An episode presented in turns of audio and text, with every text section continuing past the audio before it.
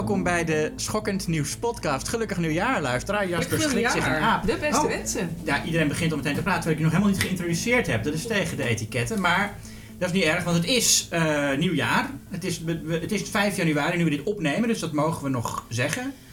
Eh, morgen drie koningen. Plannen? Nee, ik ga jullie eerst allemaal introduceren. Eh, rechts van mij, we gaan met de klok mee. Nee, dat is tegen de klok Oh, in. dat is tegen de klok in. We gaan tegen de klok in. Rechts van mij, Jasper ten Hoor. Hallo Julius. En dan moet jij zeggen wie er rechts van jou zit. En dan gaan we zo... Oh, dit is een estafette. Oké. Dan is het tegen de klok in eh, Basje Boer. Hallo, ehm, naast mij zit Erik. Hallo, en naast mij zit Hedwig. Ja, en ik deel de microfoon met Erik, dus ik zal hem dit jaar niet onderbreken. Voor de anderen geef ik geen garanties. En ja, dan verwacht je zeker dat ik nu zeg, en naast mij zit Tim. Maar helaas. Naast mij Helaas zit Julius. Julius naast jou. Ja, Tim heeft helaas COVID. Ah, we hebben wel zijn top 5. Ja, heb ik hier bij me. Jullie weten niet wat het is, ik wel. Nee. Jasper is de enige die weet eh, wat Tim in zijn top 5 heeft gezet. Ja, helaas, Tim is er niet, maar nou ja, die ligt op zijn bed en we, we wensen hem veel beterschap. Ja, eh, vanaf zeker. hier. Verder zijn we compleet. Ja, moeten we het concept überhaupt nog uitleggen? Ja, want het zou zomaar kunnen dat, dat, het, dat het iemands eerste aflevering is. En die denkt van ik ga gewoon als eerst naar de, naar de eindejaarsaflevering luisteren met de top. Of de beginjaarsaflevering. Ah, of je bent weer helemaal vergeten van Of je vorig bent wel jaar. vergeten van vorig jaar omdat je zelf ook meedeed met het drankspelletje. Want we zijn compleet met het team van mensen die volgens mij voor de laatste horen waren in de podcast. Vorige aflevering, beste van 2022. Ja, en dat betekent trouwens, er werd net gezegd Erik en Hedwig, maar het gaat dus om Erik van het Holt en Hedwig van Driel, voor het geval dat mensen dat... Oh, sorry. Nee, maakt niet uit, maakt niet uit, maakt niet uit. Ehm, het spel gaat als volgt. Wij hebben allemaal een top 5 films voorbereid. Mocht het voorkomen dat iemand een film noemt in die top 5 die een andere aanwezige ook in zijn lijst heeft, of haar lijst. dan, eh, sorry Of dienstlijst. die in, in hun lijst heeft staan, dan, eh, eh, eh, dan moet er een shotje jonge jenever genomen worden. Door eh, die ander. Niet door degene die de lijst voorleest, Oh ja. maar door Ja. die ander. Ja.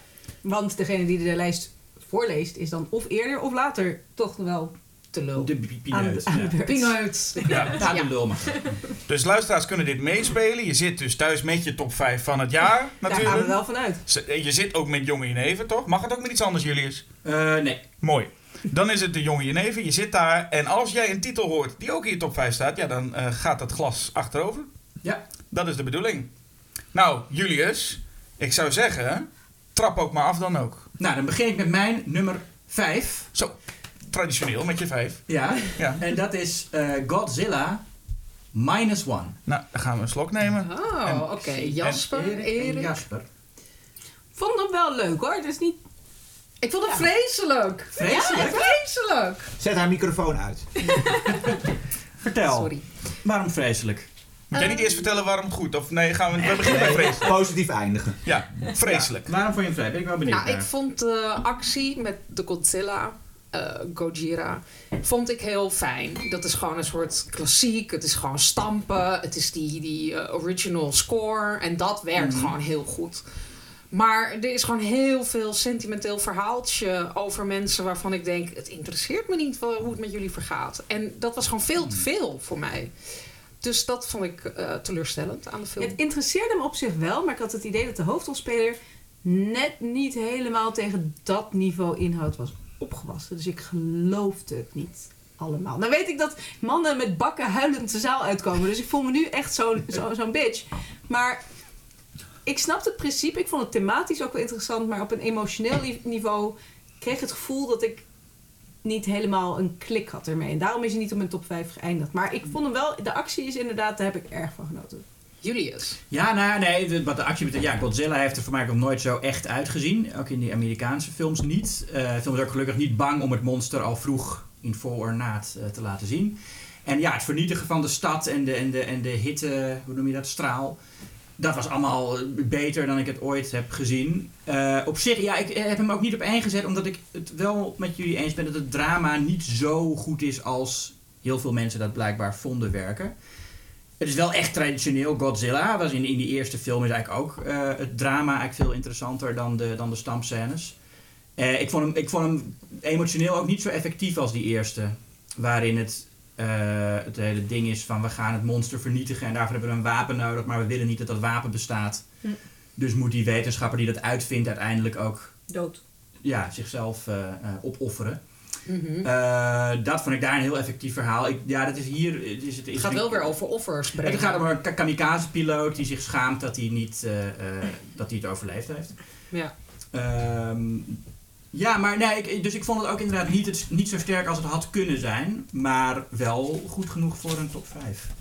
Snap ik. Ja. Ik moest even snel kijken of Tim ook moest drinken, maar Tim heeft niet Oh, gedronken. Tim? Oh, oké. Als je Nee. luistert, jij hoeft niet eh, te drinken. Nee, gelukkig. Tim nou in zijn eentje. Moeten we hem bellen straks? Moeten wij bed bellen? Van ja, je moet, Je moet drinken. neven. Ja, hoeft nu niet dus. Jasper, wat is jouw... eh, Oh, gaan we weer tegen de klok in? Ja. Ja, ja oké. Ik had een nummer 5, die heb ik nog steeds. En ik twijfelde even om nummer 5 iets anders te gaan doen, want ik vond het zo voorspelbaar. En tegelijkertijd dacht ik, ik vind het ook wel een beetje aanstellerij om deze film niet te doen. Dus ik doe op 5 Talk to Me. Hmm. Wat? Shocking, niemand drinkt. What? Ja, maar ik had hem heel lang, had ik hem... eh, Oh, ik dacht iedereen. Ik, denk, ik dacht ook iedereen gaat... Wacht even. Ik, ik heb hem tot mijn schaamte niet gezien. Oh ja, dat kan ook Oh, natuurlijk. oh, eh, Tim, moet bel jij Tim? Ja. Hij Ja. moet een slok nemen. Ja.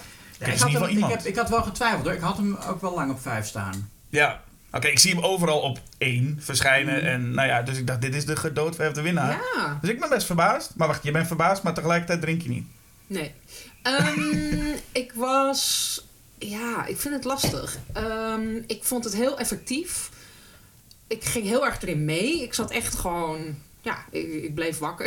ik viel niet te slaap. Ehm, het is een soort van origineel wel. Maar ik vond het gewoon een soort akelig op een manier die. Ja, waarvan ik denk waarom. En Ja. ik zat ook naast iemand die, die hem haatte. Hij haatte die film en dat voelde ik de hele tijd. Oh ja, dat werkt ook dus dat, nee, dat werkt niet. Oké, nee. Ja, ik had een, een, een beetje It Follows vibe van wat een leuk, eh, leuk concept. Maar misschien even En- uitleggen wat het basis voor de mensen die hem niet hebben gezien. Wat hebben heeft jullie met Godzilla ook niet gedaan? Wat is de basis van Godzilla nou toch? Godzilla. Eh, Dat weet ik ook niet. Maar goed, nee, nee inderdaad. eh, Talk to Me is... De basis is... eh, er is een handbeeldje. Als je de handbeeldje vastpakt en je zegt volgens mij Talk to Me, Een toch? be- een beeldje van een hand. Nee, nee. Het handbeeldje. Als je Ja. het vastpakt, dan, gaat, dan zie je een geest tegenover je verschijnen. Oh, en als je dan Ja, zegt Talk to talk to Me, me, gaat de geest gaat geest in. in je. En dat, wat leuk daaraan is, is dat het dus heel een, een angstaanjagend concept is. Maar de tieners gebruiken het een beetje zoals tieners het gebruiken. Van, oh, laten we dit doen, laten we dit met de, voor de lol doen. Een beetje zoals dat Julius nu ineens dat beeldje erbij zou pakken... en wij met z'n allen met genoeg jenever op zeggen... Hey, waarom niet? Ja. Ja. Ja, en, dan op TikTok zoals- zetten. En dan dat inderdaad op TikTok Ja. zetten. Dus Ja, dat- het is duidelijk metafoor voor dat soort dingen. We lachgas en... en- Ja, het is een soort drugs. Het is een trip. Ja. En, eh, maar dan wel eh, in een soort gemeenschappelijke... Ja, dat was er wel verfrissend aan, vond ik. Dat het niet meteen een soort van... Oeh, dit is meteen eng. En het, het is eigenlijk een hele tijd wordt er nog lacherig om gedaan. Om ook hoe stom ze eigenlijk die jongeren ermee omgaan. Ik moet zeggen dat het, de vergelijking met It Follows... eh, houdt ook stand met dat de climax een beetje tegenvalt. Ja, Ja. absoluut. Merkte ik. Ja. Dat je toch bij zulke... En dat zie je vaker bij dingen met zo'n goed concept... dat ze dan op een gegeven moment denken... ik weet niet zo goed hoe ik dit moet Mm. eindigen. En dan krijg je een beetje... Ik vond het een beetje een wat vage Ja, climax. daarom heb ik hem ook inderdaad uiteindelijk niet in de top 5 gezet. En plus, ik ging misschien iets te veel nadenken over dat hele concept. Dat ik dacht van, maar je zegt talk to me en dan gaat hij in je zitten. Maar dan zou je toch eigenlijk Hmm. verwachten dat die geest die tegenover zich tegen je gaat praten. Dat kon, ik- kreeg ik niet meer uit mijn hoofd.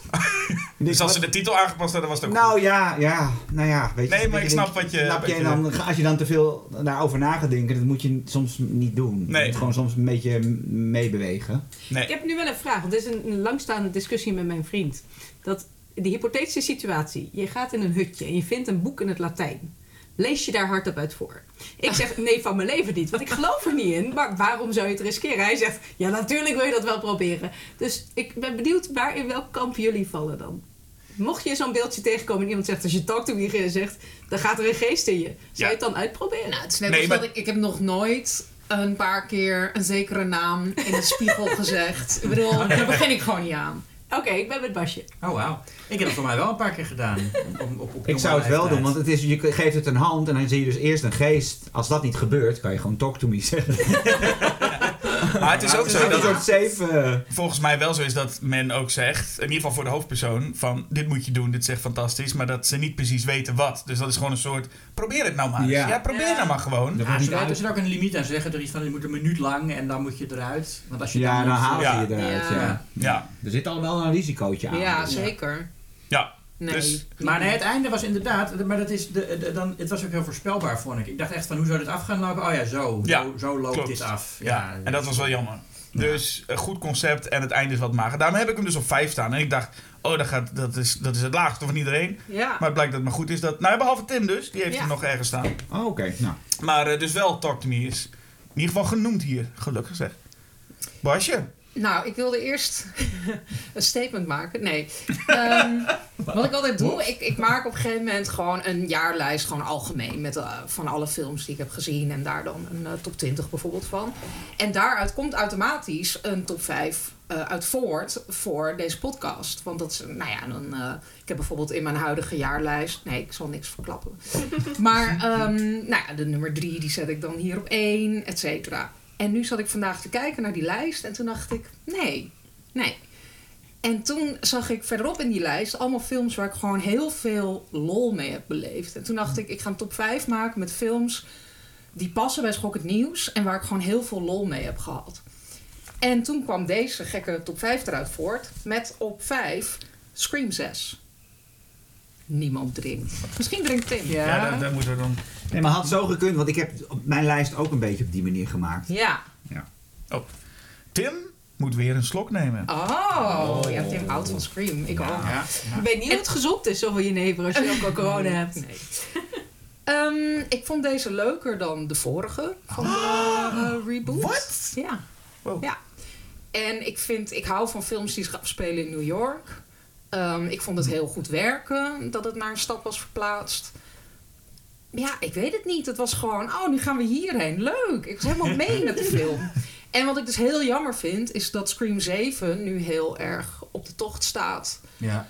Ehm, Alle hoofdrolspelers zijn of ontslagen of hebben zich teruggetrokken. Christopher Landon zou hem, zo heet die man toch? Ja. Die zou hem doen van Freaky en de Happy Death Day eh, films. Oh ja. Die is Die ook- ik fantastisch ook, eh, vind. Ook door het gedoe, toch, geloof ik? Ja. Dat hij terug, eh, zich teruggetrokken heeft, ja. Ja, dus... ehm, en het zou ook een kerstfilm worden. Ik had er echt heel Ja. veel zin in. Maar Ja. dat is dus... ehm, nou, die is van de baan. Ja. Dus dat is jammer. Maar ik vond deze heel leuk. Ga hem gewoon nog een keer kijken.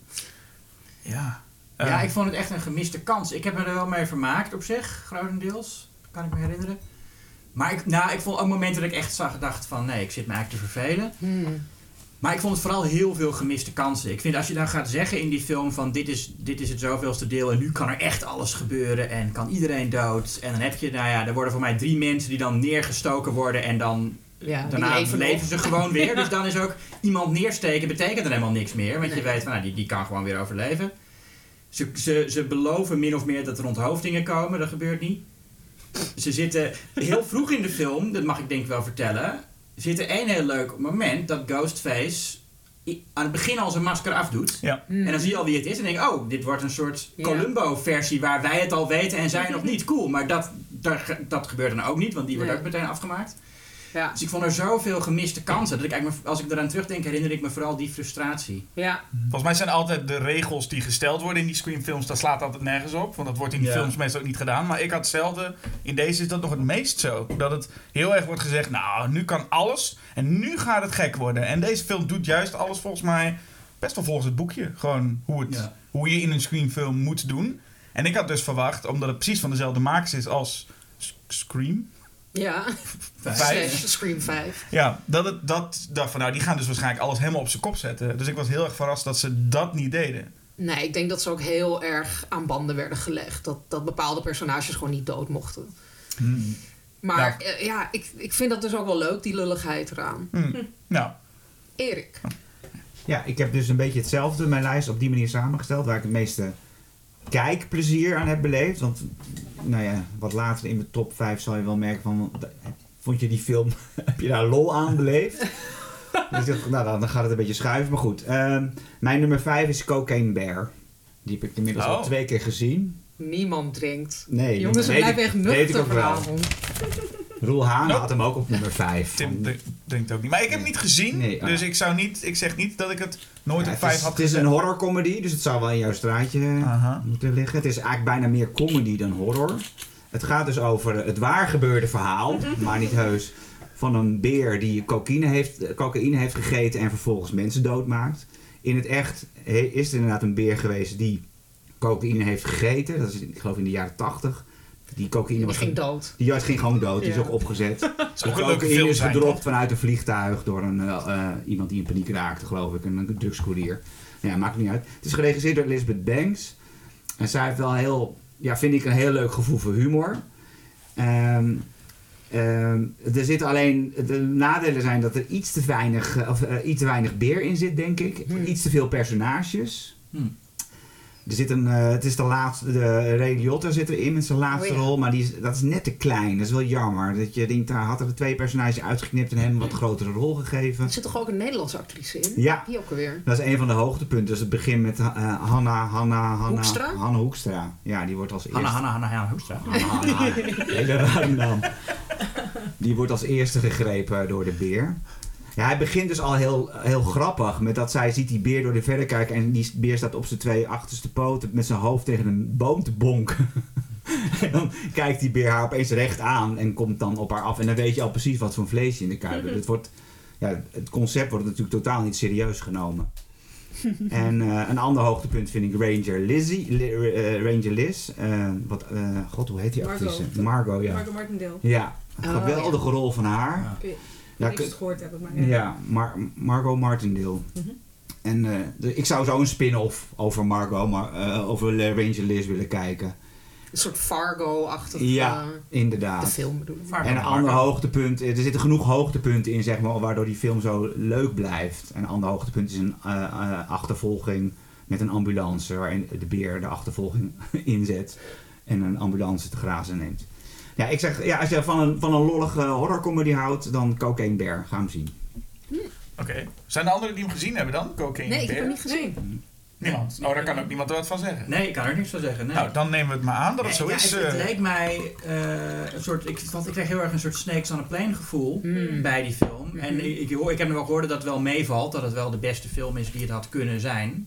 Want wat is Snakes on a Plane gevoel? Nou ja, dat het weer. Dat je denkt van. Oh, Snakes on a Plane. Oeh, leuk. Dat, dat ze eerst de titel hebben bedacht en toen alleen nog, nog een film moesten maken omdat ze nou eenmaal die titel hadden en een film met die titel wilden. Ja, maar is, Ja, is dat Snakes on a Plane dan heel- ook slecht? Dat- Ja, heel generiek. Dat is het. Ah, Snakes on a. Plane is een Ja, heel generieke, saaie... niet.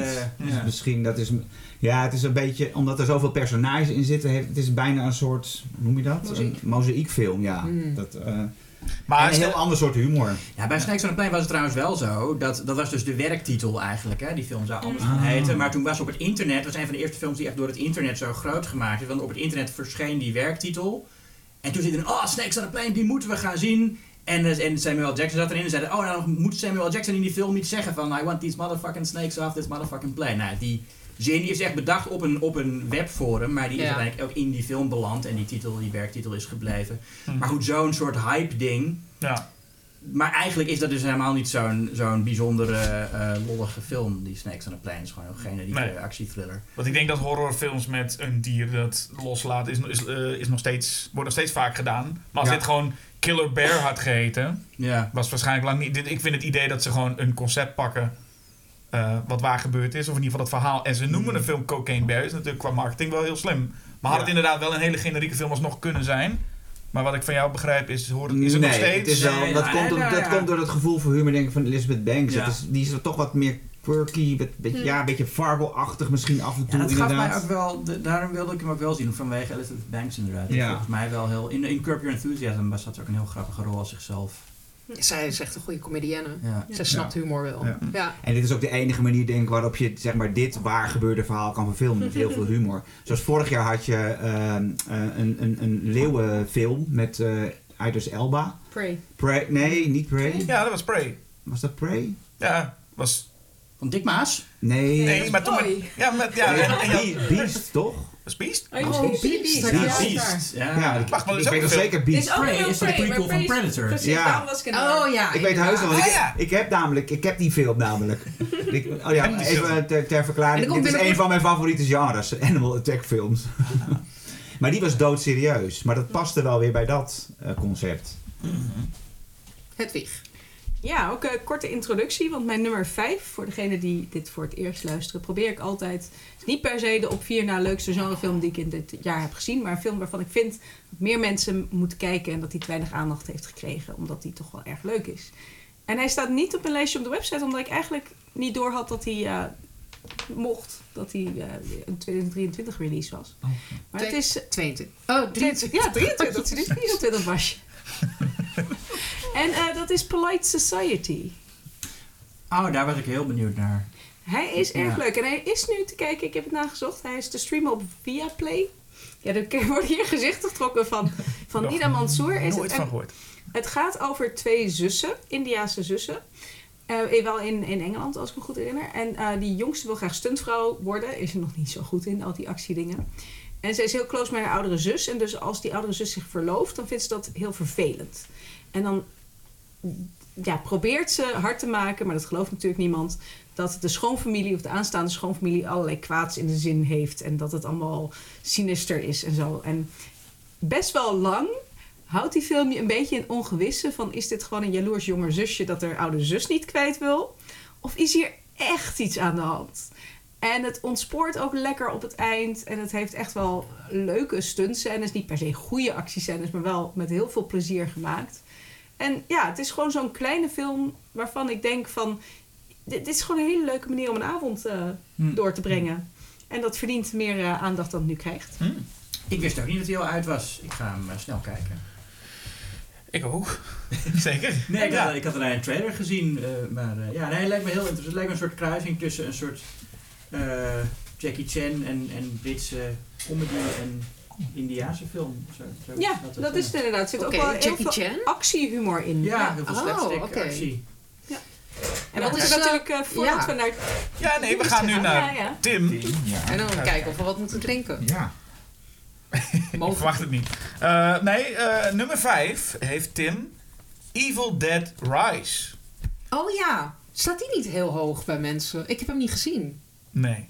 Wat? De, met, Ik- met, met, met twee andere films gedeelde negende plek in onze... eh, Oh, negende toch? Ja. Oké. Nee, ja, eh, die film heeft best wel veel fans ook online. Ja, je. zeker. Ja, Mijn vriend is heel erg fan van. Maar is dit de eerste keer? Oh nee, er is- hebben wel mensen gedronken. Maar voor Godzilla. Maar de- de- er wordt nog niet. ja. Ja, maar er zijn kennelijk heel veel uh, schokkend nieuwsachtige Nee, maar- genrefilms En de nummer 5 is altijd toch een beetje een wild Ja. ding nog. Dat Hè? is We komen straks. Nee, maar je eh, hebt gelijk. Ik had, ik had best wel een flinke shortlist, zeg maar.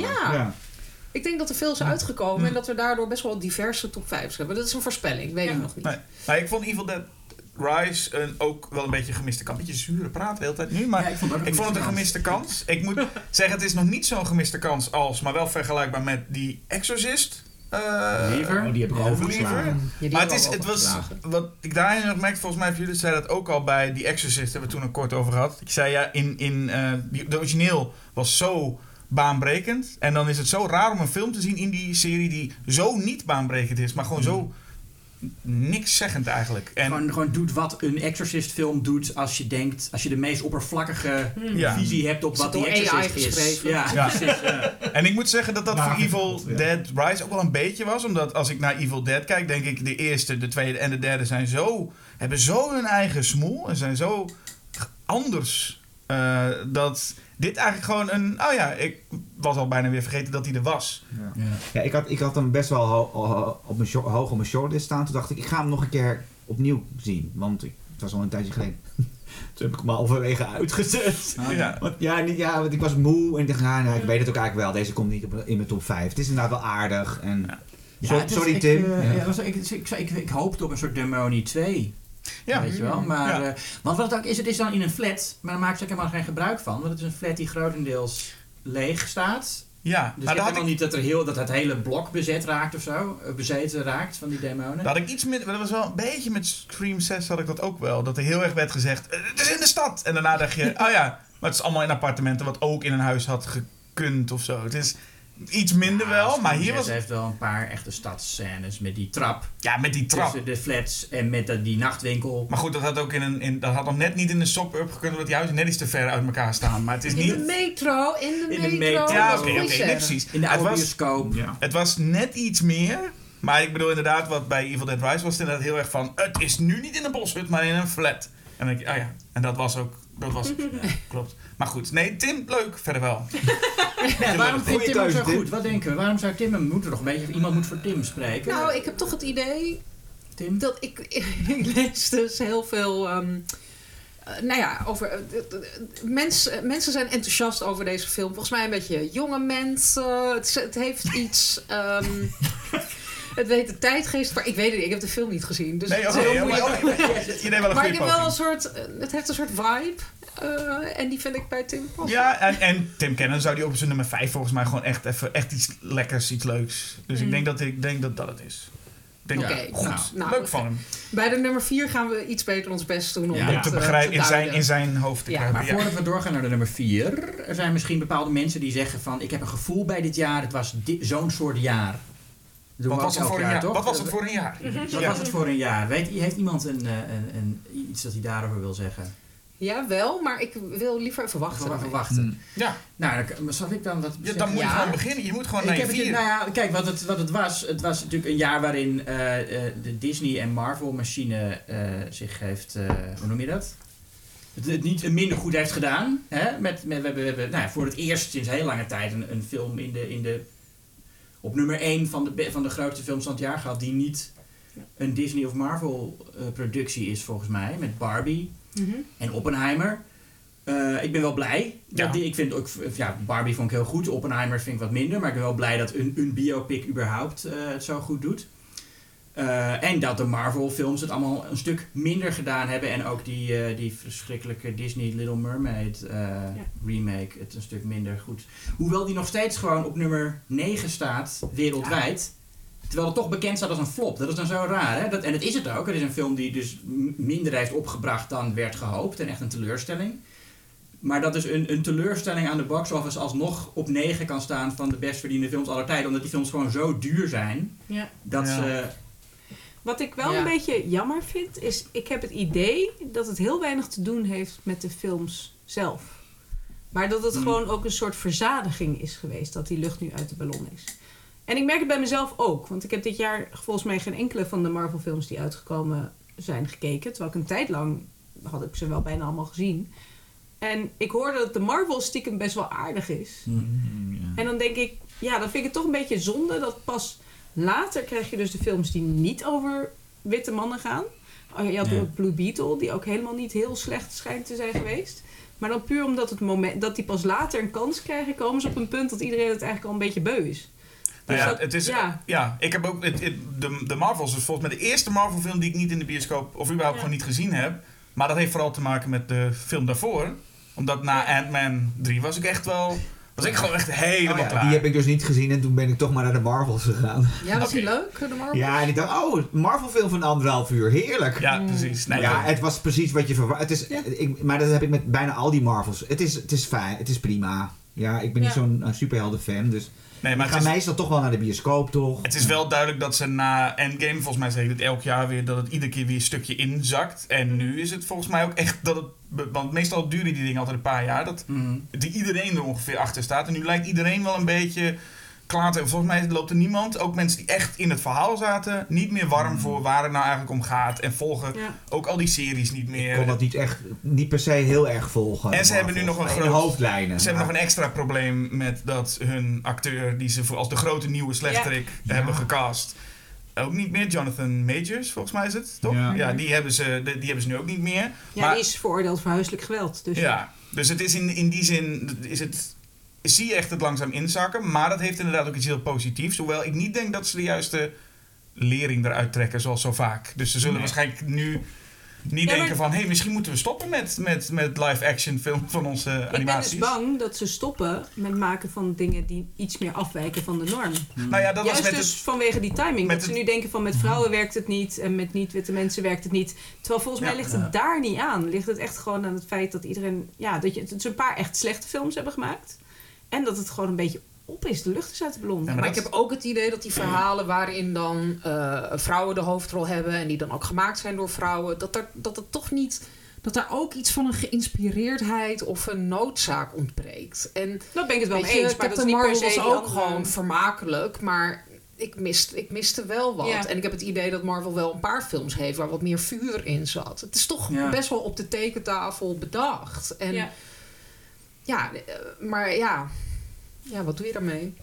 Nou ja, dat, dat niet meer doen. Nee, En, maar en, ik zou eh, wel eh, een hele meer- vette superheldenfilm willen zien eh, over een vrouwelijke held of eh, nou ja, Ja. gewoon een ander soort held. Ja, het is allemaal zo, zo eenheidsworst. Nou, ik val natuurlijk weer in de herhaling. Maar als ik denk aan superheldenfilms uit de jaren 90, dan heb je natuurlijk Joel Schumacher en, en Tim Burton met hun Batmans.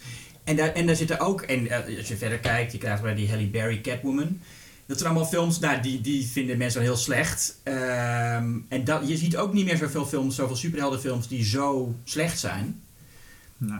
Dus, maar het is allemaal meer een beetje hetzelfde. Het is allemaal Ja. een beetje, Ja. vroeger had je echt uitschieters. Ja, En maar dat zeg maar, was je een kunt- veel fijnere tijd. Dat, dat blockbusters ook echt... Ik vond het veel fijner toen blockbusters echt verschrikkelijk konden zijn, maar ook geweldig. weet Ja, want je kunt zeggen over, over Spawn of The, The Phantom met Billy Zane. Je kunt Ja. er zeggen wat je wil. Het zijn slechte films. Maar er is maar één zo'n soort film. Ja, in tegenstelling tot nu Ja. eh, eh, Thor 2. Ik, ik, ik mis zelfs. Michael Bay. Ik had vroeger echt een tering Ja. aan die Transformers films. Maar nu denk ik dat dat stijl, weet je. Ze waren wel hun eigen dingetje. Ja, en maar B heeft gewoon wel een Ambulance. visie, weet je. Ambulance was, was Ambulance niet was afgelopen Ja, jaar, ja. het jaar ervoor, maar die was eh, fantastisch. was fantastisch, ja. Hm. Eh, maar ja, dat was dus dat. Ja, en, en wat je ook over lessen. Ja, ik hoop dat dan van Barbie, eh, waar ze nu ook van plan zijn om heel veel andere speelgoedfilms te maken. Met ook eh, Magic 8 Ball staat er op de. Dus ik denk, ja. wat, wat, wat, maar dat gaat, ja, ik weet niet. Dat, kijk, ik- die mensen snappen misschien ook gewoon niet dat Barbie wereldwijd beroemd is als een personage. En niet dat mensen naartoe gaan omdat het, omdat, het een speelgoedfilm is. Ja. Dat-. Maar goed. Maar ja, Eh, we hadden ook al, we hebben al gehad, toch? Dus Ja, is ja. niet super nieuw, maar... En op een, wat, op een iets positievere noot. Nee, dit was eigenlijk wel positief, toch? Ja, Barbie, dat was positief. Ja. en ik ben blij dat dat soort. En ik hoop dus dat, nou ja, dat mensen zien dat mensen echt behoefte hebben aan originele verhalen van echte auteurs. En, eh, en, eh, en, eh, ja. en dat we dus niet al die David Zaslavs krijgen die films gaan eh, eh, eh, in, in de koelkast gaan stoppen of Ja. gaan verwijderen. Wie is dat? Dit is de, de, De, baas CEO van HBO. Oké. ja, en, en, Oh ja. ja dus, maar die heeft dus de, de- bijvoorbeeld die, die, die eh, Batman-film van. Hoe heet ze nou? Die Belgische regisseurs die ook Bad Ja, 3 hebben gemaakt. Oh, Bad Girl of zo. Ja, Ja, Batgirl, Batgirl. die heeft hij weggedaan. En, eh eh eh eh En Acme versus, wat was het ook weer? Coyote Coyote versus Acme, wat een hele leuke film, wat mij een hele leuke film. En waarom, mijn, waarom ik heel nieuwsgierig daarnaar ben, is het is geschreven door dezelfde schrijfster die ook May December heeft gedaan. Hmm. En dan denk ik, als je Ja. twee zulke dingen kan doen, en ik vond May December fantastisch, dus in die film wil ik heel graag zien. En het gaat dus over de Coyote van Roadrunner, die Acme aanklaagt vanwege alle... Omdat hun spullen nooit werken. Maar hij, gaat toch, eh, ergens, hij wordt ergens anders ondergebracht nu, toch? Of eh, waarschijnlijk zijn die onderhandelingen Ja. nog Dat bezig. hoop ik. Maar goed, Ja. David Zaslav is in elk geval iemand die eh, in, niet in films handelt, maar in aandelen. Ja. En dat Ja. soort figuren moeten we niet Ja. hebben. Dat is ook een heel raar... Ik kan er ook niet zo goed bij, maar dat, ja, misschien zit je daar niet... Maar de- het feit dat je een film kan hebben gemaakt... Het is helemaal opgenomen en alles. Mhm. En dat het dan nog winstgevender is om hem gewoon niet uit te brengen. Ja, zo, zo- dat is kapitalisme, Jasper. Ja. Onwaakt, verworpen en der aarde. Nee, maar ik kan me voorstellen dat ook, juist als filmmaker, dat je dan denkt, je hebt, je hebt een heleboel jaren van je leven in zo'n project gestopt. ja, En dan kan, ze- als, het lijkt me erger dan als het flopt eigenlijk. Ja. dat denk ik is dat precies. erger, ja. Dat, dat er Ja, gewoon niemand het is het überhaupt kan De zien. grote verliezer is onze cultuur. Ik bedoel Ja. gewoon, je maakt... Precies. Dit, dit gaat dus niet om cultuur. Het gaat gewoon om geld verdienen. Ja. Het gaat om... eh, ja. Sinds dat maken denk je gewoon, je hebt hem gemaakt, pleur hem op Vimeo, ben je klaar. Ja. Dat idee. Nou, een flop kan altijd nog later zijn publiek vinden. Ja. Ja. ja. Precies. Dan is hij in ieder geval out there. Ja. En dan staat er op Wikipedia, hè, het is een cultklassieker geworden. Nou, nou eh, daar- daar zijn we weer. Zullen Wat ik, nou, tot slot nog, Oh, ja, ja, nog één ding over mijn jaar, omdat ik het toch leuk vind om te vertellen. Oh. Dat nu mijn kinderen hebben, ik heb twee kinderen van drie, en die hebben nu dus eindelijk de leeftijd dat ze een beetje een film kunnen kijken en het niet echt een verhaal kunnen volgen, maar wel personages kunnen herkennen. En ik vind het heel fijn dat zij dus, dat als wij een, Ghibli-film kijken, gewoon muisstil op de bank zitten. En, eh, en, eh, en rustig zijn en, en kijken en zeggen en, ze, en, en, en, en Yubaba en Haku zeggen en Totoro zeggen. Waar is Totoro? Hmm. vragen als hij niet in beeld is. Eh, dat vind ik heel fijn. En eh, dat was ook mijn jaar. Wanneer ga je, denk je, The Witches doen? Nou, ik denk als ze, als ze zes zijn of zo. Zes? Oh, Ja. Nou ja. 16 zijn. Mijn, mijn oudste pleegkindje wil heel graag dus The Witches zien voor haar zesde verjaardag. Aha. Mhm. Want dan mag ze een film met mij kijken. En nou, ze is heel erg Roald Dahl fan. Mhm. Maar Nou. ik heb het idee dat The Witches toch wel echt een stap enger is dan wat ze nu toe heeft gekeken. Namelijk Matilda en, en, en Char- Willy Wonka en The Chocolate Factory. Dus Aha. Zeg dat. ik weet niet of ik het aan moet durven. Dus het ik is, heb die film ja. volgens mij gezien toen ik een jaar of zes was. En ik, had, ik had wel mijn handen voor mijn ogen op het moment dat het masker afging. Mhm. Weet je, ja.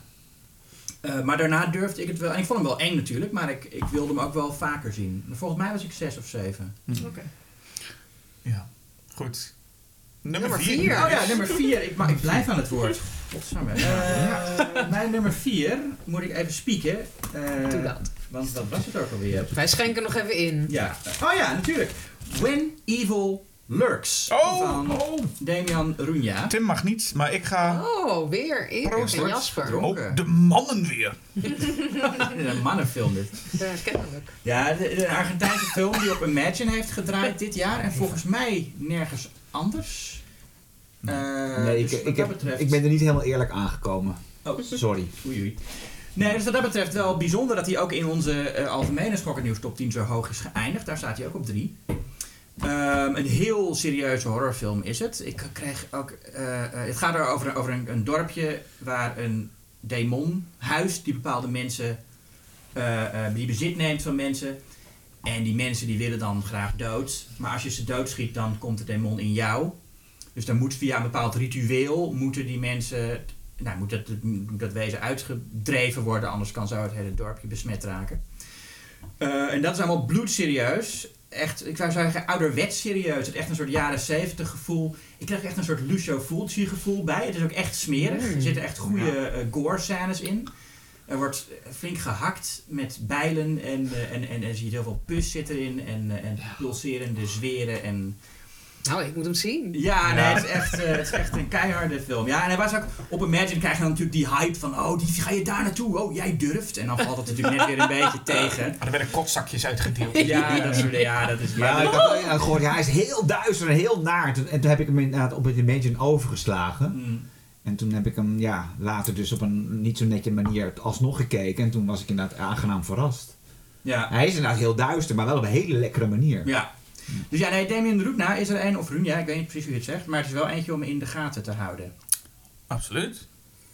Ja, ik wil, ik wil er nu wat over zeggen, maar ik moet dan straks ook nog wat te zeggen hebben Mm, natuurlijk. ja. Ja, ik ook. we, we slaan, tenzij het jouw nummer 4 is. Nee.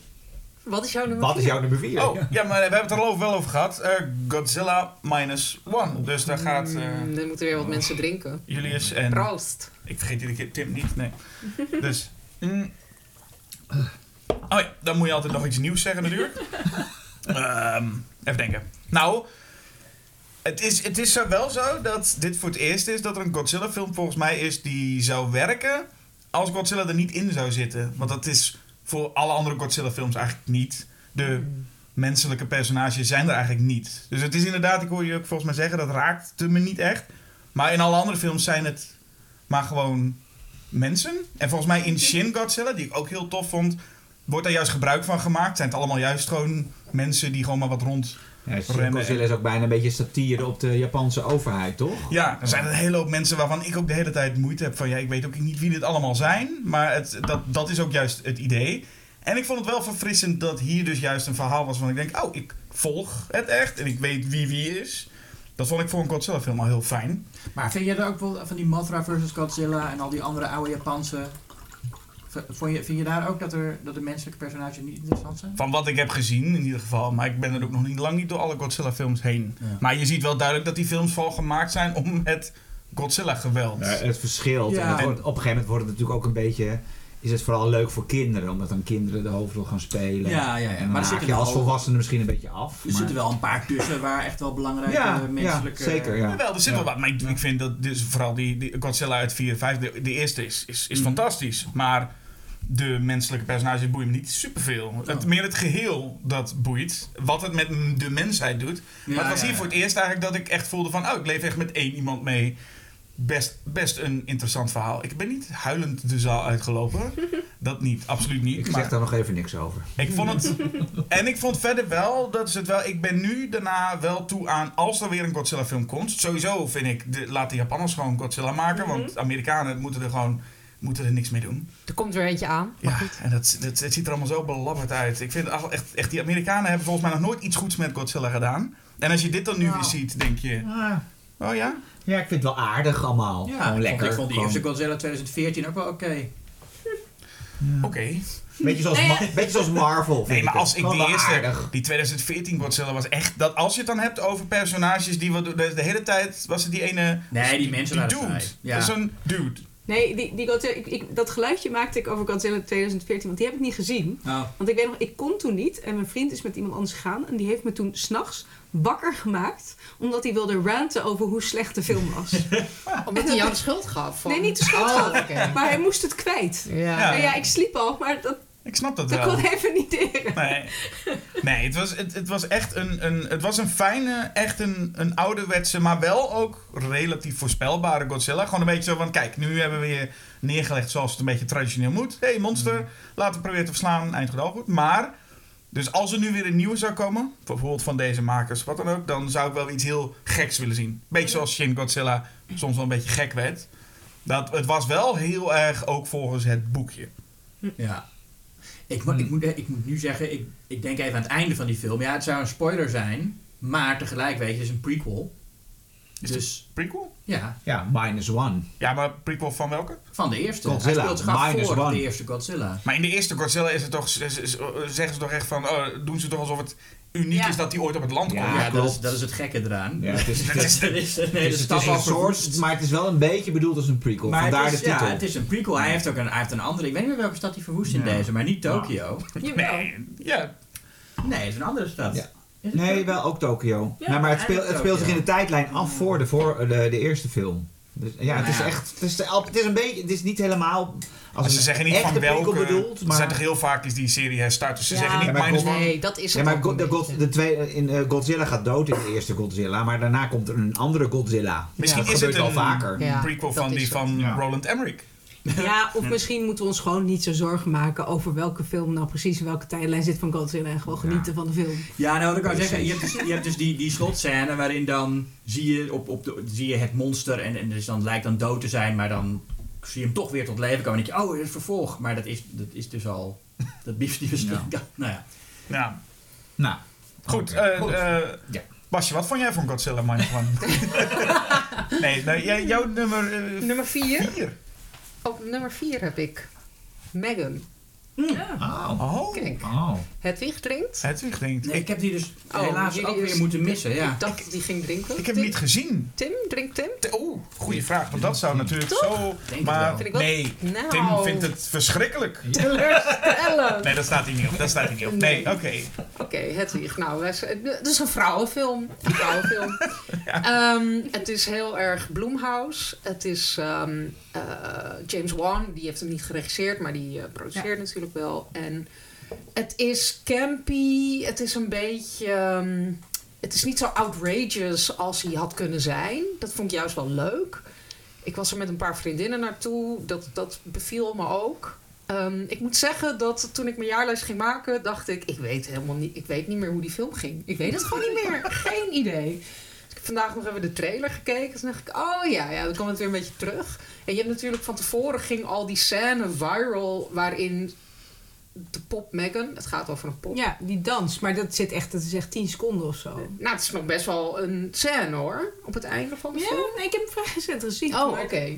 Ik vond die dans Nou, dan is die heel groot geworden in mijn hoofd. Het, het voelde heel veel als een scène die bedoeld was. om viral te gaan. Ja, nou, dat werkte. Maar dat is dus ook wat er leuk is aan die film, denk ik. Dat die pop gewoon zo sassy is. Om niet te zeggen cunty. Ja.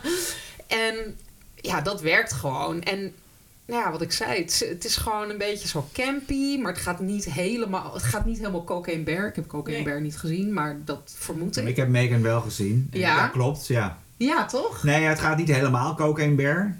Ehm, Maar dat lijkt me ook wel echt is- een keuze. Ja. Het is nog een beetje zo, Cocaine Bear is echt, echt vo- volledig... is echt een comedy. ja. Echt met, met setups en grappen die, die opgezet worden, zeg maar. En Met een punchline. Nou, ik vond, het heel, ik vond de toon heel fijn. En eh, ik wil meer films over krankzinnige poppen en eh, Zeker. Ja. dit soort personages. En ook heel... Nou ja, het- het- ik zei voor de grap, het is een vrouwenfilm. Maar dat is het natuurlijk ook eigenlijk. Ja. Want je hebt die vrouwelijke pop en je hebt Ja. een meisje. En je hebt die, de, de vrouw die hem Nou ja, de pop vrouw die gemaakt haar heeft. Ja. De wetenschapper. Precies. Ja.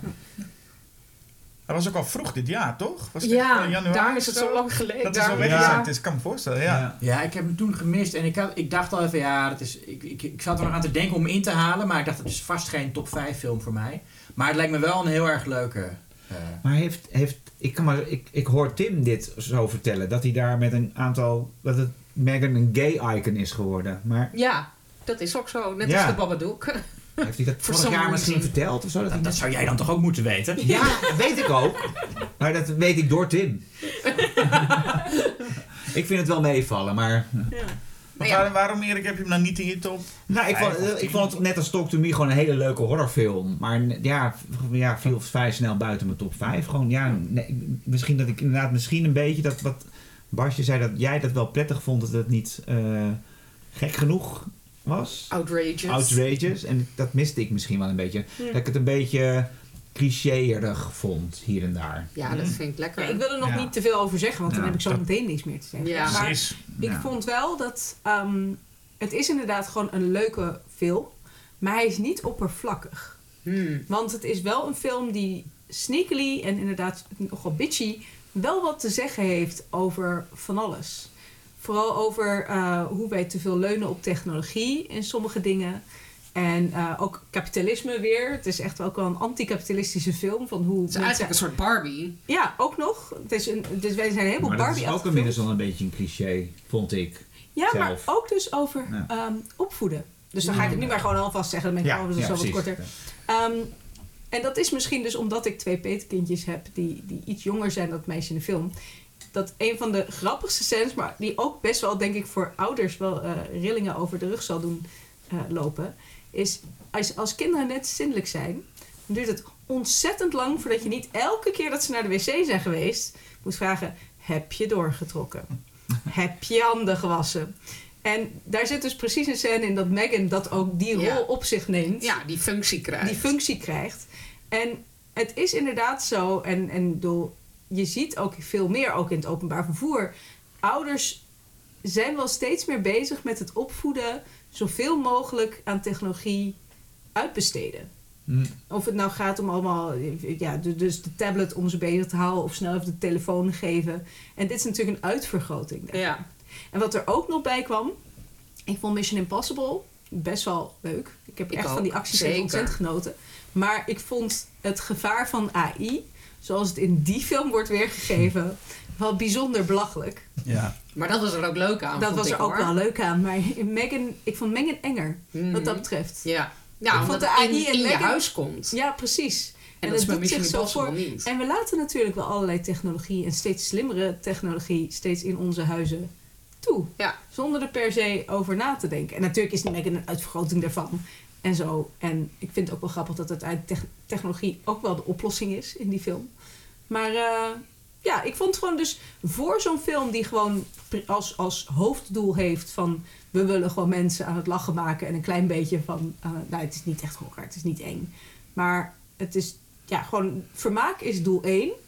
Maar ze zijn niet gemakzuchtig daarin, want stiekem hebben ze dus best wel een perspectief op van Ja, het is een geïnspireerde film. Er zit Ja. echt wel wat... eh, En behalve dus op AI. Dat, dat herinner ik me nu waar ik maar aan stoor is. Oh, AI is slecht. Dat is dus weer dit. Weer, ze wordt dus slecht. nou, het is niet... dat, Ja, vond ik maar, wel, dat vond ik jammer.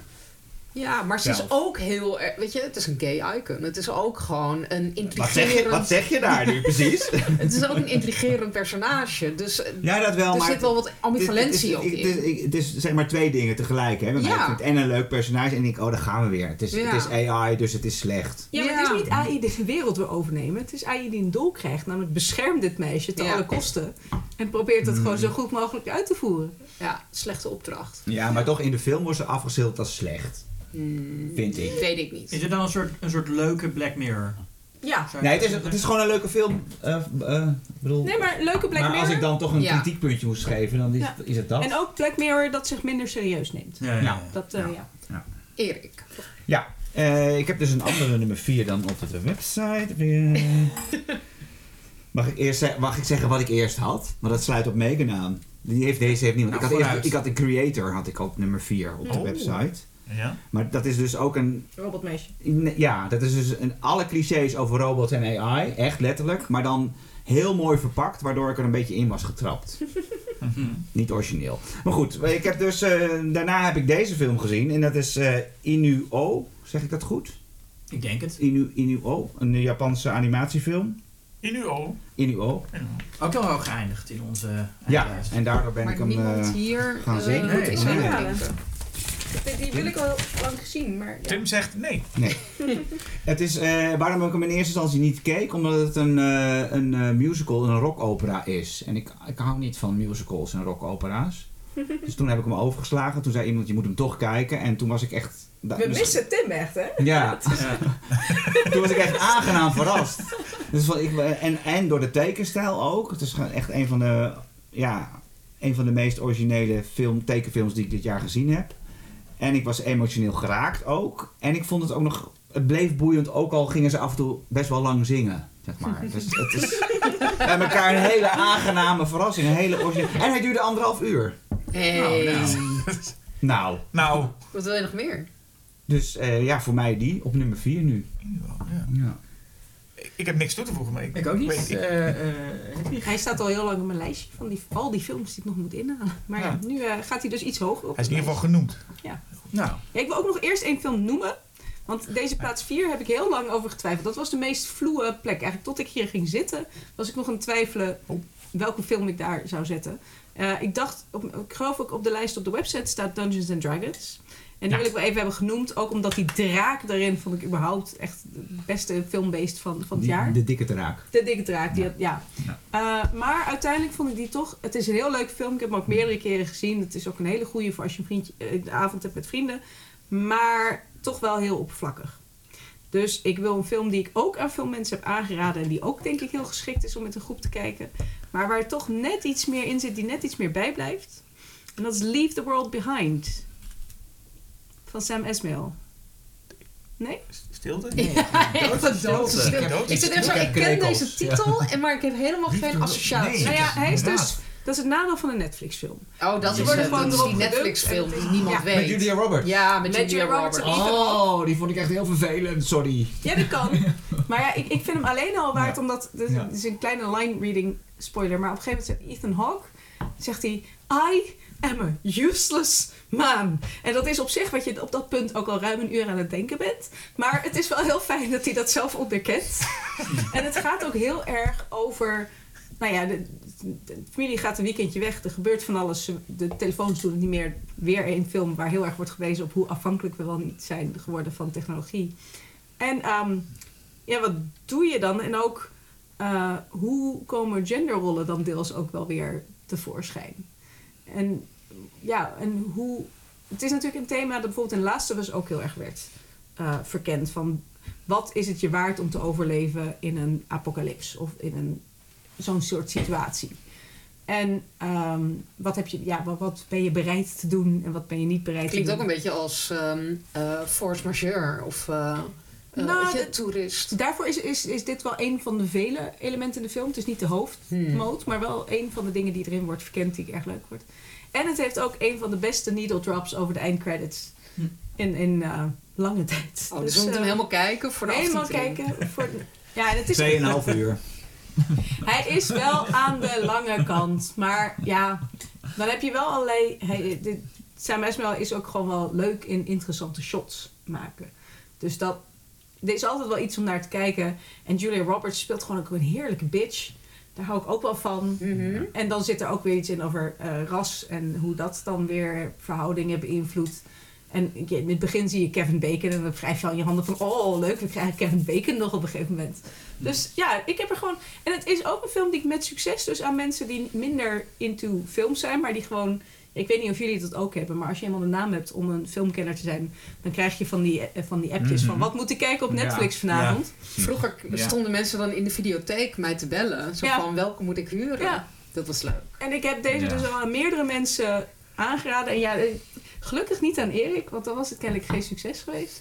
Maar eh, ook Maar mensen dat waarvan... wist ik toen nog niet. Nee, maar die dan na afloop zeiden van ja, ja, hé, hey, dit was wel wat. Oké, nou gaan we kijken. Ja, ik vond, ik, nou ja, mijn, mijn partner had hetzelfde, die vond hem wel heel leuk. Maar ik, ik, ik vond hem heel leuk beginnen. En ik vind inderdaad, Julia Roberts was wel een, eh, een verrassing. Dat zij zo best wel, ja, en eh, zichtbaar ouder geworden en, en niks laten doen ook. En, eh, Nou, niet, niet te toch? veel. Nee, niet te veel. En, vast wel het was geen Nicole Kidman, zeg Nee. maar. En ehm, dat viel mij in ieder geval niet op, laat ik het zo zeggen. en eh, het begon, het- ik vond het heel integrerend in het eerste uur. En daarna zakte het voor mij heel erg in. Dat ik Mm. echt, wat, waar wil je nou precies heen hiermee? En eh, te veel rare dingen aan de hand. eh, Mm. Die niet werden beantwoord. Hoeft ook niet altijd, maar daar zat, daar zat het voor mij richtingloos. Ja. En inderdaad heel, wel heel mooi gefilmd. Ja, Ja. klopt. En daardoor heb ik hem wel uitgekeken ook. Maar Had hij in de bioscoop moeten draaien? Is het een film die het daar misschien beter had gedaan? Met die mooie shots? Of... Ja, misschien wel. Want ik, ik merk, ik weet niet hoe dit voor jullie geldt, maar ik, ik meestal als ik een film in de bioscoop zit, daar kom ik straks nog op terug, eh, dan vind ik hem al zeg maar een halve ster beter Ja. dan als ik Ja. hem thuis zie. Dat is meestal.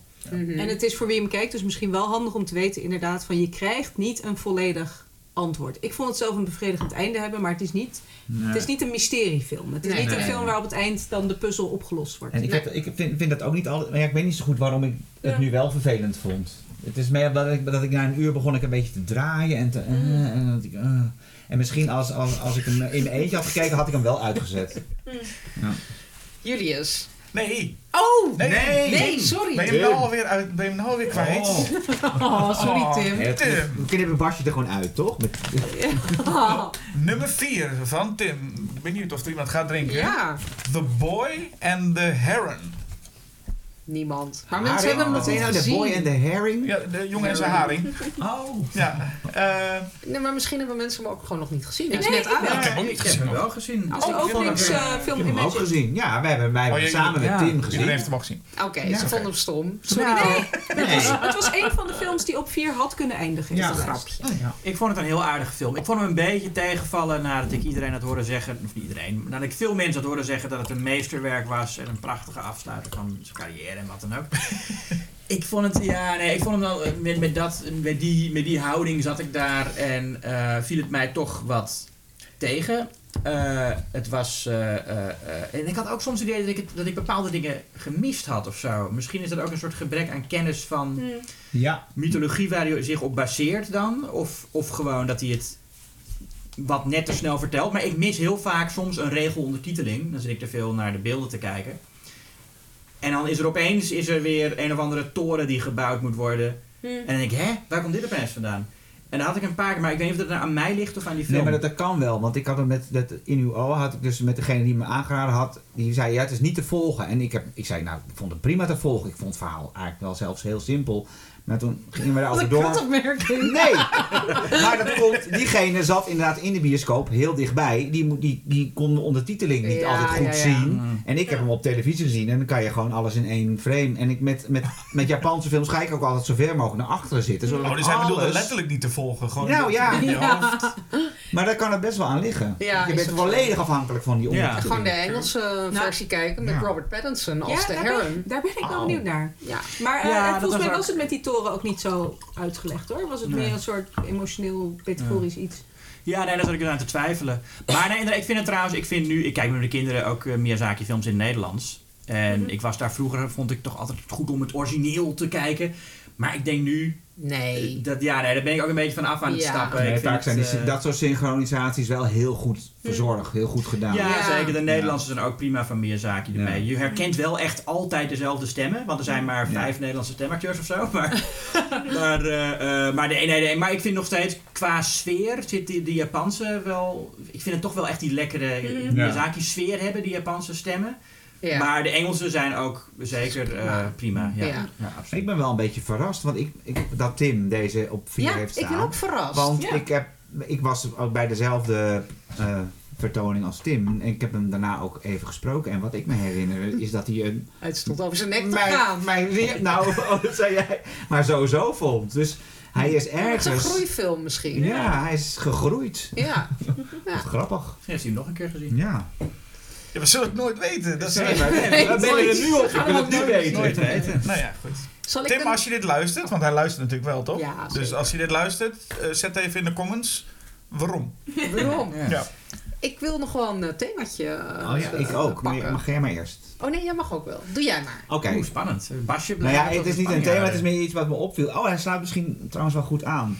Want ik heb dit jaar nog nooit zoveel animatiefilms in de bioscoop gezien. Hmm. En ook daaromheen. Ik heb er wel vijf gezien. En ik heb er dus één in mijn top vijf gezet. En daar komen er misschien, komt er misschien nog wel wat voorbij. Wellicht. Er zijn er al twee. eh, Er zijn er al twee voorbij gekomen. Ik heb ook nog bijvoorbeeld... Hmm. eh, ik heb Unicorn Wars heb ik gezien. eh, Spider-Man, Nimona op Netflix. Ja, dat is ook leuk. En dus The Boy and the Heron. Wat ik nu nog niet gezien heb is Robo Dreams. Daar hoor ik ook heel veel goede verhalen Die komt over. volgend jaar uit. Oh ja. Maar die heeft al gedraaid op het... Op Imagine. Ja. En Blue Eye Samurai. Die zag ik ook nog Is, voorbij komen. is, nou ja, ik, ik heb, eh, dat is een serie. Blue Eye Samurai. Ah, oké. is een serie. En ook niet in de bioscoop, maar ik moet zeggen, ik ben halverwege. En het is wel, het is wel zo'n serie op Netflix waarvan je denkt van... ik hoop dat ouders dit niet aanzetten, want animatie is voor kinderen. Hm. Want eh, bloot denk ik nog van, ja, kinderen maakt het uit. Maar het is ook best wel heel gewelddadig en Mm. bloederig. Dus eh, ik, ik vond het erg tof, tot nu toe. Nogmaals, ik zit halverwege. Niet voor maar- kinderen. Niet voor kinderen, dat is wel handig om te weten. En je miste er nog eentje die ik ook wel nog even genoemd wil hebben. Suzume. Vond ik ook erg leuk. Hoe? Suzume. S-U-Z-U-M-E. Oké. Dat, eh, zoals zoveel van die anime's gaat, heeft het ook een je, diepte. allemaal, je ziet allemaal vraagtekens. nu, Nee, ja. dit, slaat, Mhm. eh, dit sluit aan eigenlijk bij de tsunamis en zo. En de doden in, door natuurgeweld in Japan. En het gaat over een meisje en dat komt een, een hele knappe jongen tegen. Die knappe jongen blijkt een of andere mythologische missie hebben om deuren te sluiten. Zij opent per ongeluk een deur, neemt de sleutel mee. En dan eh, verandert hij in een krukje. Oké. Oh, dat, dat klinkt een beetje als een anticlimax, maar... nou ja, dan moet zij dus hem helpen bij zijn missie. Want ja, een Oh. driepotig krukje... Het is ook nog een driepotig krukje. Een driepotig krukje kan niet zo heel goed heilige missies uitvoeren en zo. Deuren sluiten. Dus dan gaan ze samen op reis door Japan. Het is ook echt een roadmovie. En eh, uiteindelijk ook heel hoopvol over de mensheid. Dus echt Ja. goed. Dat klinkt echt heel goed. het Ja, is, het is ook goed. echt... Ja, die, die had ook best op nummer 4 kunnen staan, zeg maar. Het is echt, ik had een boel films die rond dat niveau. Hingen. En eh, ja, die heeft ook in de bioscoop gedraaid, Suzume. Ah, oké. Ik heb er is, echt eh, helemaal niet van gehoord. Ja, nee, eh, tip. ja. Ja. Dus ik dacht van ja, het is volgens mij of het is, of het is toeval dat ik zoveel animatiefilms gezien heb. Ja, of het het, is gewoon, de of het is gewoon een goed jaar voor animatie Ja. geweest. In tegenstelling tot Disney en Marvel. Mhm. Ja. En, en, en misschien juist wel daardoor. Of dat die Mhm. films een beetje een kans hebben gekregen. We moeten tellen. We moeten toch de voorgaande jaren erbij pakken. Nou, in de, in de top 10 van uh, Schokkend Nieuws, de algemene top 10, staan ook drie animatiefilms. En dat is volgens mij meer dan er ooit ingestaan hebben, als ja, ik mij dat niet klinkt als heel veel. vergis. Ja. Grappig. Goeie, hebt een goed punt. opgemerkt. Ja. Heel goed. Ik bewaar mijn thema voor straks. Oh, je gaat, Oh ja, we gaan, ja, we gaan, de volgende. Ja. we gaan gewoon even Ja. naar de nummer drie, toch? Ja, nummer Ja, drie. mijn Oh, nummer Er top staan drie. heel veel mensen droog nu. Ja, zeker. Dus, eh, Julius? Eh, mijn nummer drie Ja. is... Natuurlijk. Natuurlijk. Joanna Hoggs, The Eternal Daughter. Ja. En ah, ik Ik zou heel graag slok. drinken nu, want ik vind hem fantastisch. Maar hij staat niet in de top. Hij staat niet. Ja. Oh, Tim neemt geen slok. Dus Hedwig Ja, drinkt nou ja, en ik, jij eh, vertel. Nou ja, ik, ik ben... eh, ik was sowieso... lief- Kijk, zij heeft dus het, eh, de souvenir en de souvenir part 2 gemaakt. En zegt zelf dat dit daar geen vervolg op is, maar een coda of zo. Ja, het zit in het universum van de Het souvenirfilms. de, de, de Joanna Hoggs Expanded Universe Mhm. is het onderdeel van. Eh, ik, vind hem, ik vind hem denk ik niet zo goed als de Souvenir Part 2, wat ik de beste vind van de Oh. reeks. Maar eh, ik vond hem wel, ja, het is, het is, het is een heel ander soort film. Het is echt een, Het is soort- heel erg autobiografisch, hè? Ja, het is heel autobiografisch. Dit, maar dit is wel, nou ja, die andere twee zou ik geen schokkend nieuwsfilms noemen. Nee. En dit is echt een, een spookverhaal. Een, Ja. een- een- niet- Spookhuisfilm. ja, een spookhuisfilm. In, ze gaan naar, naar een oud hotel. Gaat Tilda Swinton met haar moeder. Die ook gespeeld wordt. Swinton, Ja, ook, ja. ja. ze gaat, Tilda Swinton gaat met Tilda Swinton naar een hotel.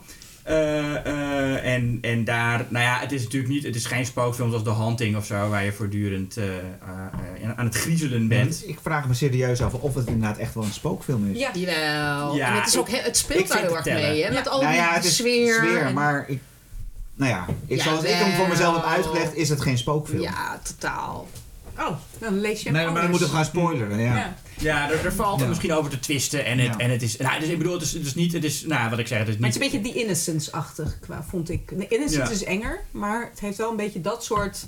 Je ziet niet heel veel, maar er wordt veel gesuggereerd en er zijn rare geluiden. Ja, maar ik vind ook als je een film zo opzet als een spookhuisfilm Ja. en daar zo mee speelt, dan is het gewoon een Oké, spookhuisfilm. ja, nee, d- Zelfs daar kan als ik de wel in meegaan. Ja. zou zijn, Ja. er is geen spook. Ja, klopt. net Dus zoals dat weet je die dat sfeer daarvan, eh, ja. 28 Days Later is ook een zombiefilm. Hmm. Ook al zijn het, eh, geen Oh, levende doden. Ja. ja. Dus dan telt Ja. het gewoon. Nee, eh, oké, eens. Ja. Eh, eh, nee, maar ontzettend sfeervol en, en dat Ja. prachtige herfstige eh, landschap waar ze in zitten. Heel veel mooie shots. Eén, misschien wel mijn favoriete shot uit de film is een heel snelle zoom op een hondje op een bed. Oh Dat ja. maar het hondje is sowieso gaaf. ja. ja. Ik heb hem ook Maar echt twee keer gezien dit jaar. Ja. Ik vond hem echt heel goed. Het is jammer dat hij in de zomer uitkwam in Nederland. Terwijl in Engeland hebben ze gewacht tot Het is een gewoon herfstfilm. het einde Ja. van het Ja, jaar. ja, Ja, ja. Maar ja, goed dat je hem eh, in je top 5 hebt. Ja, Ja, wel vind mooi. ik ook. Ja. ja. Nou, Hedwig gaat er straks nog meer over vertellen. ja. Oké, gaan we door? Ja? Nou, eh, nummer drie hè. Nummer drie. Ja, ik vertelde net al over dat Ant-Man en de, de, de, en ik weet niet eens hoe die titel heet. Drie. Quantum, Quantum Wasp. Quantum Nee. Wasp. Quantumania. Quantumania, ja. Dat was echt, het, het- het- ik denk wel het dieptepunt van het jaar. Eh, dus ik dacht, oké, superheldenfilms zal ik wel afschrijven. Maar toen was er ook Oh nee. Spider-Man.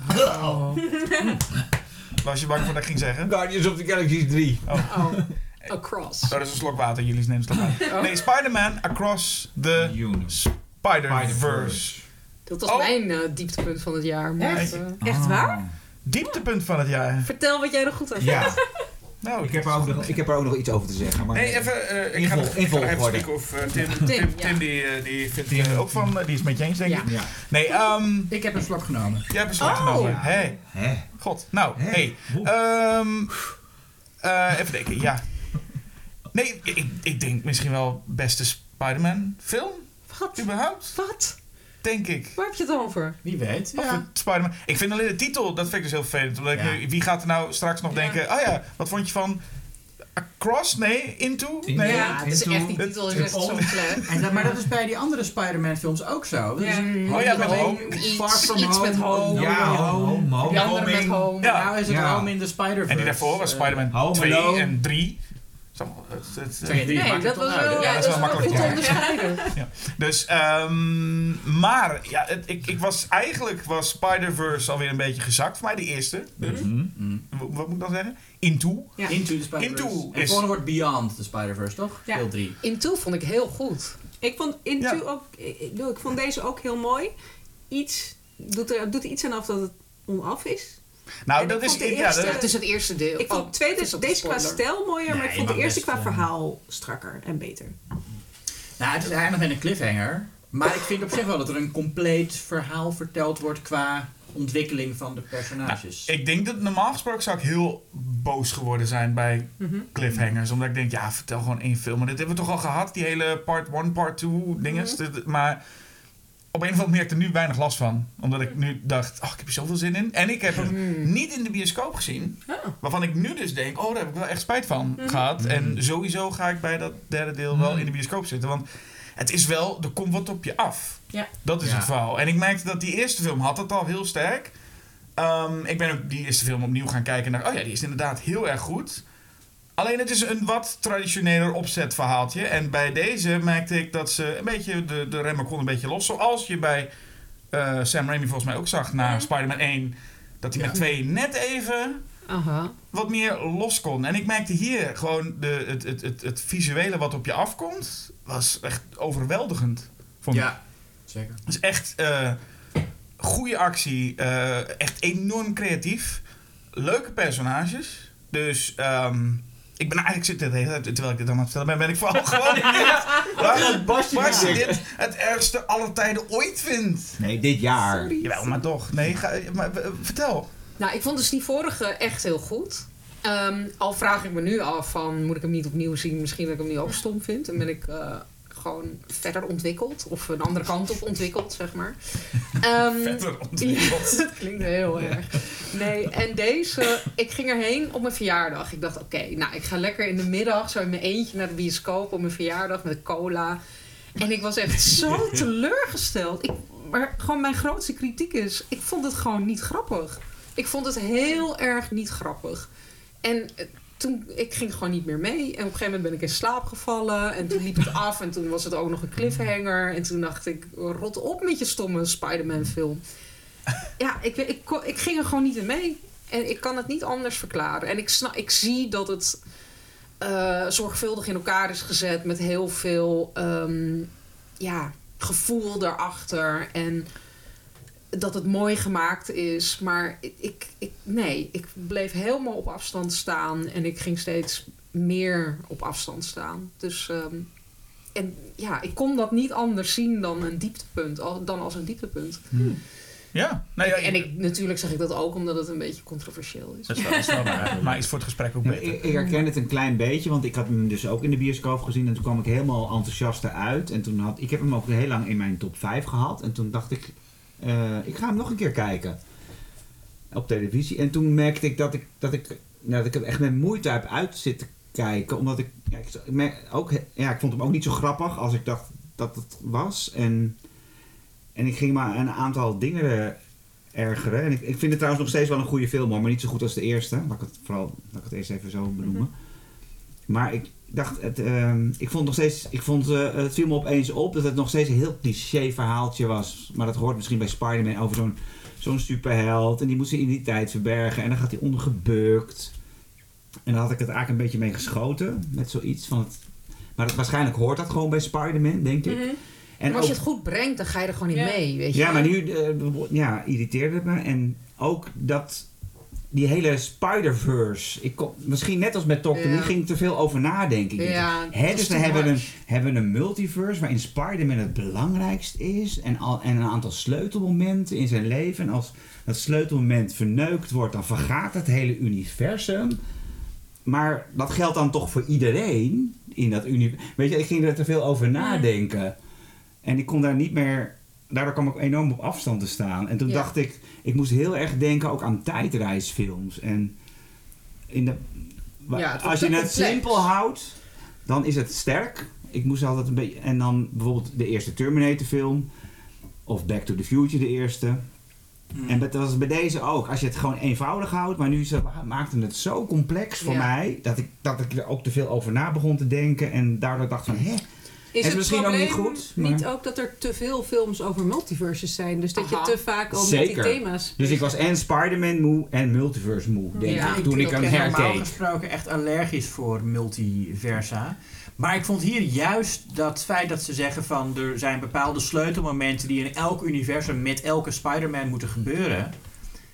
Vond ik juist goed, want dan, daardoor maak je het juist kleiner. Ik heb met, met multiverse films altijd Nee, even- snap ik. Maar, dat ik, is, maar ik, in mijn hoofd kon ik dat, dat kleiner maken niet rijmen met wat een multiverse zeg maar in Hmm. theorie is. Dan, Ja. is dat, dan is niet alleen Spider-Man het belangrijkste, maar dat is dus de Spider-Verse. Daar moet je dan dus in mee kunnen gaan. Ja. Kennelijk, waarschijnlijk is er ook een Superman-verse of een Jasper-verse.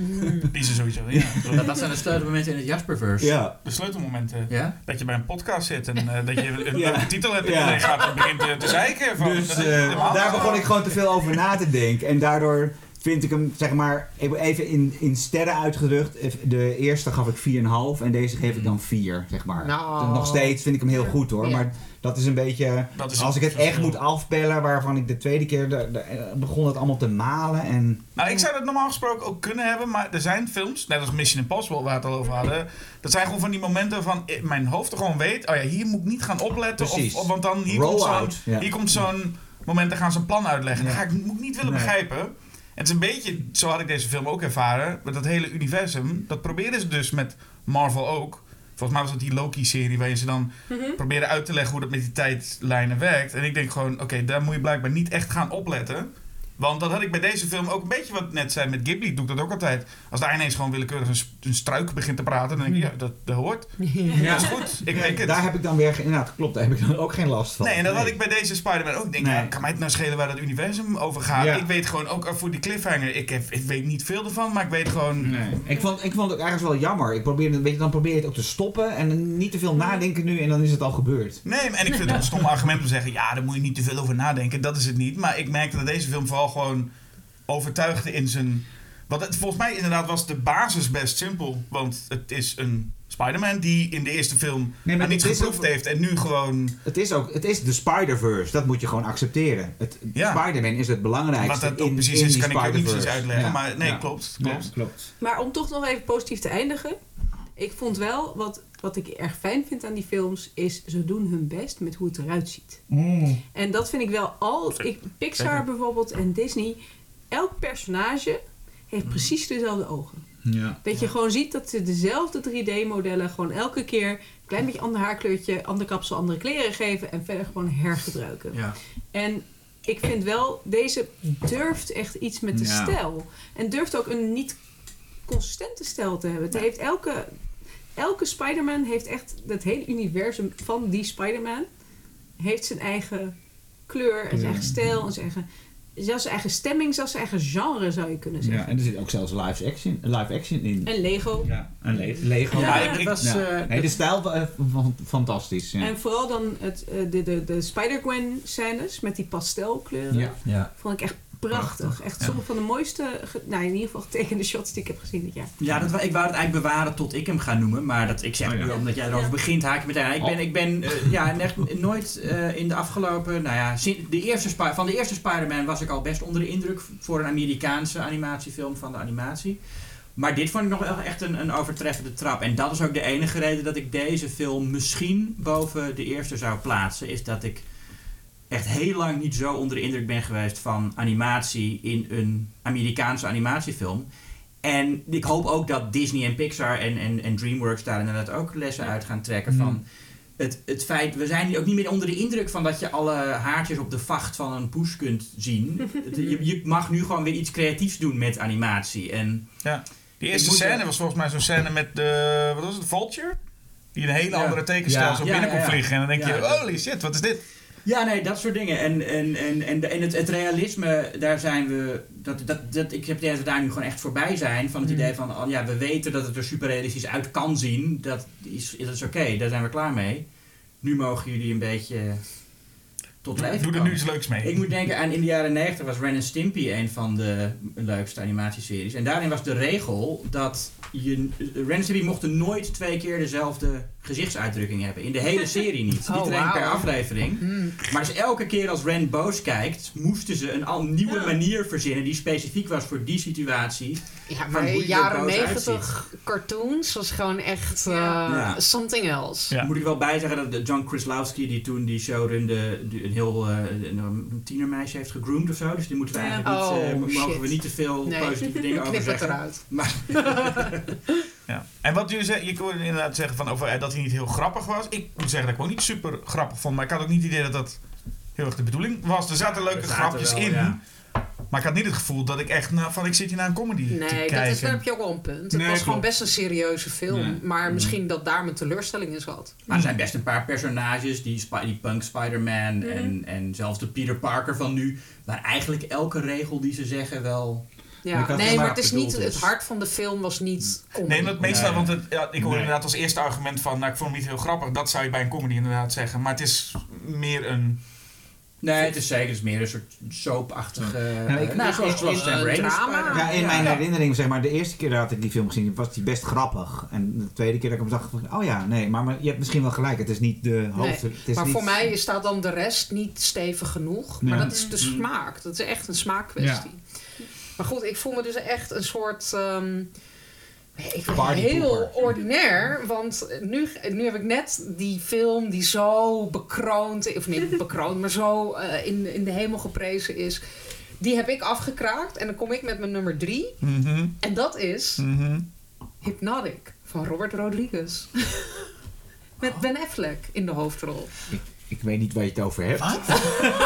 Nou, Ja, die had ik ook nog willen zien. Heb nou? Die had je Ja, wel laten die had ik zien. willen Oh. En ik heb me zo vermaakt. Ik heb echt zo Oh. applaudisserend in de zaal gezeten. Ik vond het heerlijk. Maar het is echt niet op geen enkele manier goed of zo. Eh, het is een Oh. soort Inception, maar dan in de vorm van een pretparkritje. Oh, die. Ehm, Oké, ja. Het is ook een beetje Philip K. Dick in de zin van het speelt met wat is echt en wat niet. Eh, je voelde met je Minority Report, maar dan eh, totaal zonder dat het thought-provoking is. Het is gewoon alleen maar oppervlakkig en vermakelijk. En gewoon Ben Affleck die de hele tijd zo serieus kijkt, zoals hij ook altijd op van die paparazzi-foto's staat. dat is gewoon de rol die hij speelt. En ik vond het fantastisch. En er zitten heel veel twists in, dus je weet helemaal niet... Ik weet dus ook helemaal niet meer hoe het ging eigenlijk. Dat is ook te lang geleden. Ehm, maar ik weet dat ik me heel erg vermaakt heb. Maar niemand heeft hem gezien überhaupt. Nee. Dus niemand gaat drinken. Zeg, Ik heb geen idee wat je nu allemaal aan het zeggen bent. Tim ook zo niet? grappig, zo'n mooie omschrijving. Maar ik heb nog steeds echt nul idee. Ik had er ook leuk. helemaal niet eh, van gehoord, Nee, maar ik, van deze film. Ja, het is dus echt een soort... Het voelt heel Inception-achtig. Het is een soort Inception-achtige plot. Maar daar kom je dan... eh, het, het lijkt eerst meer thriller-achtig. En dan ineens is het... Oh nee, het is Inception. Maar dan heeft het nog een paar twists. Dus eh, ik spoil niks. Maar wat is, wat voor, is, het, is het überhaupt iets heel nieuws voor Robert Rodriguez? Want ik heb het Ja. idee dat hij altijd iets, iets, een, hoe dat, iets voor volwassenen maakt. En daarna Ja. zo'n, zo'n lava kid spy ding Ja, voor zijn kinderen. Maar, en de, en, maar dit is weer echt weer compleet iets anders. ja, volgens mij wel. Ik heb hem niet heel erg gevolgd eh, sinds een eh, El Mariachi eh, days, zeg maar. Ehm, Dat is al heel lang geleden. ja, dat is heel lang, begin. dat is heel lang geleden. Je bent bij de eerste film gestopt. ik, stop, ik stop nu Ja, ik direct. heb alle Spy Kids overgeslagen. Kan het ook niet tegenvallen, ja. ik ben Tarantino, ben ik gestopt met volgen naar Reservoir Dogs. inderdaad. dat is toch goed. My Best Friend Birth heb ik nog gezien. Toen Ja. was ik klaar met hem. Nee, maar nee, het is gewoon heel... Oh, misschien dat Tim. Ik moet wel even Ja. kijken natuurlijk. Voor de zekerheid. Nee. Ik denk het ook niet. Ik denk Nee, dat dit maar- niks is voor Tim. Ik weet ook niet of het wat voor jullie is, maar ik vond het echt... Ik denk wel dat dit iets voor mij is. Ik ga kijken. Ja, dat zou heel goed kunnen. Ik zat ook in Pathé Noord. Is Oh, best wel... lekker. Ja, dat heeft Oh, wel. ja. Dat je heeft wel. Daar zit het goed. Ben je helemaal Ja. naar Noord gegaan? Ja. Helemaal naar Noord. Niet in slaap gevallen. Met Nou, de dan- zo met de metro. Nee, ik vond het eh, nee, echt een, eh, toch wel een aanrader. Ik weet het niet. niet voor iedereen. Het staat op nummer drie op je lijst, maar Ja, ja, best wel een aanrader. leuk. Erik. Ja. Ehm, ik had dus eerst een ander op nummer drie. ja. Eh Knock at the Cabin. Oh jeetje. Ja, Ja. maar daar kunnen we niks over zeggen, want Nee. die staat niet meer op je nummer drie. Nee, precies. Nee. En toen zag ik deze film en toen dacht ik, ja, hij komt een beetje overeen. When Evil Lurks. Oh ja. Komt een beetje over. Ik ga nou met. Als in, Daar komt een beetje het, is, overeen. het is rally horror. We moeten Ja, een slok nemen. Maar dan, Ja, maar even dan, een slok, maar maar- je moet dus even een slok. Nee, maar ik bedoel, het, hij komt helemaal niet overheen. Maar eh, het is zowel Knock at the Cabin als When Evil Lurks is rally horror. Religieuze horror, toch? Mag Alle ik nog twee. wat wijn pakken? Ja, natuurlijk. Tuurlijk. Basje heeft aan je never niet genoeg. Nee, maar dat. Ja, Maar dat is ook de enige overeenkomst, weet, weet Nee, ik ook wel. wel, ja. En, Eh, eh, je moet er wel en, en- vinden en ik, daar hou ik ook wel van, van, van een rally horror. iedereen loopt nu van tafel. Iedereen Terwijl jij je loopt nu weg. betoog nu aan het doen bent. En dan hè? praten wij er gewoon de tijd op maar even Ja, we voor. gaan gewoon door. Ja. Luisteraar is. ook- Maar- Ik ben er nog. Maar Ja, volgens mij is, eh, eh, hebben we alles over When Evil Lurks al wel inmiddels gezegd. Nee, ik zei eh, aan het begin van eh, in de top 5 staan eh, films waar ik heel veel plezier aan heb beleefd. En dat is bij. Als je dat over When Evil Lurks zegt, is het misschien wel een beetje gek. Omdat het ook een hele duistere film is. Maar ik vond hem heel eh, prettig eng. Ja. Ook omdat je. Er wordt, niet, er wordt best wel veel uitgelegd. Maar de personages die uitleggen, geven ook toe dat ze zelf niet zo goed snappen hoe het zit. En dat.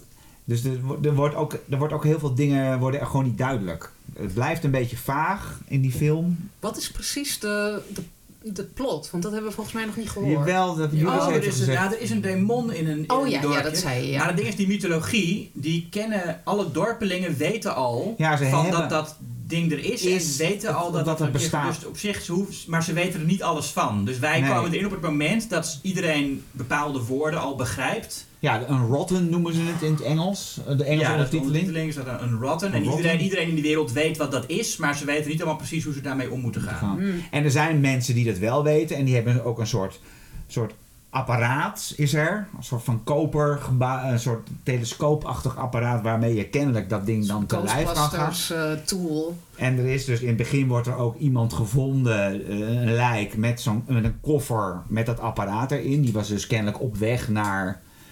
En het is ook niet per se één demon, het is kennelijk één grote ontvanger en die dan anderen beïnvloedt. En dan moet, die moet op tijd gestopt worden, want anders wordt er weer iets anders geboren.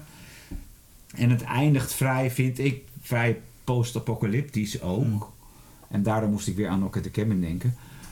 Dus, en, en ik hou, daar- hou ik ook wel van. Ik ben helemaal niet religieus, maar op de een of andere manier eh, ga ik altijd wel heel goed op eh, Exorcist, die Omen. Ja, maar het is en, ook gewoon En die Ben Evil lyrics, die mythologieën. Ja. Het, het, een beetje hetzelfde misschien als met geesten van stel dat. Ja, nee, dat herken Ja. ik wel. Maar wat, wat is dan het plezier? Wat je zegt van het is Ja, eigenlijk- dat het gewoon heel. Het is, ik, werd, ik, ik ben niet zo snel meer bang. En dat is, je wordt een beetje blasé, denk ik, als je al zo Mm. lang horrorfilms kijkt.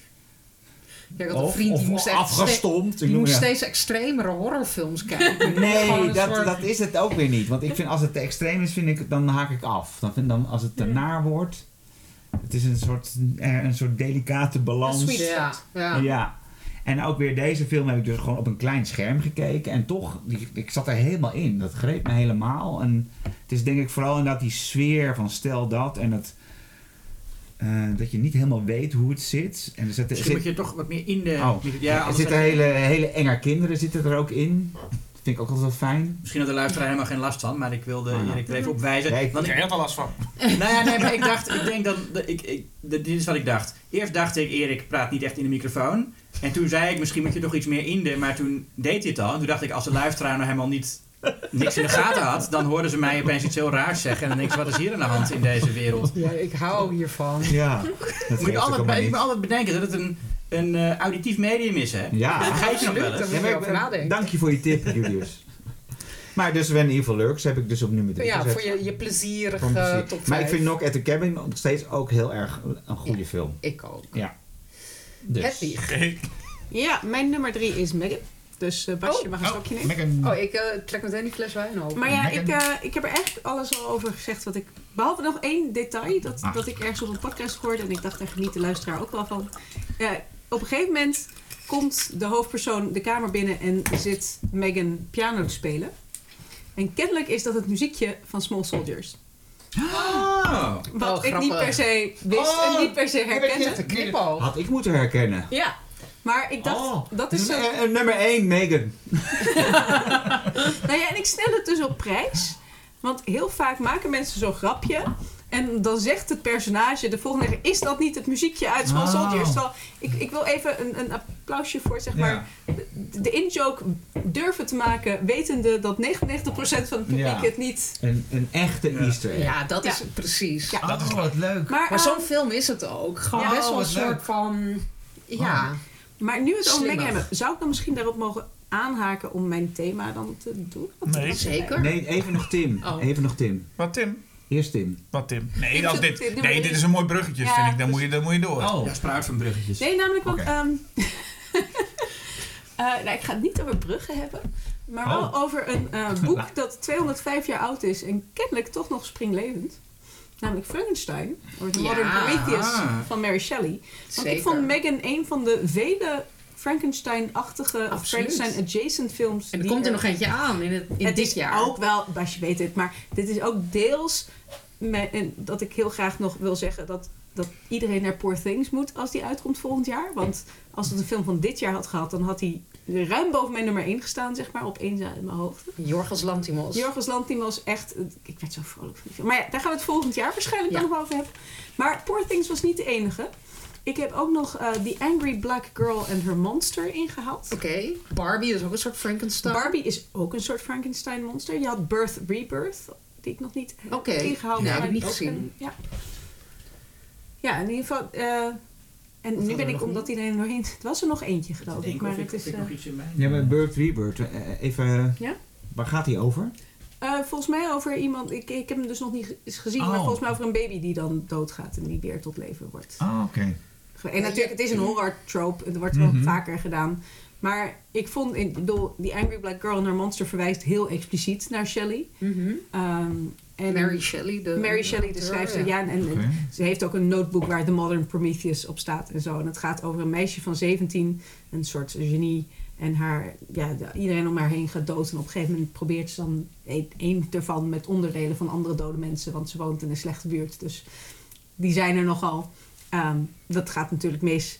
Maar dat weet wel weer iets heel nieuws te doen met het verhaal. Ik heb het idee dat het is toch wonderbaarlijk dat we al zo lang Frankenstein films maken. Op allerlei manieren. Want Jurassic Park is natuurlijk ook een soort van Mm, Frankenstein film. Ehm, maar dat er kennelijk nog steeds wel, ironisch genoeg, leven zit in dat eh, concept. ja, en ook nu heel specifiek vrouwelijke Frankenstein-monsters. Zeker. Ehm, ik En luisterde ook zo'n... zo, eh, vrouwelijke dokters Frankenstein Ja. ook nog. Ja. Ik luisterde de podcast eh, van de New Yorker Critics at Large. En daarin bestempelden ze 2023 als The Year of the Doll. Hmm. En het ging dus ook over Barbie. Het ging over Poor Things, die daar natuurlijk wel uit is. Maar ook over Priscilla, wat totaal geen schokkend nieuwsfilm is. Maar wel gaat over een soort poppetje dat ook een soort gemaakt wordt Oh, ik eigenlijk. weet de film weer die ik ook nog wil Ja? noemen. The Artifice Girl. Daar heb ik ook echt nog nooit van Nee, gehoord. ik heb hem ook ingehaald. Het is, ik vond het interessanter qua concept. Dan, qua- het is heel duidelijk heel low budget. En dat zet het er een beetje eh, in de weg. Maar dat gaat over een man die wil pedofielen vangen. Dus die programmeert Oh. een negenjarig meisje. oh, Om in chatrooms dan Oh. een eigenlijk... soort hard candy, maar dan Oh. met een... Ja. Ja, en, Ja. maar op zich, het is een naar onderwerp, maar op zich, het is, het, heeft, het is heel strak op zich opgezet. Het heeft drie delen die dan steeds met tijd ertussenin zijn. Maar ja, dat meisje van negen blijft natuurlijk een meisje van negen, want het is gewoon een computerprogramma. Ja, Ehm, maar weet je, het is op zich zo'n film voor, voor mensen die van science fiction houden. Ja. Waar, er je eigenlijk niks ziet qua sci-fi, waar er gewoon veel gepraat wordt. ja Maar- het is conceptueel Een conceptuele Ja. science fiction film. Ik vond hem dus niet goed genoeg voor de top 5, maar wel. eh, en ook weer een soort van. Ja, de dingen die je maakt en de verantwoordelijkheid Ja. die je daarvoor draagt. Ja. Toch als een soort van ouder. Ja, en, En, eh, Megan is natuurlijk ook zo. Megan ook, daarom dacht ik, ik haak aan bij mijn nummer Ja, drie. ik snap hem. Met eh, het jaar van de Frankensteins eigenlijk. Ja, heel goed thema. Ja, wat had Tim op zijn Oh ja? Tim, Dus we gaan naar Tim. Naar de maaltijd? Ja, eh, een titel die... Nummer drie. Gaan we drinken? Nee, ik heb hem niet op mijn lijst. Ik had wel gekund, maar ik vond hem... Ik twijfelde bij schok of het een schokkenieuwstitel was. Maar hij heeft The Killer, Ja. Oh, ja. Fincher. Ik vond het dus ook... ehm, hij stond op mijn oorspronkelijke lijst. eh, die dus voortkwam uit mijn soort algemene lijst. En ik dacht, ja, het is zo'n soort van stripboekachtig. Het is net Mhm. een beetje boven de normale realiteit. Dus ik vond het wel schokkend nieuws. En Ja. ik vond hem erg goed. Hij had bij mij ook echt bijna in de top Ja. 5 gekund. Ja, Staat oh, we zijn tussen. toch ergens over eens. We zijn het ergens over... Oh, god, Ja. ja. zeg. Hij, Maar- mag ik dan de- op een, eh, hij is ook gebaseerd op een strip, een Franse strip Ja. geloof Zie je, dus zat ik dus ook de hele tijd te denken. Is dat nou zo of niet? Ja. Maar dat is dus ook. Maar eh, ik moet hem dus nog een keer proberen. Want ik hoor er zoveel mensen waarvan ik de mening respecteer die hem goed vinden. Maar ik kwam er dus niet overheen hoe irritant ik die kerel vond. En dan moet je aan het begin 20 minuten naar zijn inner monologue luisteren. En, Ja. en na, na drie minuten dacht Maar- ik al van dude, hou je Maar heb je hem in de bioscoop gezien Nee. of op Netflix? Op Netflix. Volgens mij maakt dat dus echt Ja, dat uit. maakt wel verschil, denk ik. En Ja. ik zat echt... eh, he- ik, was, ik heb volgens mij geen één keer weggekeken. Ik was helemaal in In de film trouwens? gezogen. Ja, in de Ja, ik bioscoop. ook. Ja, in de bioscoop. En ik is- bleef zitten bij de aftiteling. Ik zong, ik zong sowieso al die Smits liedjes mee. Gewoon helemaal Mm. woord voor woord. En eh, ik liep naar buiten en ik voelde me helemaal... Dat personage, ik voelde me die serial killer. Ik zette zo mijn Ja. eh, mijn paraplu op. En het was gewoon alsof het een soort gun was. en ik meteen de Smits draaien. En ik liep echt helemaal gelukkig naar huis. Ik vond Oh, het ja? zo'n fijne film. Maar ik was Ja, ook wel blij dus- mee dat het een, een film... Want in de bioscoop, dat is toch wat volgens mij Erik zei... Die nu net weg is, maar dat geeft Mhm. niet. Dat inderdaad in de bioscoop is het altijd net iets sowieso anders kijken.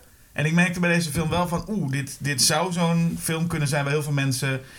Eerste 20 minuten, oh, dan grijp je weer naar je telefoon of dan ga je weer iets anders doen. Terwijl Ja. in de bioscoop, ik was zo blij dat ik in deze film gewoon... Je gaat alleen maar naar het scherm kijken, je bent alleen maar daar. Ja, En dan zit je er ook echt in. En wat ik heel fijn aan deze film vond, want het gaat gewoon over een moordenaar. ja. Een, een huurmoordenaar. Huurmoordenaar. En Eh, die Ja. volg je. Ja, terwijl hij naar de Smiths luistert, dat is wat Ja. hij doet als hij... Als hij Ja, daar je zit. ziet ook echt bijna alleen maar hem in beeld de hele Ja. tijd. Ja. Helemaal met hem. En ik was heel bang, dat gaandeweg de film, dat op een gegeven moment... Het zijn lange scènes waarbij ik op een gegeven moment bang was... dat de film dan weer naar grote sprongen in de tijd zou gaan maken... en heel andere dingen erbij zou halen. Maar ik was zo blij dat gewoon de hele tijd... Je blijft de hele tijd bij gewoon één dingetje. Ja, De hele tijd blijf je bij hem. En dat was dat ik moet zeggen, ik heb hem dan wel op Netflix gekeken. En ik, ik, erg een groen en geel veranderd. Maar ik heb wel ook, en dat gebeurt niet zo heel vaak als ik in mijn uppie thuis op de bank films kijk. Ik heb wel hardop gelachen. Ja, Echt zo'n hij is heel geestig. Ja, vooral één keer om een rasp. Ik ga niet zeggen welke context die rasp Ja. er is, maar rasp. dat, Ja. dat wist me wel zo te verbazen ook, omdat het verder niet echt, ja, verder, nou die man neemt, de film neemt hem niet serieus, maar die man neemt zichzelf zo Ja, verschrikkelijk ja, ja. serieus. Ja, maar dat is, wordt is heel op pakken gezet. Ja, het wordt, ja, maar wat, wat mij nog wel, ik- nee, ik weet niet. Ja, maar die Was, eh, nou, het zo ik moet hem, subtiel is, ik moet hem nog een keer kijken, denk ik, want ik heb het idee dat, ik dus, dat ik de verkeerde stelling Ja, had. dat zou heel goed kunnen. Maar hij wist me dus wel aan het lachen te maken. En dat, dat zegt wel wat. Want dat is meestal op de bank alleen vind je dingen wel grappig. Maar ga je niet Nee. hoorbaar Nee. lachen. En dit was wel dat mijn vriend na afloop zei van... Ja, wat, wat- waar, waar zat je nou op te lachen op dit het ene moment? Dus dat, dat geeft die film wel mee. En het is een David Fincher film, hebben we dat al gezegd? Ja. Ja, ja. Oké. Ja. Alleen, en het was Michael Fassbender waar we dus ook over hebben. Ja. Ja, eh, Michael en ja, ik vond, ik dacht toen, ik, toen hij begon, dacht ik, dit zou allemaal veel beter zijn zonder die voice-over. Ja, daar heb je wel een punt. Eh, maar ja, aan de andere kant, in die voice-over is hij wel de hele tijd aan het benadrukken hoe cool hij is. En Ja. dat hij het allemaal zo Ja, en zonder dat- emotie doet. Precies. Ja, precies dat is hetzelfde wel- inderdaad. Dat die, maar je, je went er toch aan, aan die voice-over. Nou ja, dat is Op een gegeven moment wel- vond ik hem juist wel fijn. Het is wel belangrijk om die... Het is belangrijk. Omdat het een beetje Ja. ironisch is natuurlijk. Ja. Hij ja. zegt, ik heb er helemaal geen gevoel bij en wij zien dat dat wel zo is. Ja, het gaat Ja. ook best wel over perspectief. Ook dat hij de Mhm. hele tijd in zijn, met zijn oordopjes, eh, via zijn oordopjes luistert naar de Smits. Maar dan zie je een, een eh, gewoon waar hij naar kijkt. Wacht even, als je ziet door zijn Ja. ogen, Mhm. dan hoor je dat. Maar als je hem Ja. ziet, dan hoor je het niet meer. Dus dat Ja. gaat al over perspectief. En die hele film speelt met dat perspectief. Van, ga je mee met hem? Ga je mee in zijn hoofd en zijn gedachten Mhm. van... oh, ik heb geen gevoel, ik ben zo'n fantastische eh, huurmoordenaar... Of bekijk je hem van een afstand, lukt dat je? En zie je hem voor wat hij is. Gewoon iemand die totaal aan het falen is. En gewoon onhandig en alles mislukt. En dat spel, ja, ik vind dat echt briljant. En het is ook een film om meerdere keren te kijken. Ja, misschien moet ik dat toch nog een keer doen. Maar ik had dus die ironie in eerste instantie ook niet helemaal door. Nee. Wat mij, wat Nee, nee, het is heel subtiel. Ik, vond, ook- ik dacht ook, de Smith vond ik ook zo'n voor de hand liggende keuze. Mhm. Ik had, ik doe dan, doe dan B-52's of zo. Oh ja, denk Maar ik, had, eh, ik denk, ik moet bij de Smiths in films altijd denken aan 500 Days of Summer. Ja, ik dat, ook. het- dat hij het zo Oh, bijzonder ja, vindt ja. dat Zoe de Chanel de Smiths leuk vindt. Denk ik, ja. Hmm. Ik vind nou, de Smiths in een film is zo... eh, maar misschien is dat ook ironisch. Ja, ja, voor mij werkt Juist, het helemaal. En ik hou heel erg van de Smiths. Dus Ja, dat ik had- ook maar ik hoorde je net, toen ik even weg was, hoorde ik u al zeggen. Maar dit, dit is inderdaad ook een film die, als ik die in de bioscoop gezien had, had ik hem misschien al. Dan zat je er wel in hoor. Dat Misschien is wel, wel. Ik zat er ja. ook helemaal in. En ik vind het heel fijn. En een hele mooie bijrol van Tilda Swinton. Ja, Ja, toch? echt Ja. eh, Zeker. absoluut. Absoluut, Echt ja. een hele Ja. goede scène. Maar ook- En sowieso, het is een film die bestaat uit soort scènes, sequenties. Klopt. Ja. En dan kan je echt een soort van even in een wereldje zitten. Dat Ja. is eh, heel goed gedaan. Want ik vind dus ook, dat vond ik een van de mooiste dingen, is dat het is, oh we gaan een huurmoordenaar volgen, dan gaan we alle coole dingen zien. Maar ik vond het vooral mooi dat je hier gewoon best wel lange scènes krijgt van hoe hij een, een container in een busje doet. En even vastzet. goed. En even gewoon die kleine dingen. Ja, die handelingen. Even al die handelingen zien, vond ik zo fijn. Dat Ja. ik denk, oh, mag ik dit gewoon langer? Voor mij hoef je niet eens iemand neer te schieten, joh. Nee. Ga, gewoon, ga gewoon lekker daarna nog even iets Nou ja, een populaire theorie is dat dit ook het, hoofd, het personage is dat het meest lijkt op David Fincher, toch? Mm. Mm. Dat het eigenlijk een, een soort metafoor is voor... Nou, niet dat Fincher nou zo moordlustig is, maar wel dat hij heel erg bezig is met Meticulous. process. Ja. Ja. en met, ja, met ja. alles precies Ja. en, en stukje voor stukje en volgens een systeem. En, ja. Maar je hebt bepaalde films die draaien heel erg om handelingen. En ik hou daar dus echt heel erg van. Ik vind dat een van de fijnste dingen van films. En daardoor, je, het voelt alsof jij die handelingen doet. En daarom had ik dus ook, zat ik helemaal, nam ik die film mee naar buiten. En dat ik die paraplu, nou, ik weet het niet. Nee, maar dat, ik, ik snap Heerlijk. helemaal. En ik had dat ook inderdaad. Ik denk dat dat ook een ding kunnen zijn. Als we nu volgende keer een superheldenfilm krijgen... van een superheld die gewoon zijn belastingaangifte doet. Het zou heel tof kunnen zijn in Ja, tegenstelling. dat mis ik inderdaad ook wel in, in, die, in, die, in die superheldenfilms en die. Marvel-films. Nee, nee, maar gewoon inderdaad wat Basje zegt, de handelingen en het, Ja. en het, het, het, het, het, het zintuigelijke ook ervan. Ja, absoluut. Ja, nee, precies. Dus maar ik ben ook blij dat we nu eh, echt positief zijn over een eh, film van Tim. Ja, hoor. dankjewel, ja. Tim. Dus Tim, wat goed. zo. Nummer drie. Hij is al afgehaakt natuurlijk. Ik denk het wel. Ja, dus dan gaan we maar weer terug naar Julius Oh ja. met nummer twee. Het gaat, het gaat altijd snel, hè? Ja, het gaat snel als je het naar je zin hebt. Eh, even kijken, wat heb ik op nummer 2? Oh ja, een film waarvan ik dus heel verbaasd was. Dat niemand eh, anders hem in de Schokkend Nieuws eh, top 10 had ingestuurd. Oké. Nou, dat wordt drinken voor iedereen nu. Ja, nou ja, ik weet, wij niet, wel. wie weet heeft iemand hem nog. John Wick, hoofdstuk 4. Oh ja, ik vond Nou ja. hem heel leuk. Toen ik hem op jouw lijstje zag, dacht ik, oh, mocht hij ook? Maar dan moet hij eigenlijk ook op mijn lijstje. En dus, ik heb het vandaag weer overwogen op die plek 4. Maar waarom dacht je van niet? Nou ja, ik vind het toch, ik zie het primair als een Actie, actiefilm. ja. En ik denk dat Mm. als je John Wick doet, dan kun je net zo goed ook Mission Impossible doen. Ja, maar dat vind Ja. ik Nee. eigenlijk ook Want hoor. die Ja. AI is... Niet mee eens, nee. Ik Oh, vind ik- als de, als de killer mag. Ja. John Wick zit toch ook in het comic-universum? En zeker, zeker. Ja. deel 4. Zeker. Mag zeker wel, Ja. dus vandaar dat ik het nu ook heb overwegen. Maar dat was meer toen ik mijn top 5 voor de website aan het opstellen Ja, was. Dus niet in mijn lijst van opties. Als Ja, het toch ik als vond het- Ja. het niet zo, dus dat ik is voelde prima. het niet zo. Oh, nou, ja, is Ja, het wel zo... Is jouw, nee, dat is waar. Het is de enige film van dit jaar die ik meerdere keren heb gezien. In ieder geval voor twee derde. Ja. Want Ik moest een nachttrein hebben. En een bioscoop is een prima plek. Als je gewoon drie uur na zeg maar, de traditionele openingstijd van winkels ergens moet zoet brengen. Ja. Uh, toen miste ik net de trapscène. En daar, ik merkte dat ik daar best wel van baalde. Ja. Het is wel, moet ik zeggen, de beste slapstickfilm van dit jaar. Verreweg. Ja. Oh ja. Ja, nee, en en John Wick is natuurlijk ook, eh, heeft veel meer wortels in, in de kung fu traditie. Dus wat dat betreft past het ook heel erg bij Schokkend Nieuws. Ja. Ehm, ja, ik vond hem ook weer heel erg leuk. Ik denk dat ik hem niet zo goed vond als deel 3. Die voor mij echt eh, de beste setpieces had ook. Mhm. Zeker het gebruik van paarden en honden in die film vond ik heel goed.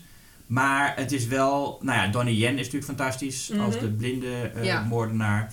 En ik vond het echt een lekkere globetrotting actiefilm. Beetje zoals James Bond nou, nog steeds al is. Maar ik heb, vind het bij John Wick beter werken. Dat ik echt, als ik hem in Mm. Parijs zie, denk ik... Ja, ik wil weer eens naar Parijs. Ja. Terwijl, ik hou helemaal niet zo van Parijs. Maar ik heb toch de indruk als hij daar is, dan denk ik, ik wil er ook naartoe, naar die trappen. Ja, maar het Ik- zijn ik eigenlijk er al dit jaar clichés eruit. Ja. Dat is Dat gewoon is heel fijn. fijn, Dat is Ik ben er ook geweest sinds de film. En Oh het ja, is inderdaad wel heel grappig. leuk. Moeten trouwens wel even benadrukken, niemand drinkt dus, hè? Nee. Dat is Nee, wel- maar dat- ja, je ook wel- weer de enige. Ik vond hem echt goed hoor. Ja. Dus eh, Ja, ik, maar uit- ik vind die, eh, ja, voor mij, ik vind al die John Wick films goed, maar ze blijven bij mij altijd, ik vind ze allemaal even goed, zeg maar. Hmm. hmm. En ik vergeet ze ook heel snel. Hmm. En Ze hebben dat- allemaal eigen, het. hun Dat eigen dat is, charme. dat, en daarom Ik, zal eh, die nooit in de top 5 komen voor schokken. Ik, ik Ik vind ze heel dat- fijn om naar te kijken, Ik denk dat, maar ik eh, leef niet mee met Keanu Reeves. Oh nee. Nee. Oh, ik En ik blijf altijd een beetje op afstand en ik bewonder enorm de, die set pieces inderdaad. Mhm. Ik vond ze in vier soms iets te lang doorgaan. Ik denk, dat ik dacht, ja, nu weet ik het wel. Nou ja, daar nog Ja. even op inspringen. Ik had ook een fout gemaakt. Oh. Want ik had gehoord dat er een verwijzing zat in John Wick 4 naar The Warriors. En het is niet eens één verwijzing. Het is echt best wel één sequentie die geïnspireerd is. Dus ik dacht, het is leuk om als voorbereiding op John Wick 4 The Warriors weer eens een keer te kijken. Mhm. Die is 90 minuten. Mhm. En is zo efficiënt. En Ja. zit zo goed in elkaar. True. En is echt, geeft geen moment dat de, zeg maar, de boog slapper wordt. En Ja. daarna merk je wel, ja, John Wick 4 vond ik heel goed. Maar het beetje wat jij net ook zei van de actiescènes. Ze, ze, ze zijn wel heel tevreden met zichzelf. Ja. Ja. Snap je? En ik bedoel, je had geen seconde Donnie Yen moeten wegsnijden. Daar ben ik het helemaal mee eens. Maar her en der, dat hij inderdaad bedachtzaam naar een kaars zit te staren. Dat hoeft niet per se drie minuten te duren. Nee, Snap je? ja, Dat nee, dat Ik hou daar dus Tactische wel fout. van. Nee, die kaars mag erin blijven. Maar het is, het is dat soms van die set pieces juist te lang doorgaan. Ja, Toch? Dat je denkt, ja, nu. nu je hebt op een hebben gegeven moment een beetje hele mooie scène. Van, van, van, van boven gefilmd. Dat hij, en dan heeft hij ook van die bijzondere kogels waarmee je mensen in de brand zet. Ja. Het gaat maar door. En dat is één grote take. En dat gaat heel lang door. Maar op een gegeven, en op een gegeven moment denk ik, van, ja, nu weet ik het wel. Ja, wat dat betreft is de eerste wel het schoolvoorbeeld van echt een economische actiefilm, John Ja. Wick Ja. 1. En vind ik deel 3 en 4 samen heel mooie, grootse epossen, waarin ook die, die wereld in het belachelijke wordt uitgemeten. Ja. Deel 2 raakt dan een beetje ondergesneeuwd. Dat is toch de, Ja. de, de, maar ook, ook heel goed. Mhm. Ja. Eh, ik vind ook zo in deel 4 ze inderdaad bevestigen dat er gewoon geen politie bestaat, blijkbaar. En dat mensen... Dat had ik niet eens bedacht. Nou, dat ze ook elkaar in- op, op, op, het- op, op, op- met al die auto's op het Ja, Champs-Élysées, dat ze ja. gewoon elkaar voor de auto duwen en die mensen gewoon door Ze blijven rijden. wetteloos, ja. Ja. Wild. Westen. Ja. Ook wel weer, het was ook een jaar vol hele toffe dieren in films. En die Oh. hond van John Ja. Wick was ook wel echt een hoop. Ja. Klopt. Heel veel wel goede zeggen, honden. Ik vind het dus heel frustrerend dat alleen chapter 3 Parabellum die subtitel heeft. Dat alle andere alleen maar Ja. een nummer hebben en alleen deel 3 dan een Oh, dat subtitel. is heel irritant. Ja. Ja, daar kan ik ook niet tegen. Daar ga ik een Ik, ik wist het niet, maar bij deze echt Ja. bullshit. Maar één heet ook niet chapter 1, hè? Nee, Van John Wick. nee, Nee, ja, nee, dat. Ja, gewoon- maar goed. Zooitjes. Ja, maar misschien met een nieuwe... Chaos. Maar, maar er is wel, er is ook al, al wel sinds de eerste John Wick, is, er zijn ook elk jaar weer John Wick-achtige films. Ja. En Ja. ik merkte dat Ja, er welke? dit jaar ook weer een paar waren. En één is eh Sisu. Ja, Ja, vond ik ook, leuk. Aardig, ja. Ja, ik moet Ja. wel zeggen, dat merkte ik toen ik Sisu zag. een beetje meer ik, Rambo dan John Wick. Maar, nou, ja, sure. Sisu is een, eh, even Maar- voor de, dat is een, een, een eh, Finse goudzoeker. Een Finse Nou, goud. hij heet niet Sisu, maar eh, dat Nee, het, is- het is een man die zoekt goud. ja. en, de, en die komt nazi's tegen en die stelen zijn goud. En dan Het denkt is hij, net, net, net na de Tweede Wereldoorlog speelt het zich af. ja. ja. En als nazi's je goud stelen, denk je, nou, dat vind ik niet zo leuk. Je moet het er inderdaad tegenwoordig wel bij zeggen. Want vroeger was het inderdaad nazi's als slechterik. Dan wist je ongeveer waar, wanneer een Ja. film zich afspeelde. Maar ja, Nee, die garantie heb je niet niet meer. Nee, dat is waar. Maar dit, en ik, ik merkte wel toen ik deze film zag, eh, hoe, waar we het net ook met de killer over hadden, die eenvoud, dat heb ik bij John Wick dus af en toe wel, dat ik denk, ja, het, het is leuk dat hele wereldje. Maar voor mij vind ik, vond ik het idee van, eh, ze hebben net de verkeerde hond, dat was John Wick 1. Ze hebben gewoon net de verkeerde hond eh, afgemaakt en die man wordt, wordt gek.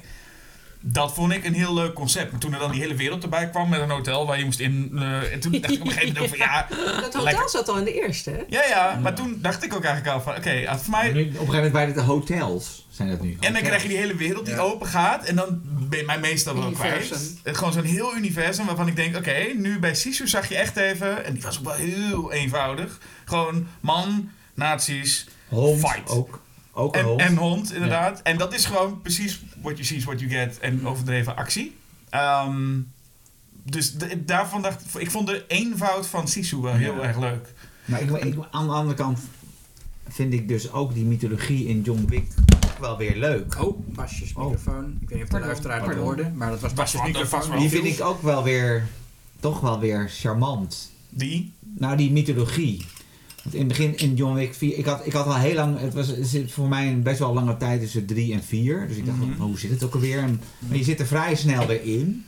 Dat vind ik ook. wel- Eigenlijk hoef je ook die andere films helemaal niet gezien te hebben, volgens mij, om deze ook Nee. wel te kunnen snappen. Nee, het is ook Ik heb dus die andere drie niet gezien. Nee. Ik heb gewoon alleen deel 4 En is- ik heb ook het idee vind dat- ik het toch wel weer heel. prima. Die mythologie is inderdaad een beetje. Dat je, ja, ja, ja. Ik maar heb- ik ik vind heb het nu- ook wel weer heel grappig. Ja, met ik heb met nu- zo'n gouden munt wordt dan over tafel geschoven. Maar Ik heb vier, wel- vier, kamer. Ik heb en- vier John Wicks gezien en nu, nu bij vier films. Ik denk de hele tijd, oh ja, daar komt vanzelf Ian McShane weer een keertje aanzetten. En die zegt, ja, zo werkt het niet, hè? En dan, dat zal dan wel. Maar mag ik wel even over die munten?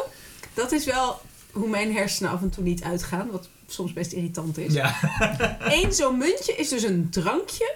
Of een hotelkamer. Of een pistool. Dat ik echt heel veel moeite heb met het soort benaderen van Ja. de, de waarde Ja, in maar Was euro's. het, leven ja, wat- maar zo, wat- was het leven maar zo eenvoudig? Wat de regisseur en, en ook bedenker Stahelski, Chad Stahelski erover gezegd heeft, is dus dat muntje, dat is gewoon van ik ben deel van deze wereld. Mm. En dat bewijs je daarmee. En dan, is, en dan maakt het eigenlijk niet meer uit. Dan Oh, is dat het van, vind ik eh. Ja. Dat het gewoon andere, eh, andere idee is van geld. ja, het is een beetje als, als, je moet, als je moet vragen wat het kost, dan kun je het niet betalen. Mm. Dat is het idee. Ja, Hmm. filosofisch. Ja.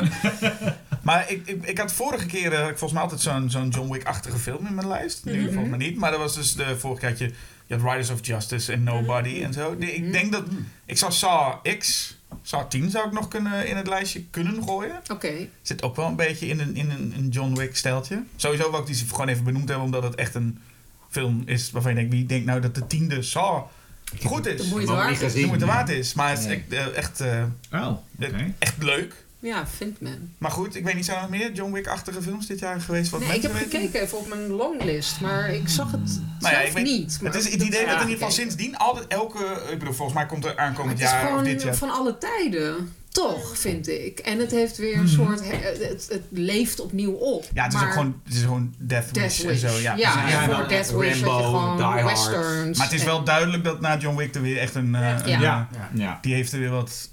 En, en Oh. dit jaar natuurlijk ook weer Mission Impossible qua set pieces. Ja, maar daar eh, zitten- Die, eh, maar ik dat, vind Mission Impossible anders, omdat er zoveel vrouwen in zitten. Ja. Het is wat eh, guller of zo. John Wick is gewoon Ja, John Wick. nee, het is gewoon één gast. En dat is ook leuk. is misschien meer ook echt een, een knokfilm. Gewoon Ja. Zo'n ouderwetse knokfilm. Mission Ja. Impossible vind ik echt wat Nou ja, dit jaar komt Ja. dus de John Wick spin-off Ballerina. Ja, Dus dan, nou, ik vraag me heel erg af hoe dat gaat worden. ik heb geen idee. Nee. Maar goed. Ehm, John Wick 4, dat was, daar waren we toch? Ja, Ja. De- is zeker. De nummer nummer twee. twee. Nummer twee, oké. Iedereen in de war. Oh ja, ik, ik ga dan voor mijn nummer 2. Ik heb Ja. voor de verandering. Maar ik heb voor nummer 2 niet een film, maar een miniserie. Oh. Ja. Oh. Ja. Eh, en het is The Fall of the House of Usher. Mm. Oh. En... eh, Niemand drinkt. Niemand drinkt. Nee, niemand drinkt. Oké. Ik, ik wist ook even niet dat dit er was. Maar ineens zag ik het en ik ben nog maar net een, een Flanagan. Hoe heet dat zo? In ieder geval, ik, ik, ik kende de... Maar ik, ik zag toen eh House on Haunted Hill was, denk ik. Nee? Ja, van Mike Flanagan. De, Mike Flanagan, zeker, ja. En dat, ik was wel verkocht. En de andere series ook gezien. Iets minder. Wel, Bly Manor had je. En Die Midnight... Vampieren. Is het allemaal een soort literaire bron of niet allemaal? Midnight Mass Ja. weet ik eigenlijk niet Nee, zeker. niet naar mensen zelf bedacht. Oh, ja. eh, Hunting of Bly Manor is gebaseerd op eh, Turning of the Screw. Oh ja. Ja, waar The op gebaseerd is. En dan The ja, Haunting. Shirley Jackson. eh, Ja, Ja, The Haunting. En dit was dus, die, van die twee kende ik het bronmateriaal en ging toen, zag toen zijn versie. En hier was het andersom, want ik ben niet bekend met die verhalen van, Poe. van Poe in ieder geval. Mm. Daar ken ik de films van, Oh. van met Vincent Price dus ook allemaal niet van. Dus ik was nu juist, eerst kreeg ik eigenlijk zijn versies. En dat is op zich, het is een hele, ik vind het echt een hele leuke serie. Gewoon elke aflevering is een deel van het verhaal, van een verhaal. Dus eh, elk, elke aflevering heeft eigenlijk gewoon zijn, eh, is een verhaal van Poe. Maar het is wel een groot verhaal over een familie die elke aflevering eigenlijk iets mee maakt. En ja, het, is, het is eigenlijk alles wat... Want dat is sowieso bij, bij Flanagan zo. Sowieso de cast. Als jij ooit in een, Mhm. in een serie van Flanagan hebt gezeten... dan weet je dat je altijd werk hebt. Ja. Althans, de meeste. Die worden echt opnieuw... Iedereen wordt opnieuw gevraagd. En ook als je met hem getrouwd bent. En als je met hem getrouwd bent helemaal. Ja, Michiel Huisman niet inderdaad. Zijn volgens mij, er zijn een De paar enige. mensen... De enige. Dat Nou, echt... en Mark Hamill zag ik dat die zit Mark erin. Hamill, maar die heeft nu vanaf nu ook gewoon eh vast Ja. werk. Want die komt nu ook bij. En die heeft een hele leuke rol overigens ook. eh, Mark Hamill als eh, advocaat Pim. En, niet Pim, trouwens, Nederlandse Pim. maar eh, Arthur Pim. Ehm, maar het is, en het, wat ik dus opvalt, het is de ja, lange monologen. Leuke monologen. eh, echt jumpscares waar je af en toe wel even tegen het plafond aan zit. Doet hij ook goed. Hm? Echt hele leuke types. En in dit geval ook humor. Dat, had ik dus, dat heb ik nog niet eerder in zijn werk eigenlijk gezien. Hm. Maar het is ook lekker luchtig af en toe. En het is soms best absurd. Ik, ik, ik merkte dat ik het heel fijn vond. En elke aflevering ook weer een verrassing was. Ook omdat die. Maar volgens mij doet hij heel erg zijn eigen ding hoor. Ik denk dat die Mm. verhalen. Gewoon dat hij de tintjes De uit. vorige Ja, twee series waren ook niet bepaald een trouwe aanpak. Het was meer Hmm. heel, heel losjes geïnspireerd op het Precies. theatermateriaal. Ja, hij gebruikt daar wat van. En volgens mij is dat nu sowieso. Ja. Omdat het allemaal losse verhalen zijn. Die hij wel een soort van samenbindt.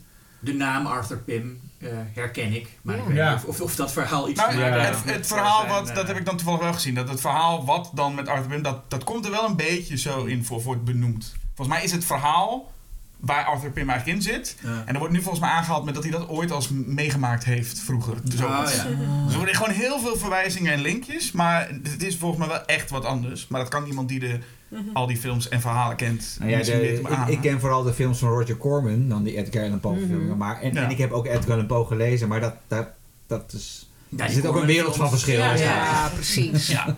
Maar goed, Een, een van die Corman films is ook gewoon een, eigenlijk stiekem een verfilming van een Lovecraft Lovecraft, verhaal. ja, klopt, Die ja. Er is een Po-titel opgeplakt. Ja. Ja.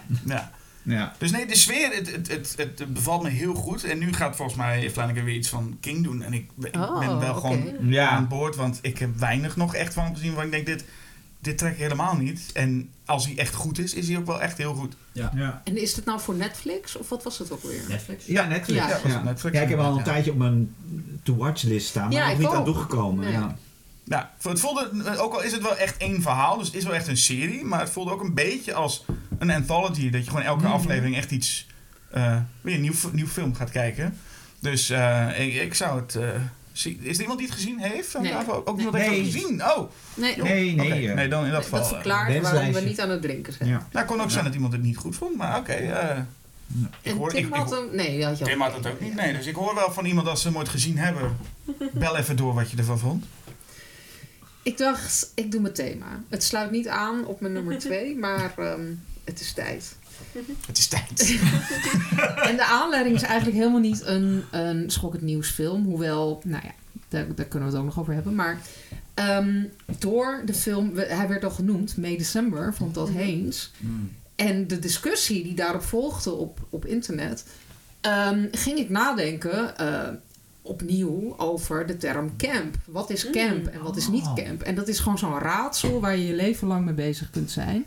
En ineens dacht ik, volgens mij is dat een trend. Volgens mij waren er heel veel films afgelopen jaar die misschien wel camp zouden kunnen zijn, maar die ook het raadsel eigenlijk vergroten. Want er zitten, ik, ik ging een soort van op gevoel dan wat op een rijtje zetten. En ik dacht, het een is heel overduidelijk wil camp zijn, zoals de film Plane, Hm. Die ongeveer een jaar geleden uitkwam. Iedereen is hem vergeten. Met Gerard Butler.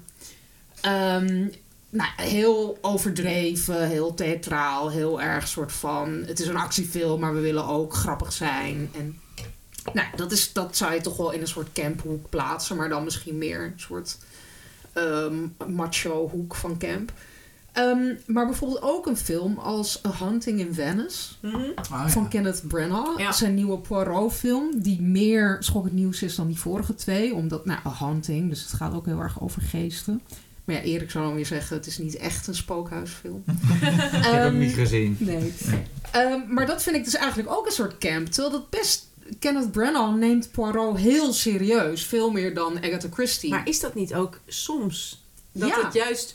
Je, absoluut. het- je kunt, kan je camp wel bewust maken, is dan de vraag. Want is Ja. het niet als je zelfbewust bent, automatisch geen camp meer? Ja, maar maar dan- dat denk ik soms ook. Ja, maar dan is het ook camp, vind ik. Dus je Ja. hebt dan toch... Ja. Die snor is in ieder geval per definitie. Ja. En Susan Ja, stond vind ook, Kenneth die schreef... ehm, hm? Nou, Kenneth Branagh heeft sowieso wel iets, iets campies over zich, vind ik. Ja. Ook met zijn Frankenstein-film heeft Ja. ook wel camp. En, en die vorige eh eh Poirot-films van hem vond ik ook trouwens. Ja. En zelfs zou ik zeggen, de, de gedeeltes van de eerste Thor, die zich oh dan ja. afspelen op, hoe heet het ook weer? Ik ben niet zo... Asgard? Ja, Ja. de Asgard-stukken die die, die die als een soort Shakespeare brengt Hmm. en in beeld brengt en zeg maar aankleedt. Terwijl het is natuurlijk, het gaat, het gaat over superhelden. Dus het is, dat, dat, ik vond die scènes, die werken vind ik ook helemaal niet. Nee. Maar ehm, daar, daar is dat, die stukken van Thor zou ik zelf ook wel camp noemen. Maar dat is dus heel interessant. En nou ja, Susan Sontag heeft ooit eh, in de jaren Mhm. zestig eh Notes on Camp geschreven. Een, een essay waarin ze het probeert te duiden. En er wordt vaak naar verwezen. Maar dan zegt ze ook heel veel verschillende dingen eigenlijk. En een van de dingen die ze zegt is failed seriousness. Mhm, Ja. Ja. Dus inderdaad, je wil iets serieus Mhm. aanpakken en het mislukt. En dat is camp. Maar dat is het toch niet alleen. Het is toch ook de, de poging om camp te doen kan ook camp zijn. En dat kan ook een soort mislukken. Dus ik vond het heel interessant om naar te kijken. En bij sommige films dacht ik, nee, dit is het absoluut niet. En bij andere films dacht ik, ja, dit wel. Ik vind May December eh, wel camp. Ja. Ehm, maar er zit ook melodrama in. En dat is toch iets anders. Eh, Barbie vond ik spelen met camp. Het is het niet, maar het, het, het, Het is- flirt ermee. Te hetero om camp te zijn, vind ik zelf. Ja, maar ik, vind, ik, ik denk dat, dat hetero camp ook bestaat. Dat denk ik wel. Ja, maar juist in Barbie... Michael Bay wordt straight camp genoemd. toch? Ja, nee, Hmm. Michael Bay is inderdaad mannencamp. Ja, Ja. ik noem dat macho camp. Ehm, ik vond Mission Impossible ook camp vibes hebben. Of sowieso alle Mission Impossible En films. vooral dus hoe die AI in beeld wordt gebracht en een soort wordt het is neergezet. heel Dat soort is heel- grotesk af en toe.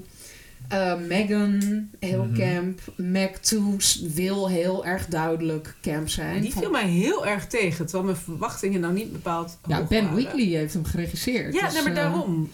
maar het is wel heel... Ik vond de hij, eerste helft heel saai. ja, maar hij verandert los, steeds maar van ja. genre. Dat is Ja. wel heel... eh, ja, het is een aparte film. En ehm, ja, zo waren er nog een paar films. John Wick, zou je John Wick 4 camp noemen? Of ma- macho camp? Ja, ik denk het wel. Ja. En eh, Inuo is ook wel campy, Hmm. vond ik. Ja. Ja, oh ja. ja. En, maar dan bedoeld camp. Het is grappig om zo op zo'n manier te Ja. kijken naar films. Het geeft net weer een Ja. andere... Wat ik een aardige definitie van camp vind, ik weet niet waar die vandaan komt, maar iemand zei dat het is, je doet alsof je het doet, terwijl je het eigenlijk echt doet. Oh, wauw. ja, die is heel goed. Oh, die ga ik onthouden. Oh, wauw. Ja. Nou ja, mijn nummer twee is ehm, niet camp, vind ik. Of wel, ik weet het niet. Jullie mogen het zeggen. Nou, ik weet niet of jullie hem gezien hebben. Maar een film waarbij ik dus juichend in de bioscoop zat. Vrij letterlijk.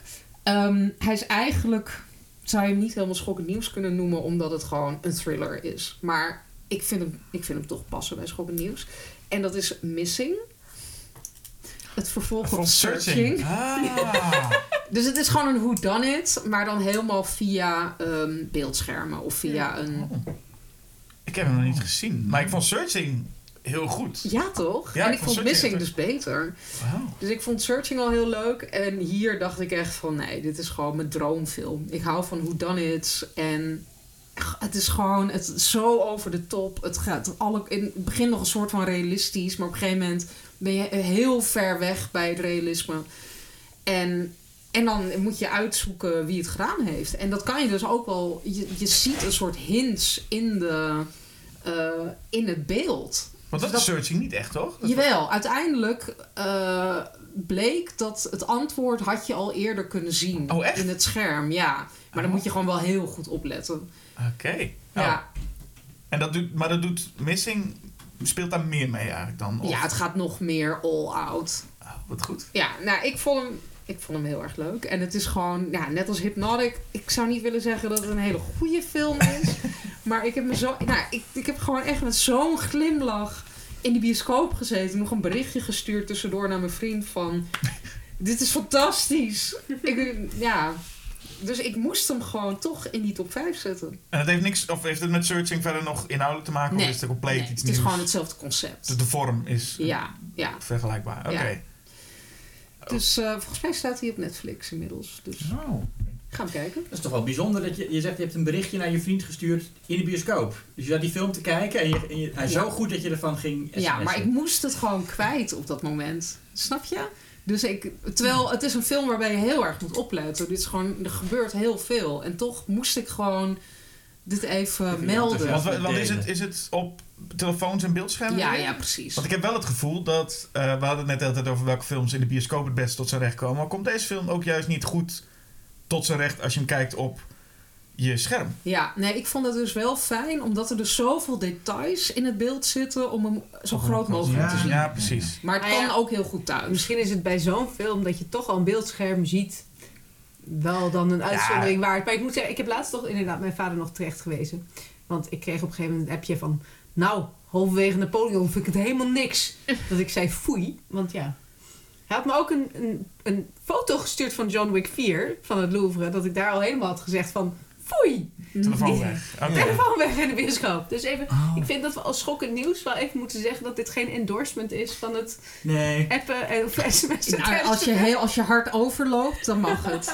alleen als er niemand achter je zit. Nee, het was echt gewoon overdag in Pathé de Munt. Er was niemand in die zaal. Oh, ik zat in mijn. Nee, eentje zo. eh, Yes! Als je in Pathé de Munt appt iedereen. Als Pathé Noord was, zou je het niet mogen doen. Maar Pathé de Munt, gewoon lekker. Nou, en anders bericht je gewoon 3669 van... er zit een vrouw te appen in de zaal. Ja. Erik, wat is jouw nummer 2? Oh, ja. eh, nou ja, net als Jasper heb ik een eh, televisieserie eh, in mijn top 5 gezet. Dat doe ik normaal nooit. Volgens mij in de, in de, in de voorbereiding hebben we dat hem nog eh, aan elkaar uitgesproken. Vooral Hedwig en ik. Wij doen nooit volgens mij televisieseries in onze Nee, top ook niet. 5. Omdat we dat... Oh, jullie is ook Het is niet. iets anders. Omdat Het het is iets iets anders, anders, ja. is. Maar Maar ik, ik, miniseries zijn ook wat anders dan televisieseries. Hè? ja, maar ik heb echt een televisieserie. Oh, Nee. Erik. Dat is En nog ik heb erger. echt... Moet maar- wel heel goed zijn. Nee, eh, ja, nee, dit is net een beetje basje goed, zeg maar. Wat? Was je goed? Zo Ja. slecht! Hypnotic good. Eh, Oh, oké, oké, ja. Eh, Star Trek Picard, Oh. seizoen 3. Wow! Ja. Ja, die... ehm, Wat? oh my god, ja, het is nostalgie. Mm. Maar dan goed. Eh, Star Trek Picard seizoen 3 zou je ook Next Generation seizoen 8 kunnen noemen. En wat... Ja, ik heb ook seizoen 2, 1 en 2 gekeken en die vond ik een beetje zo-zo. En ik had eigenlijk niet eens zo heel veel zin om seizoen 3 ook te zien. Totdat iemand zei, nee, nou, kijk, het, is echt, het wordt echt veel beter. En dat klopte ook. Nou, zoals je al aan de titel kon horen, is dat Star Trek Picard gaat over Jean-Luc Picard, dus de kapitein uit The Next Generation. Dat was ook zijn show. En in seizoen 1 en 2 spelen ook wel een aantal personages uit die Next Generation en ook trouwens uit andere Star Trek series een bijrol of een gastrol. Maar in, eh, in, eh, in eh, seizoen 3 gooien ze het over een heel andere, andere boeg. En komt eigenlijk de, he- komt de hele crew komt weer terug. En niet iedereen heeft een even grote rol. Maar uiteindelijk kan je wel zeggen dat de, de crew van Next Generation gewoon de hoofdrol heeft in seizoen 3. En daarmee is het voor mij, was het voor mij zo'n ja, fijne terugkeer. Ik ben niet per se een hele erg Star Trek fan. Maar ik ben het weer een beetje geworden door... Mm. Ik ben vooral denk ik een fan van de films. En ook wel van mijn, mijn, mijn Star Trek is wel Next Generation. En zij doen eigenlijk goed wat, wat ik had gehoopt dat Star Wars goed zou doen met die nieuwste trilogie. Met eh, Adam Driver en nou ja, Ja. Waarin zeg maar al mijn oude helden op de zijlijn werden gezet. En nou ja, prima. Ik bedoel, ik, ik kan nog steeds heel erg genieten van die oude trilogie. Maar ik, vond, ik was wel een beetje teleurgesteld daarin. En in Star Trek seizoen, eh, Star Trek Picard doen ze dat op een, dus een hele fijne manier. Ze geven gewoon die oudjes de hoofdrol. en die jongelingen staan een beetje, die hebben een leuke bijdel. En, en aan het einde wordt ook heel netjes het stokje overgegeven aan een nieuwe generatie. En ik hoop dat het ook weer verder gaat met die, met die ik denk het niet trouwens. Met de oude cast. eh, Nee, met een nieuwe cast. een nieuwe cast, oké. Maar, eh, En mag ik even gewoon een praktische vraag stellen? ja, Want ik ben dus afgehaakt in seizoen 1. ja. Kan ik gewoon seizoen... Ik ben daar meestal heel erg tegen. Daarom, zit me soms ook wel dwars. Maar ik heb van meer mensen gehoord dat seizoen 3 echt heel veel beter is. Maar kan ik dus gewoon anderhalf seizoen overslaan en weer... eh, Zeker, ja. Als je accepteert dat je niet per se weet wie die... Een aantal van die nieuwe personages... Nee, die zitten trouwens allemaal in seizoen 1 ook wel. Er zitten gewoon een aantal figuren in. Dus in twee gebeurt, seizoen 2 gebeurt eigenlijk Ja, het is elke keer weer een nieuw verhaal. Het is, weet je, elke keer moeten ze opnieuw het universum redden. En dan moet in seizoen 3 natuurlijk weer. En het is gewoon weer... Ze beginnen gewoon weer een beetje opnieuw. Mhm. Dus je kan dat prima. En ik bedoel, er zit ook. Er zitten maar. Er zit denk ik maar één figuur in die echt heel nieuw is. Want Seven of Nine zit er ook in vanuit eh, Ja, Voyager. Voyager. En zijn ze ook allemaal door dezelfde acteurs gespeeld? Ja, ja. Dat is wel. eh, dat is ook heel gaaf. De enige die ik niet herkende. Vanwege de plastische chirurgie, sorry. Ik wil- Ja, Ik wil het echt niet shamen. Is, is, is Beverly. Beverly Crusher. ik heb haar in het echt gezien. Eh, Ik heb haar in het echt gezien een tijdje geleden. En dat is inderdaad wel een ding. Ja, maar zij heeft wel een hele gave rol. Want zij, zij werd vaak, zeker in de Star Trek films, speelt zij vaak tweede viool. Of derde viool. Of nou ja, ergens een triangel. maar hierin heeft zij echt een hele gave, eh, een hele actieve rol. En dat maar ja, ik vond het. Ik kreeg hierdoor dus weer zin ook om Star Trek Next Generation opnieuw te kijken. En ik beschouwde mijzelf altijd meer een Star Wars fan. Maar ik, door, deze, door dit seizoen ben ik meer een soort Star Trek fan geworden eigenlijk. Hmm. Door dit seizoen en door de laatste trilogie van Star Wars. Ja, en ik vind, en elke, je hebt natuurlijk, Disney heeft ook een aantal Star Wars series gemaakt, maar dat is allemaal een beetje hit en miss. Ah, Andor. Ja, Andor is, ja, Andor. En het eerste seizoen van Mandalorian. Maar, maar het gaat mij vooral een beetje om je oude helden, zeg maar. Weet je, Ja. het, de vergelijking met, eh, nou ja, de oude Star Wars trilogie. En dat, dat je dan Luke en Leia en Han weer terugziet in de, in de nieuwe... En er wordt dan heel veel beloofd en dat wordt dan niet waargemaakt. We hebben al meer van die intelligent... Anthology, nee, Legacy heet het dan toch? Ja. Legacy Ja, vervolgen Legacy, ja. gehad.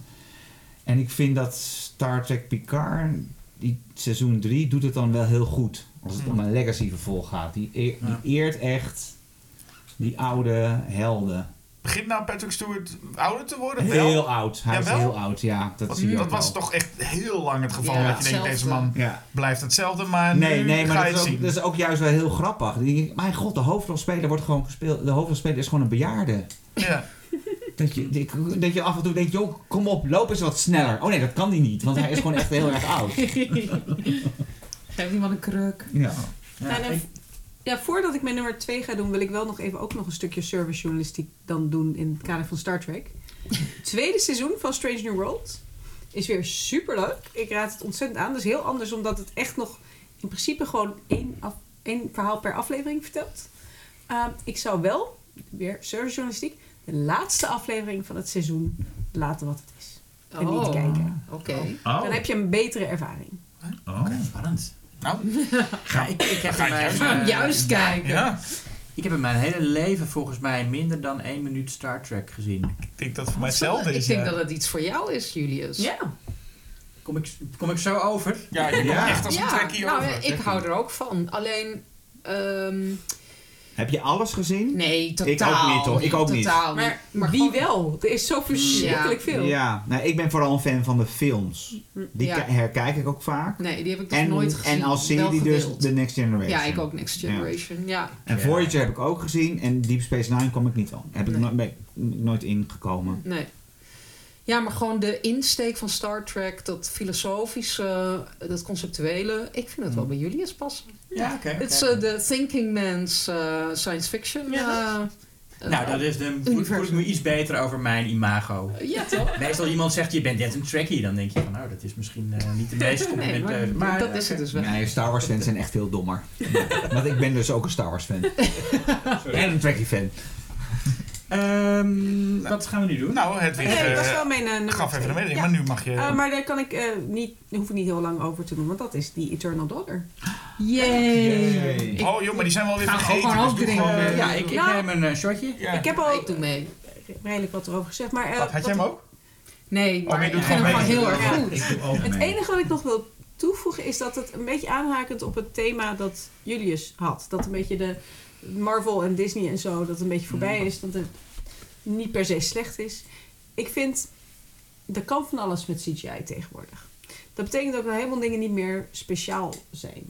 Nee. En sommige mensen worden daar dan, die willen of vreemdere dingen gaan tonen.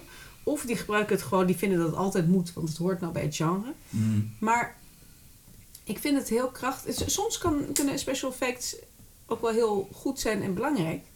Maar ik vind die Eternal Dollar toont dat je eigenlijk soms niet nodig hebt. Want zelfs iets heel eenvoudigs, zeg maar. Ik heb net opgezocht, The Dark Mirror met Olivia de Havilland is uit 46. Dat is de eerste film die ik ken Mhm. waar een acteur twee rollen speelt. Ja. En tegenover zichzelf Oh ja. acteert. Het zal Ja. vast nog wel eerder zijn gebeurd, maar ja. Dus dat is een effect dat kan al heel lang. En die Eternal Dollar doen ze het gewoon niet. Dat, Nee. dat Mm. valt niet op als je de film kijkt. Maar eigenlijk, ja, Tilda Swinton en Tilda Swinton zitten nooit samen in een shot. Nee. Het is Ja, gewoon dat zou afleiden. Ja. keer wel. Oh ja, ja, één keer wel, inderdaad. Maar het wordt dus bewaard Ja. voor Ja. het moment dat het impact kan hebben. En er waren dus meer films dit jaar die met heel beperkt budget toch wel echt wel ambitieuze science fiction of fantasy of horror dingen probeerden te doen. En ik vond dat ook heel krachtig hieraan. Als je vertrouwt op je verhaal en op je eh, ja, cinematografie en op de stemming die je weet te maken en op je, op je acteurs. Mhm. Mm. Heel veel meer heb je niet nodig. Ja, maar het is ook dit, zo'n film als deze begint gewoon met een gevoel dat je wil overbrengen of een soort van verhaal dat je, eh, weet je, of- bijna een flart of een droom of een herinnering en daaruit bouw je iets en, en dan kijk je van hoe, hoe kan ik dit overbrengen naar een publiek en dat is zo'n soort, eh, nou, een pure manier van kunst maken überhaupt. Ja. Maar dan op een manier die ook gewoon vermakelijk is en je meeneemt en eh, niet pretentieus is. Ik hou ook van pretentieuze films, maar dat is deze film niet. Het is echt goed gedaan. Ik ben heel erg fan van Joanna Hawke ook. Ja. Maar ik, ik koos dus voor een andere weg voor mijn top 5. Dat snap ik wel hoor. En dan Ja. heb ik ook overwogen om hem misschien inderdaad meer een, een wat pulpier lijst misschien te maken. Wat me uiteindelijk heeft overtuigd dat deze gewoon was op mijn lijstje op de site nummer 2 en ik hou hem daar. Dat is omdat het is ruim een jaar geleden dat ik hem heb gezien.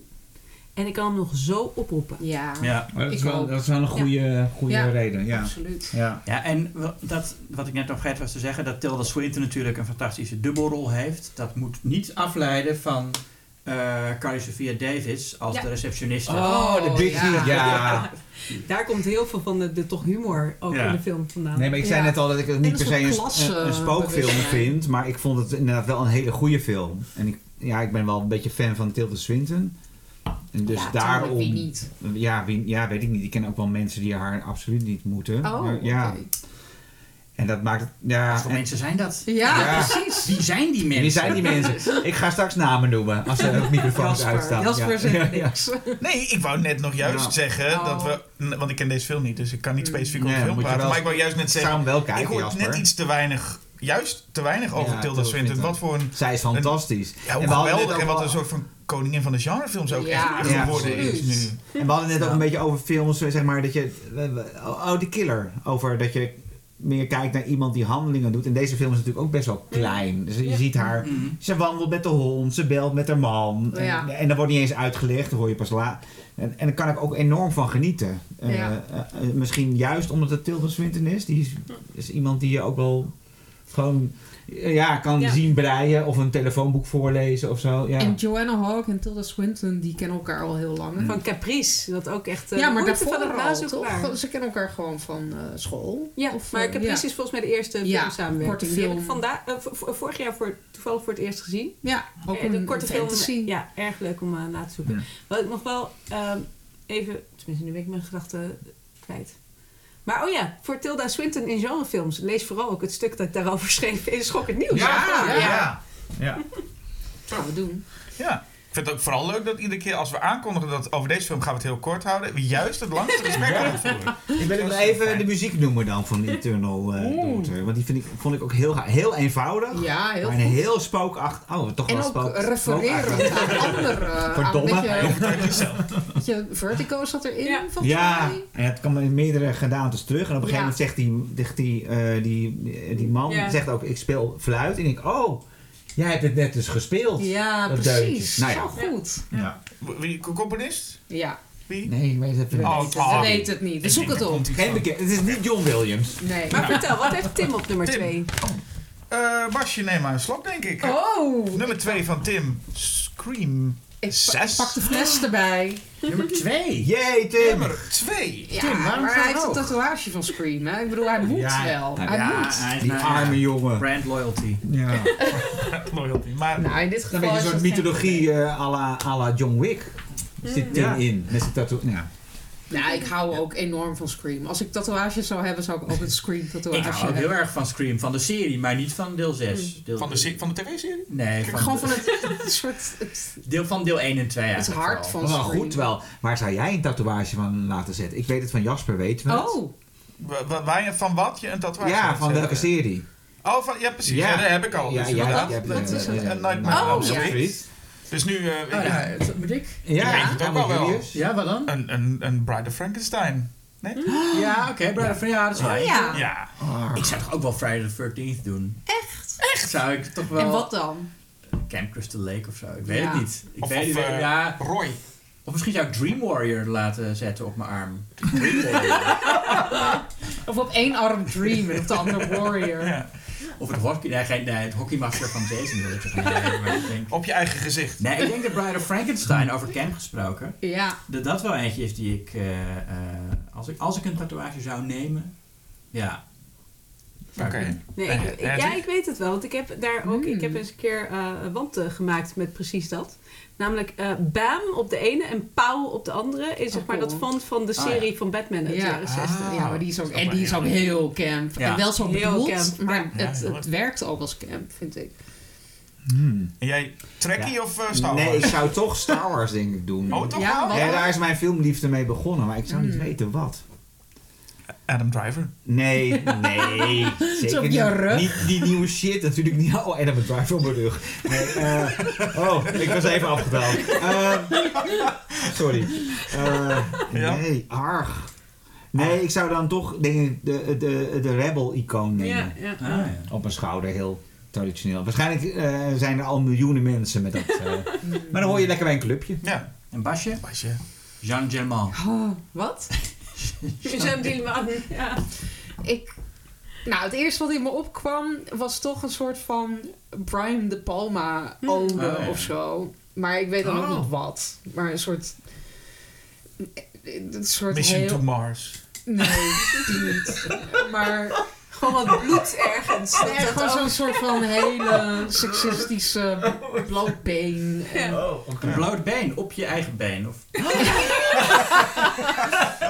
ja, of iets met Verhoeven. Paul Verhoeven. Starship Ja. Troopers. Oh, ik wil het ook voor over. Oh, sorry. Showgirls. Of dat, dat been van Showgirls, dan heb je bij. Ja. twee benen op de ene schouder, het ene been. Nee, Robocop natuurlijk. Ja, Oh. ik, ik moet toch iets met vrouwen, denk ik. Oh ja, ja, ja. Ik zou het nog wel leuk vinden dat die tatoeage van Thorn, die Michael Myers zelf ook heeft, Oh, op je, op je, eigen, op je eigen pols. Ja.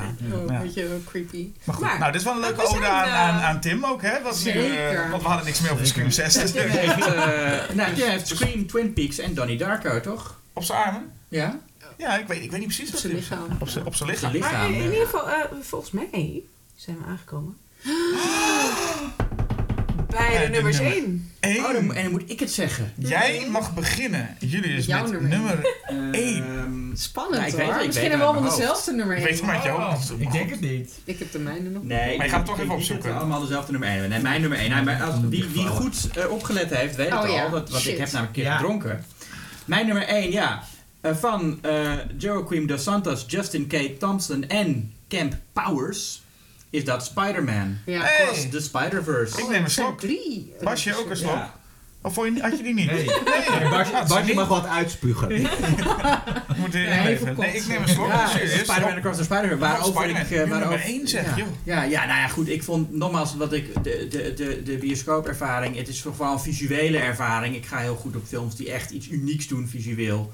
En wat ik net al zei over Spider-Man Across the Spider-Verse... Dat is echt, wat animatie betreft... eh, een van de meest indrukwekkende Amerikaanse films... die ik eh, in lange tijd heb gekeken. Ja, het heeft ook heel erg nagedacht over wat het visueel wil doen. Ja. En dat doen echt niet alle films. Nee. Nee. Nee, er zitten echt achtergronden in. ook Dat ik dacht, dan ga ik weer echt nadenken van iemand heeft dus die hele achtergrond, die twee seconden in beeld is of nog korter, Ja. heeft iemand echt uren aan zitten werken. Ja. En dat heb je dus bij al die, bij die, die Pixar films, denk je ja, het is gewoon een, misschien is dat, heeft, er hebben natuurlijk ook mensen uren aan zitten werken, maar voelt toch Ja. meer alsof dat gewoon een computerprogramma is. Dat, Mm. Wat ik ook een leuk detail vond, is die, die Spider-Punk. ja. Die Mhm. beweegt met een andere frequentie.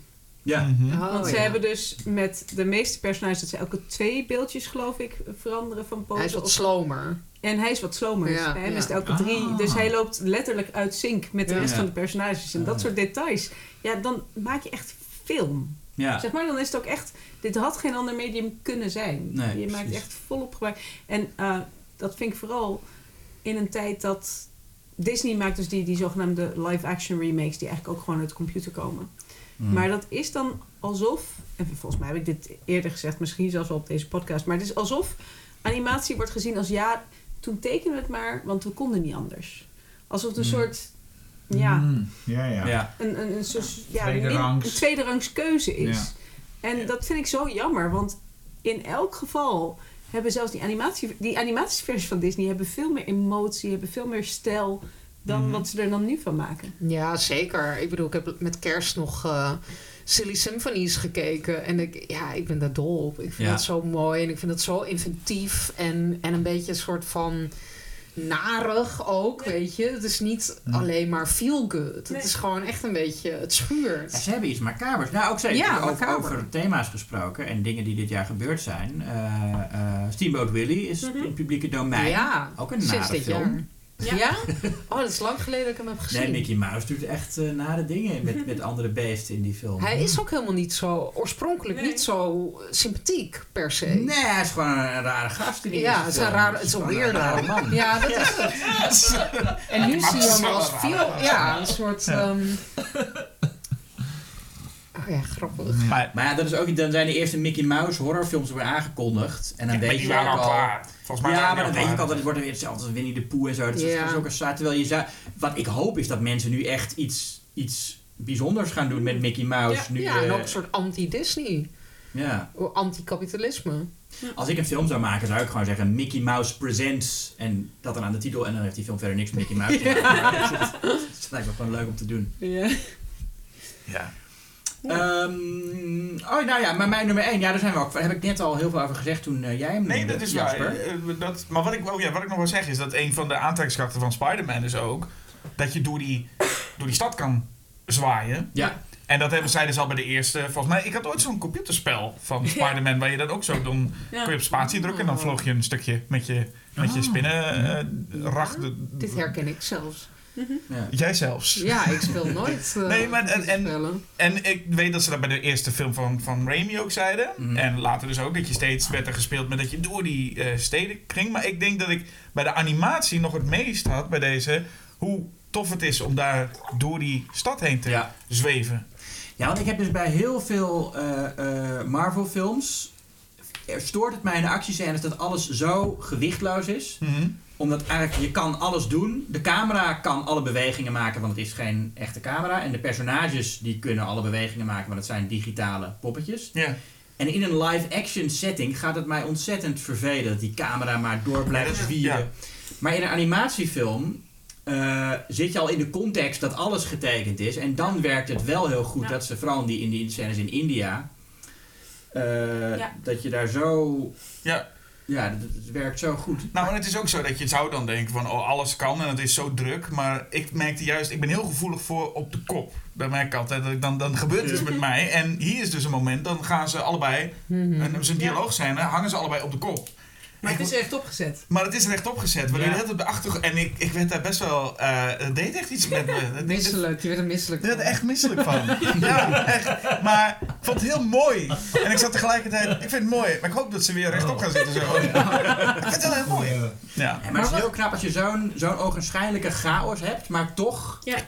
dat alles toch eh, overzichtelijk blijft en je, en je blijft de acties volgen en erin meegaan. Nou ja, Basje niet, maar wij wel. Wa- waarschijnlijk wel de actie, toch? Dus dat is vooral de humor, zei je. Ja, nee, ik was gewoon niet maar mee. Maar ik- Ah, wat ik dit wilde zeggen, wat jij zei, Julius, ehm, hoe zie je dan de Sam Raimi Spider-Man films? Want die zitten voor mij gewoon op de grens van eh, nou ja, wat we in, om ons heen zien in het echt. En, Mm. en een soort animatie. Het is geen animatie, maar het speelt daar heel erg mee. En het is heel erg comic book achter. Ja, en er zijn wel scènes waarin Spider-Man ook computer gegenereerd is. Ja. Maar Sam Raimi heeft de camera nog, wat ook te maken heeft met de technologie van toen, dat hij gewoon met, met helikopters werkt en gewoon die camera eh, eh, eh, houdt zoals een camera gewoon kan bewegen, weet je wel. Mhm. Terwijl in, in de nieuwe Marvel films Ja. gaat de camera zwiert door de Ja. lucht en maakt onmogelijke sprongen, Ja, gaat onder precies. benen door.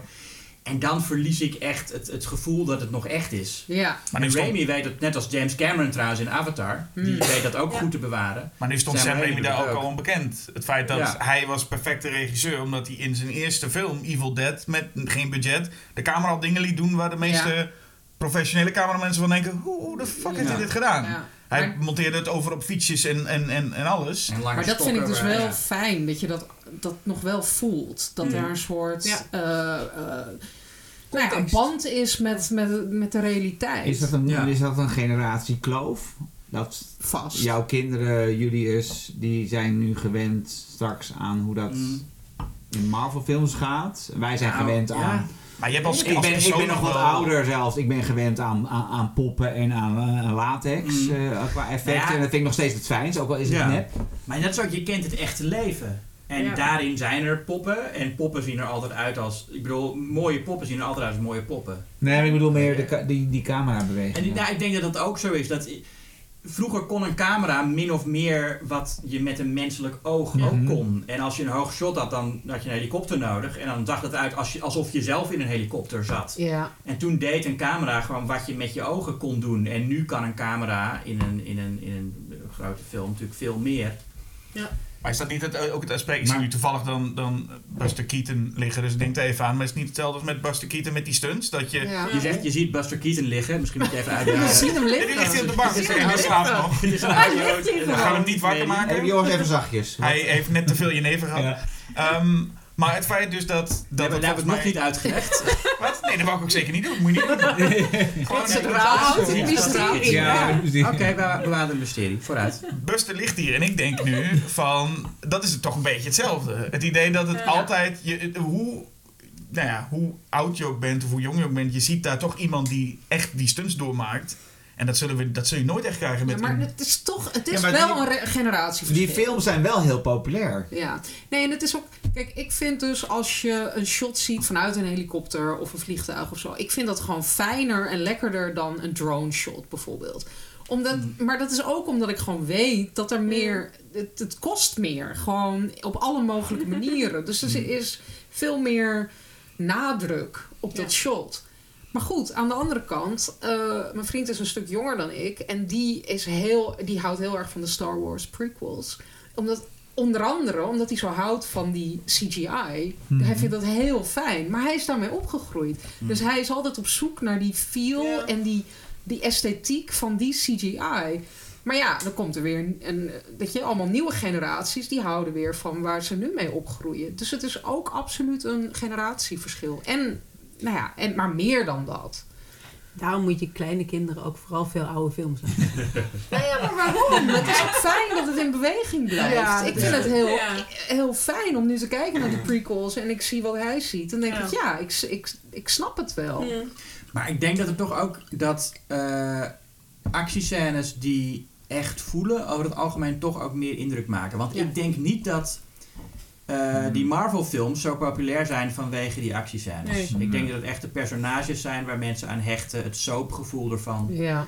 Ja. En dat de acties, je ziet dat, dat, dat bijvoorbeeld Avatar, dat James Cameron daar eh, veel betere actiescènes maakt dan in elke Marvel-film. En veel ouderwetsere ook. Ja. En dat mensen Ja. daar toch meer op aanslaan. Ik hoor Ja, mensen die uit, een, uit de Avatar lopen veel meer over die actie praten Ja, dan ja. ik ooit bij een Ja. Marvel-film ja, hij doet dat heel goed. Maar Ja. inmiddels is het ook een, een, een selling point, hè, dat, dat de regisseurs ook noemen. Ja, we hebben hier geen shot CGI voor gebruikt. Hè? Nolan kan het toch ook heel sterk. Ja. En ik heb het idee dat als straks, of dat is nu ook al wel soms zo, dat de CGI zo goed is dat we het niet meer zien. Ja. Dan kun je tegen heel veel filmmensen zeggen, kijk, dat is, dat is echt. En dan denken mensen... Maar er ja, is nou, ook en- niks mis met CGI. Nee, Net als precies. er niks mis is met animatie. Maar Je het moet is... gewoon goed inzetten. Precies, Ja. maar het is wel zo dat inderdaad voor actiescènes, en dat geldt ook voor al die action essentials die op een gegeven moment hip waren, waardoor iedereen zei, oh bloed, kunnen we gewoon dit erin. Het zag er niet uit. Ja. Maar dat mensen inderdaad met camerabeweging ook vaak denken van, oh we kunnen nu alles, dus dan moeten we ook alles doen. En dat is niet hoe het hoort. Je hoort niet alles maar te doen omdat het kan. Nee. Je moet wel, het moet passen. Het moet Ja. horen. En beperking kan zoveel opleveren, zoveel creativiteit en juist, ja.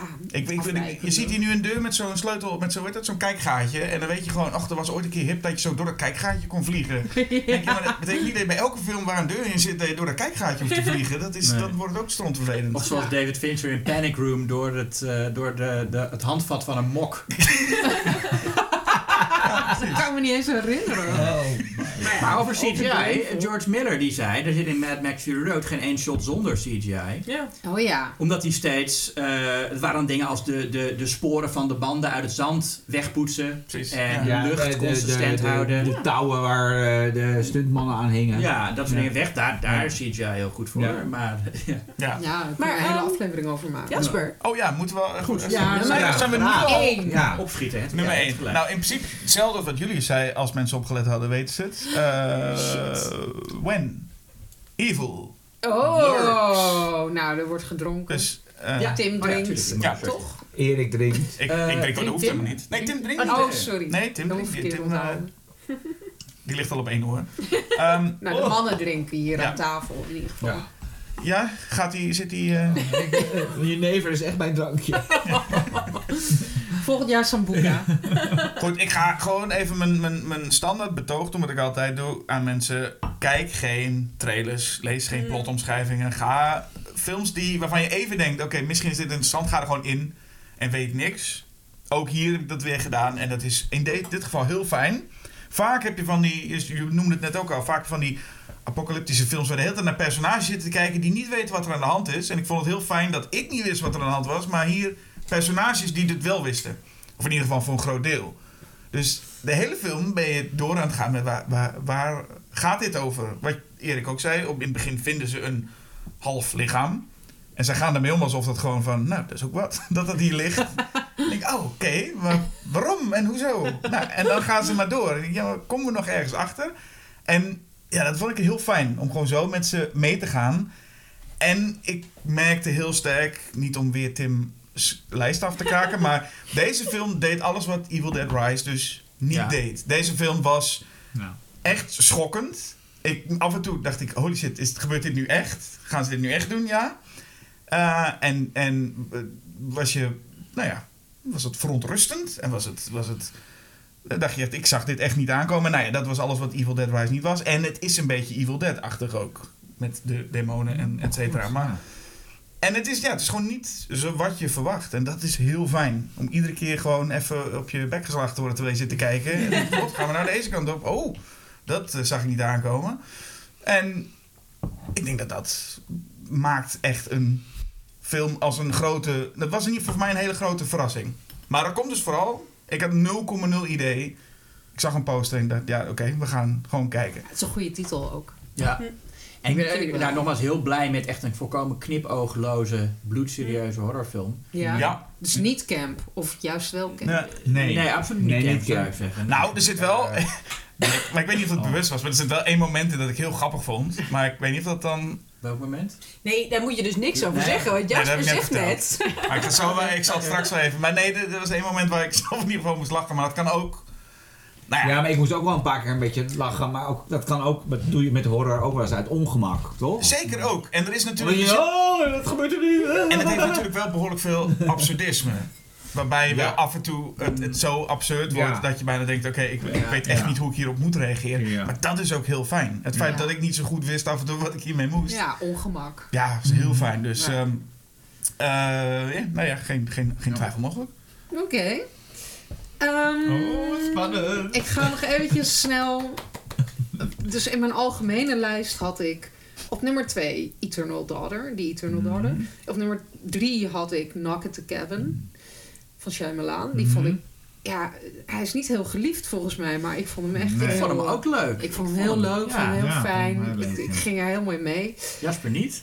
Ehm, Oh. op nummer 5 had ik The Killer. Ik had verder ook... Nou, Barbie vond ik heel vermakelijk. Ehm, eh, Asteroid City is niet echt schokkend nieuws. Maar een beetje wel. Mm, misschien wel. Wel, zelfs Ja, heel goed. schokkend nieuws. Ja. Ik heb me ook vermaakt met heel eh, ordinair Last Voyage of the Demeter. Die Oh, niet- Dracula gezien. Ah ja, ja. die vond ik, ja, vond ik ook een gemiste kans eigenlijk. Ja, het is een beetje een gemiste kans. Maar toch, Maar toch een leuke gemiste toch, kans. toch Maar daar kan je je ook mee vermaken. Het jaar van de gemiste kansen. Ja. Oh, Maar vertel. Op nummer 1 heb ik nu, omdat ik een beetje een silly top 5 ging maken, heb ik een film staan die ik eh, twee keer heb gezien, omdat ik hem gewoon zo leuk vond. En dat is Dungeons and Dragons. Honor Among Thieves. Oh my god. Niemand drinkt. Wauw. Ah. Niemand drinkt. Niemand drinkt. Hij stond dus op mijn websitelijstje, maar hij is, is dus gesneuveld. Maar het, het is, ik heb hem ook meerdere keren gezien. Het is gewoon echt een, een herkijk. Hij is heel lollig. Ja. Ik had hem bijna, want ik had hem zeg maar, ik had hem gezien nadat ik mijn, mijn schokkend nieuwslijstje had ingeleverd. En toen dacht ik, oh deze vind ik leuker dan die Creator. Die komt op nummer 4. Maar toen zag ik Inuo en toen, nou ja. Ja, het liep Ja, maar het is een hele fijne film. Ja. Ja. Nou ja, ik... Weet je wat het is? Ik weet er ook niet zoveel over te zeggen. Ik heb me gewoon heel erg vermaakt. Nee, maar hij is heel grappig. Het is, hij is heel grappig. Het is heel erg niet zo serieus allemaal. Ehm, Ik zag die trailer en ik was helemaal afgeknapt. ik had dacht, ja. dit precies is hetzelfde. alleen maar een soort grappen van... eh oh, there's a dragon. Oh, dit nee, dat valt wel mee. Maar Nee. ik hoorde dat in de film zelf. Nee. Nou ja, het is vooral... Het de is een trailer is inderdaad echt vreselijk, ja. Het is die oudere Dungeons Dragons boeken en hoe vaak of, eh, films en hoe ze het doen, die lijken op die Dungeons Dragons boeken die ook wel geschreven worden. En dat zijn gewoon van die hele standaard fantasy verhaaltjes enzovoort. Terwijl dit lijkt veel meer op een campagne zoals die echt uit het spel, samenspel van mensen komt. Hmm. Vandaar ook, ze hebben een A-idee en dat werkt dan niet. En dan gaan ze B doen en dan werkt B niet. Dan gaan ze toch maar terug naar A. En dat heeft veel meer het ritme van hoe een hoe je dat speelt. hoe je dat speelt. En ik heb het nooit gespeeld. en ook de flauwe grapjes die mensen dan maken. Met de dikke draak. Met bijvoorbeeld de dikke draak of dat soort dingen. Dus wat dat betreft weet het denk ik heel goed echt een Dungeons and Dragons film te zijn. In plaats van een generic fantasy Ja. film. Omdat het dus...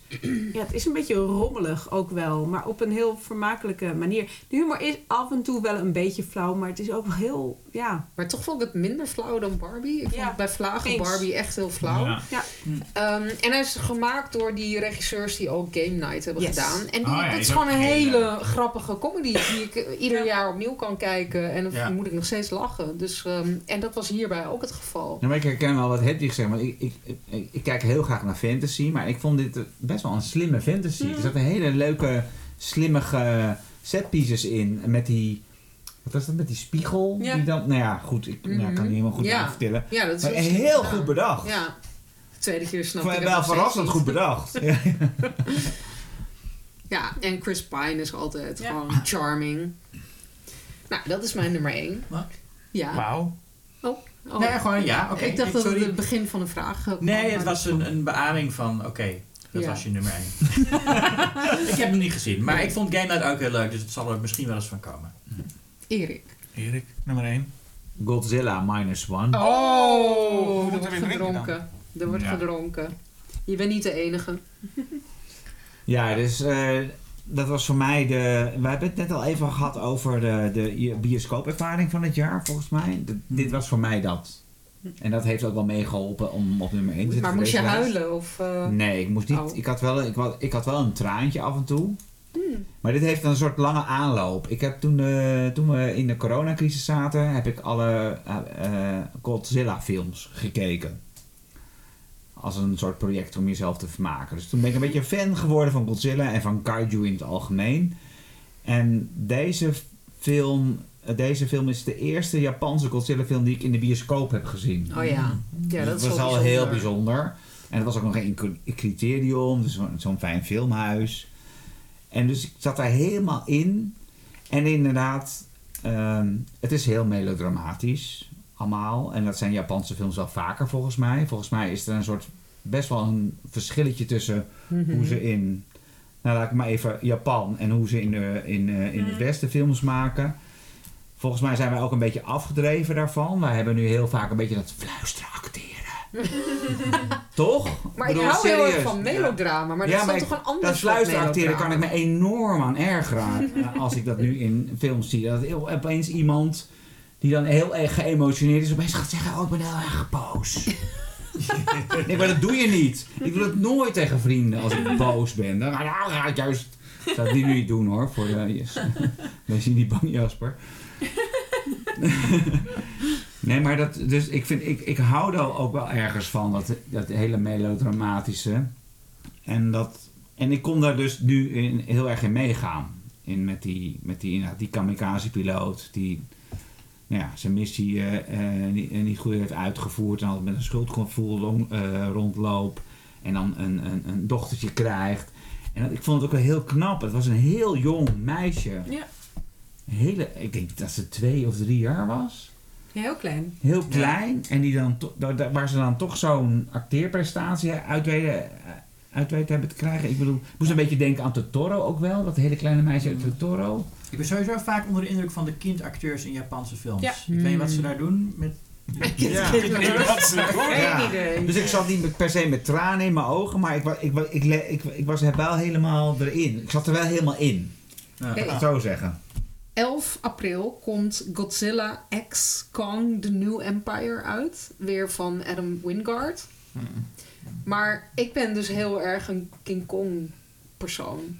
Ik hou ik ook van. Ja, Ja. oké. Oh. Ja. Nee, Oh. nu gaan we zo. Oh, dat is een gevecht. Nee, nee helemaal niet. Wat ik net al zei, van ik hou heel erg van grote monsters. Ja, ja, ja. Want ik, door, door, ik ben dus in coronatijd naar Godzilla gaan kijken. Ik heb Ja. al die films gezien. Je had ook zo'n hele, hele gave Criterion eh, release met, eh, met een aantal Ja. van die films. Die heb ik eh, lekker gekeken.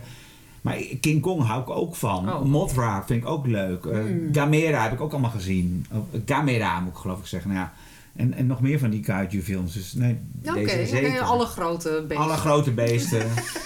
en zeker King Kong versus Godzilla. Nou, fantastisch. Ja, toch? Ja. Ja. Ik hou er ook wel van. Ik vond Kong Skull Island ook heel leuk. Ja, nee, die vond vond ik ook dus leuk. Nee, die? Nee.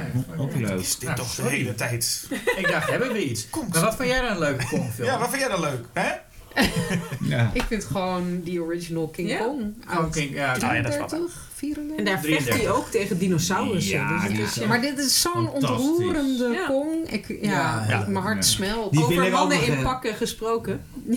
Ja, maar het voelt niet als een man Nee. in een pak. Nee, het is echt geen man in een, een een, een eh, persoon. stop motion. Het is Het is stop stop motion, ja. Dat is echt een... King Kong is toch deels ook... Nee, Nee, nee, het is de jaren ik dacht 70. ook, eh, O'Brien. de jaren 70 King Ah. Kong is, een man in, is Rick Baker in een pak. Maar de jaren Hmm. 30 is Stop eh, echt een, een, een skeletje Helemaal stop met... nou, Ja, ja, is ja.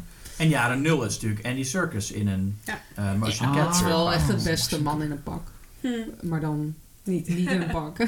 Ja, dat is wel leuk aan King Kong, dat het telkens dus een nieuwe technologie Ja. is. is maar Maar Ja, dat Godzilla is is leuk. weer hetzelfde. Godzilla ook is ook in, een man in een pak in de Japanse films oorspronkelijk. Ja. In de Amerikaanse is het CGI. Hmm. En ik weet eigenlijk niet hoe ze dat inderdaad Ja, volgens mij hebben ze in die denk alleen maar laatste- CGI. Ja, volgens mij doen ze bij die laatste Amerikaanse films altijd ook een man in een pak. Dat gebruiken ze volgens mij maar niet, maar is puur om naar kijkers te laten zien. Oh. Dat is net als Benedict Cumberbatch die voor de Hobbit in Ja. zo'n pak rondhobbelt. Dat je denkt, dit sloeg helemaal nergens op. Dat onzin inderdaad. Nee. En dat hij van die koppen erbij trekt. Dat je denkt, doe normaal. Ga. Dat, Gaan Ja, ze- dat is was volgens mij ook Andy Circus trouwens. Ja. ja. Wat Nee, is maar- circus nu? Ja.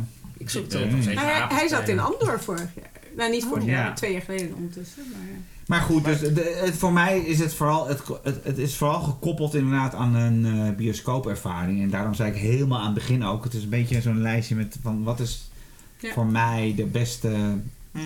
kijkervaring, denk ik. Mhm. Ja. Nou ja, ik, welke, kwam deze nou op nummer 1 bij Schokkend? Zeker, minus one met was, ja, afstand. Met afstand nummer 1 Afstand nummer van één, onze dus, eh, andere medewerkers. Ja. Hm. Want ik dacht toen ook, toen ik naar de bioscoop ging, was ook, hij draaide maar heel weinig. En ik dacht, ik ga er nu naartoe. En ik denk, nou, ik vond het een goede film, maar misschien ben ik wel een van de weinigen die dit gezien heeft. En dan zie je inderdaad schokkend nieuws, iedereen stemt erop. En ik zie op meer lijsten hem voorbij komen. Oh, oké, dus, Hm. dus ja, en eh, niet alleen maar genrefilms. Nee. Dus het wordt echt wel gewaardeerd, die film. hij wordt flink Ja. gewaardeerd, ja. Ja. En ik, ik, ik denk dus dat het in deze film vooral CGI is. Maar ik Ja. had soms ook de indruk dat er iets echts bij zat. Gewoon Ja, fysiek. het zag er ja, niet zeker. Ja. Het zag er in elk geval heel realistisch uit. En er zitten ook heel veel verwijzingen in natuurlijk naar de oude Ja. Godzilla. Ook de, de, de, trein, wel- de Het lijkt van een remake De inderdaad. treinsequence is nu gefilmd vanuit de trein. Hm. Dat is een Hm. beetje een verwijzing naar de eerste film. Pakte ook een, ja, bla, bla. Ja. En het is leuk als je dat herkent. Maar het blijft Ja. gewoon een lul, toch? Want dat is in de eerste film ook zo. Het heeft niet echt een Godzilla reden. is Hij is gewoon oorspronkelijk echt een lul. Zo Ja, van, Ja. hey, een trein laat ik die is ja gewoon in kan mijn vind ik ook de fijnste Godzilla. Gewoon dat hij, ja precies. Ja, niet, niet Godzilla. ah, Niet de knuffel. nee, dat hij een kind Nee, heeft. net als Megan. Net als. Megan. Gewoon heel Ja. cartoon. Precies. Het liefst ook nog met een zonnebril op. Volgende Godzilla. Oké, Hedwig. Hedwig, nummer 1. Ja, nee, ik heb dus Spannend. wel getwijfeld. Want Basje zei net, ja, is dat nou wel echt schokkend? Maar Nee, jawel. ik ga toch voor Asteroid City. Ah, ja, nou, dat zou, zo. het was mijn algemene nummer 1. Ja, en mijn vergoeilijking ervoor is een aantal jaar geleden hebben we het huis van mijn oma opgeruimd. Mijn opa is al heel lang dood. Maar die had dus heel veel van die beduimelde science fiction paperbacks uit de jaren 50 en 60. Vaak met zo'n half ontbloot Daar heb ik er vrouw ook heel cover veel en van. zo. Ja. En precies de pastelkleuren vaak, die ook in Asteroid City zitten. En daarom, het is natuurlijk een film, het is meer een Wes Anderson film dan een science fiction film. Dat is wel waar.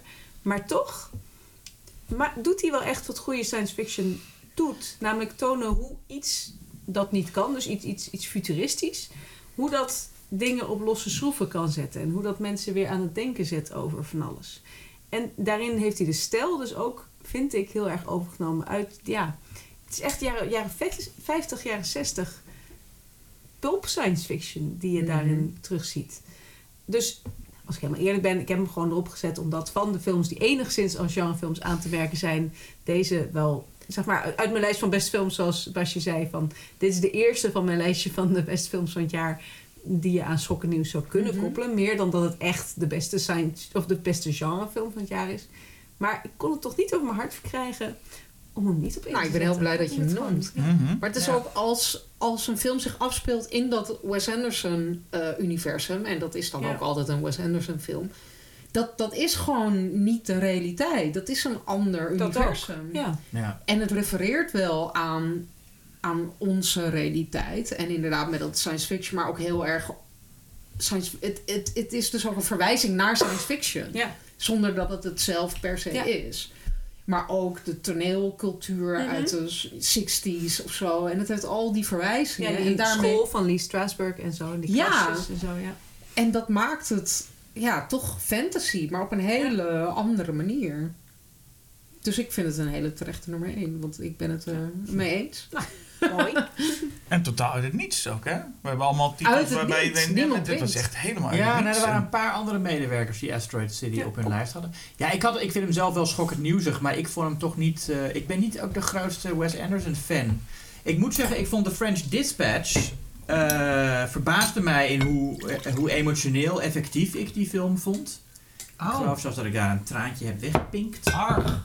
Ja, ik vond die ook En goed. Die is Ja. mij dus niet echt De bijgebleven. Die mensen ik houden van dat die is- film. Ik Nee, toch ik wel. had hetzelfde echt een van mijn de favoriete Ja. Wes Anderson Oh, Ik hem ook heel goed. Oh. Ik Ja. vond Asteroid City wel weer een veradem- verademing vergeleken met die... Ja, ik, vorige. ik, ik- het ging me toch een beetje ergeren. Hij wordt, of irriteren moet ik zeggen. Hij wordt ook steeds meer Wes Anderson naarmate die. Ja. eh, eh, Ja. meer- hij, hij vindt die stijl steeds meer en dat is natuurlijk goed. Maar Mm. bij mij wordt het soms een beetje te Wes Anderson. Ja. Ik Al vond ik een dus dat hij in deze film toch weer echt een ander kleurpalet had aangeboord. Ja. Het Ja, ziet er dat wel. precies hetzelfde uit als een Maar andere ik film. vind het dus heel interessant. Als je al zijn films achter elkaar ziet, dan is de French Dispatch is een soort van... Hij springt uit de band of zo. Het is heel chaotisch. Het is helemaal niet zo Maar geordend Is hoe dat hij dat niet normaal zijn doet. meest Wes Anderson dan? Nee, het is heel anders eigenlijk. En oh, dan deze misschien dat is... ik het daarom niet trok. Ja, maar en deze eh, Asteroid City is dan ook weer heel anders. En, maar meer Ah, geordend. Ja. Maar strakker. Ja, ik vond het... eh, ik, Ik vind zijn- blijf hem Zijn, ik ben ook niet per se een fan, maar de, een, de enige film die ik echt wel heel gaaf vind van hem is Grand Budapest Hotel. Ja, dat vond ik dus die niks. vind ik, oh ja, oh, vond ik niet zo grappig. goed. Ja, die vind ik dus heel gaaf. Oh, dat zegt misschien wel, dat verklaart dus het verschil dan. Ja, Dat verklaart. Ja. Wat vind je van Rushmore dan? Eh, Ja, zie je, vind ik ook heel goed. Volgens mij, vindt, volgens mij Ja. is iedereen wel verdeeld over wat zijn films. Behalve, heb ik pas dit jaar voor het eerst gezien. nee, behalve Fantastic Mr. Fox. Volgens mij is de, Ja, die is Ja, zo ik, goed. ken Ja, niet iemand die, fantastisch. ik ken niet iemand die die haat. En verder is iedereen altijd verdeeld over zijn werk. Ja, Ja, die is wel goed. Zo zit Ja. het. Ja, ik blijf ook wel. dan ik ben ik blijf weer verdeeld. en dan heb ik eh, weer iedereen weer samen. Ja, goed. Ja. Goed, Fijn, hè? goed. Dankjewel. Heel ja. Dat ik en, wat was de nummer 1 van Tim? Want dat is de enige die ik Ja. De, ja, dat is, ja, dat is een beetje gek. We zijn weer helemaal rond. Oh. Letterlijk. Eh, ik alleen moet wat drinken, want Oh. het is Oh. Talk to Me. Oh, wat Ik wist toen ik dat niet zag Oh, van tuurlijk. dit is Goed. een Tim-film. Het is een echt een Tim-film. Tim. Echt een Tim-film. Ja. Het is echt een Tim-film. Het is zo'n film die hij had willen maken, denk ik. Nu Ja. vul ik het helemaal in voor hem. hij is het vast niet met me eens. Nee, maar dat maakt niet uit. Hij, ik bedoel, we zijn 2,5 Ja, hij is er eh, niet. 2,5 uur verder, dus hij, eh, hij luistert niet meer. Hmm. Dus we kunnen alles zeggen. Nee, Ja. maar dat is inderdaad waar. Ik vond het ook een Tim-film. Hmm. Ja. Dus, eh, dus goed gedaan, Tim. Santé. Deze, ja, Santé, deze eh, op nummer 1. Nog steeds verbazingwekkend dat hij niet, eh, dat hij niet hoog kwam. Ja, Ja, hij stond heel wel. We hebben hele is- afwijkende lijsten Ja, maar is er nu, zit ik even te denken, is er een film die nu een beetje als Ja, winnaar van ons groep... Spider-Man? Nou, het is maar Ja, twee dat- mensen. Ja. Oh denk- nee, er was eentje met Godzilla oh, nee, die, en eh, When When Evil Lurks. Ja, Lurks. When Evil Godzilla en When Die Evil zijn, Lurks zijn... die eh, zijn in ieder geval het vaakst genoemd. En niemand heeft Barbie genoemd, hè jongens? Hedwig, Nee. kijk naar jou. Nee. Is dat een schokkend nieuwsfilm? Ik, ik vond Barbie een Ja. heel leuke film. Het is fantasy. Maar hij komt niet in mijn top 10 van het jaar. En ik denk misschien zelfs niet in de top 20. Ook wel omdat het een echt goed jaar was. Maar ja, hij Ja. zit wel in mijn ik, in. Grappig hoe ik heb er discussie wel van... Ja. mee vermaakt hoor. Ik, het, het is niet per se dat ik hem niet goed vond. Alleen, ja.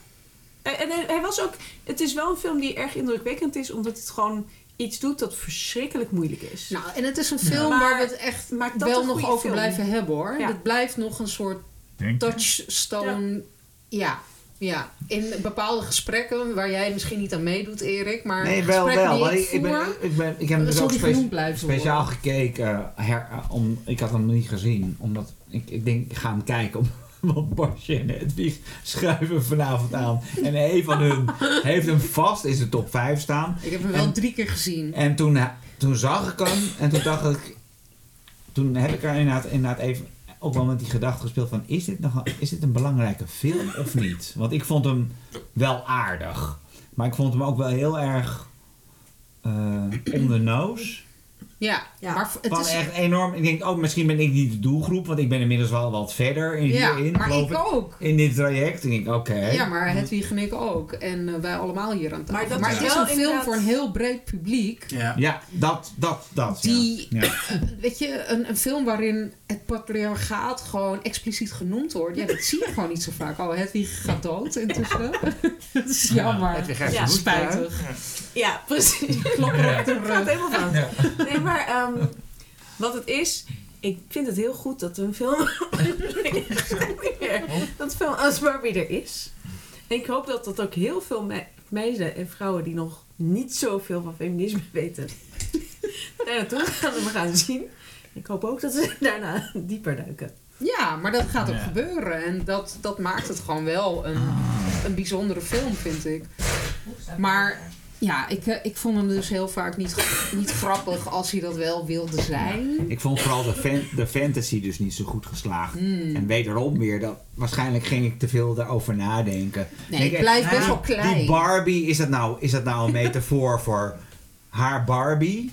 Nou, dat nee, is maar opeens bleek er een kind te zijn die met haar ja, speelde. maar dat vind ik ik, denk, dat rommelige vind ik ook wel maar leuk. dan zijn er dus miljoenen Margot Robbie's in die wereld. Ja. Nou ja, dat en, had ik en, en toen haakt, en toen was ik weer weg. ja, in ik mijn hoofd. hou er wel van, Ja. gewoon dat het niet klopt. Oh Die ja. vragen kwamen in mijn hoofd op. En toen dacht ik, is dat nou, is dat nou een beetje eh, zeikerig dat ik daarmee zit nu? Nou ja, Of is precies dat- dat. ja. Of Is het moet omdat ik een man ben? Ja, ik dacht ook van, ben ik nou zo iemand die dan, die dan plotgaten gaat proberen te Ja. vinden. Maar toch, ik zat ermee tijdens de film van, inderdaad, als zij dan de, de Barbie is, zij heeft dan tegelijkertijd een specifieke Barbie waar iemand mee speelt. En, maar en die typical Barbie. De, ja, de, de, ze- en ze is de enige Barbie van haar soort Ja. in haar wereld. Nou ja, dat ma met, maakt niet uit. Ik vond het wel een heel goede film en ik heb hem ook. Ik vond het, ja, of het nou een schokkend nieuwsfilm is, nou ja, de meeste mensen vinden blijkbaar van niet. Want eh, alleen Yveske heeft hem op haar Ja. eh, Oh ja. Gezet. dat was niet de reden dat ik hem niet had.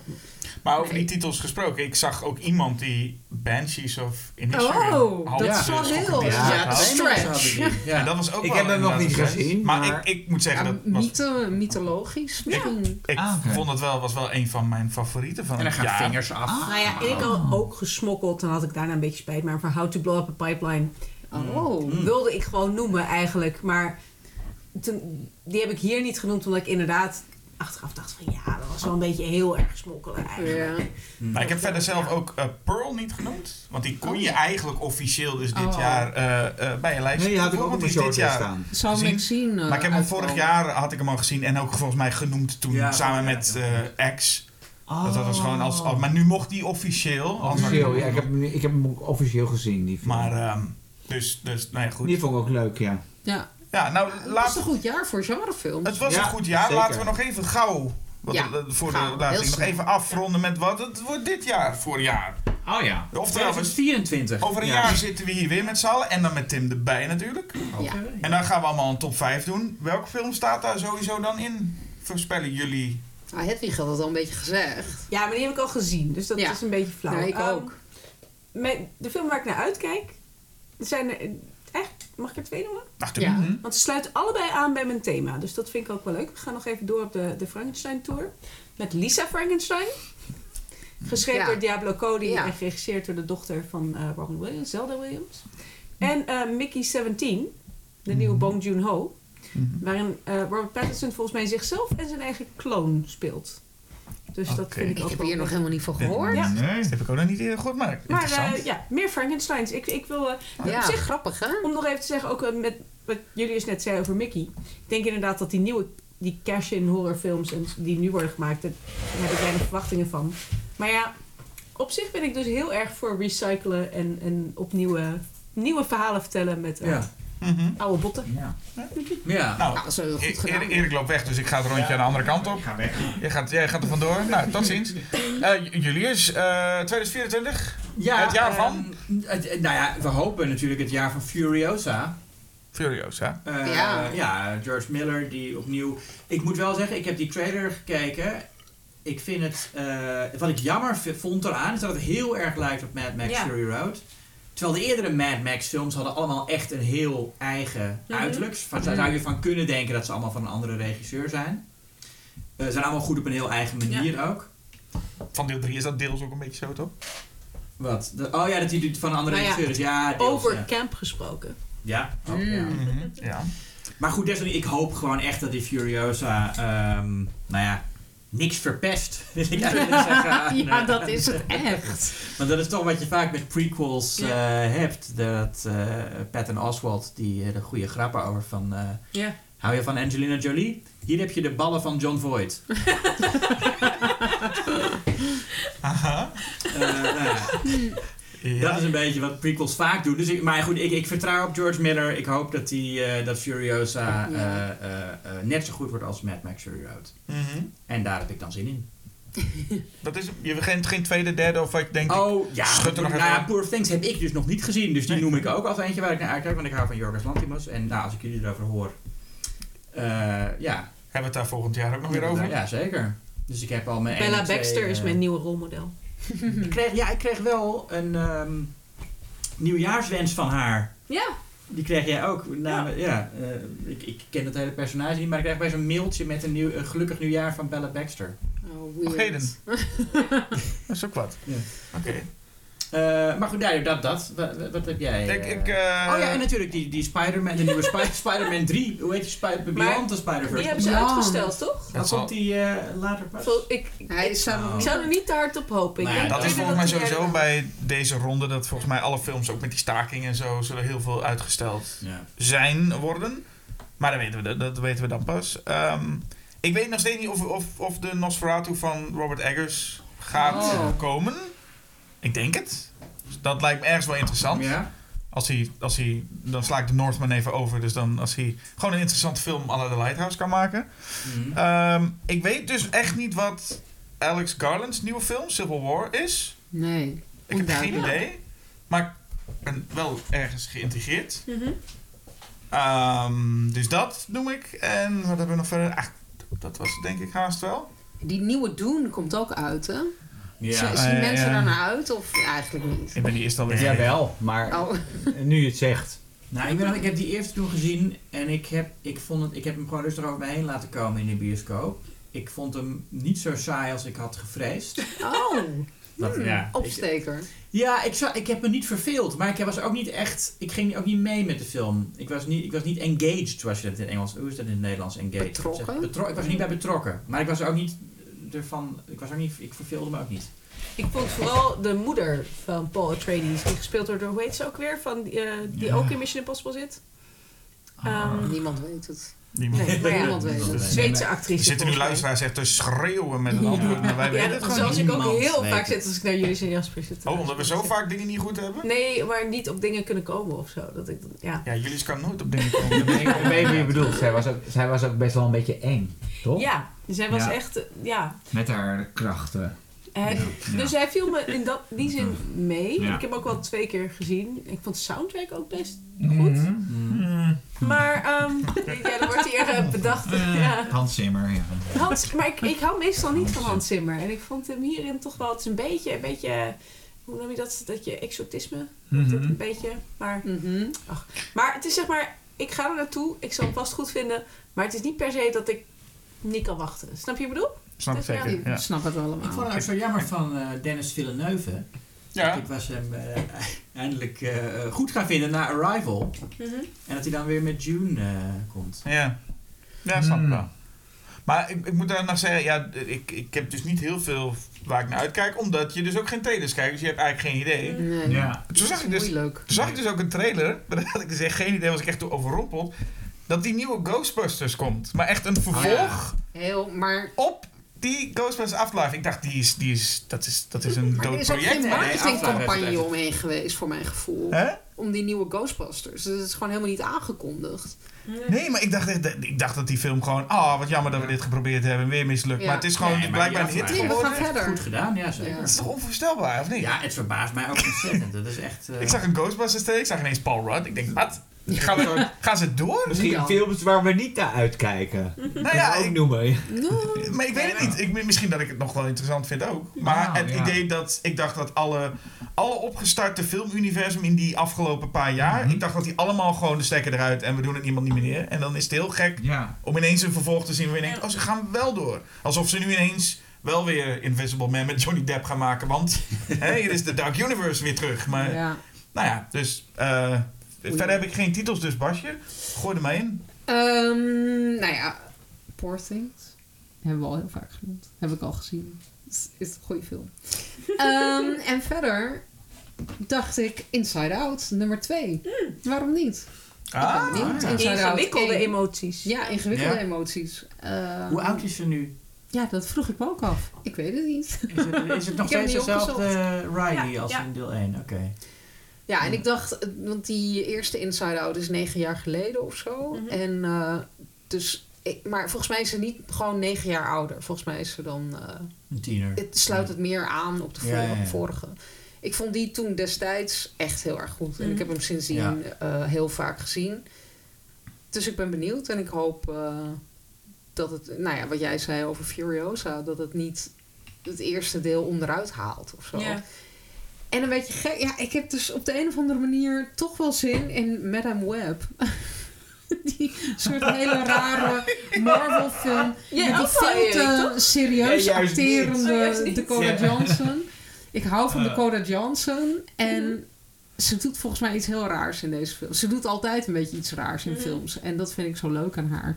Dus ik, ik ga er gewoon heen. Waarschijnlijk wordt het helemaal niks. Een soort van nog slechter dan Ant-Man.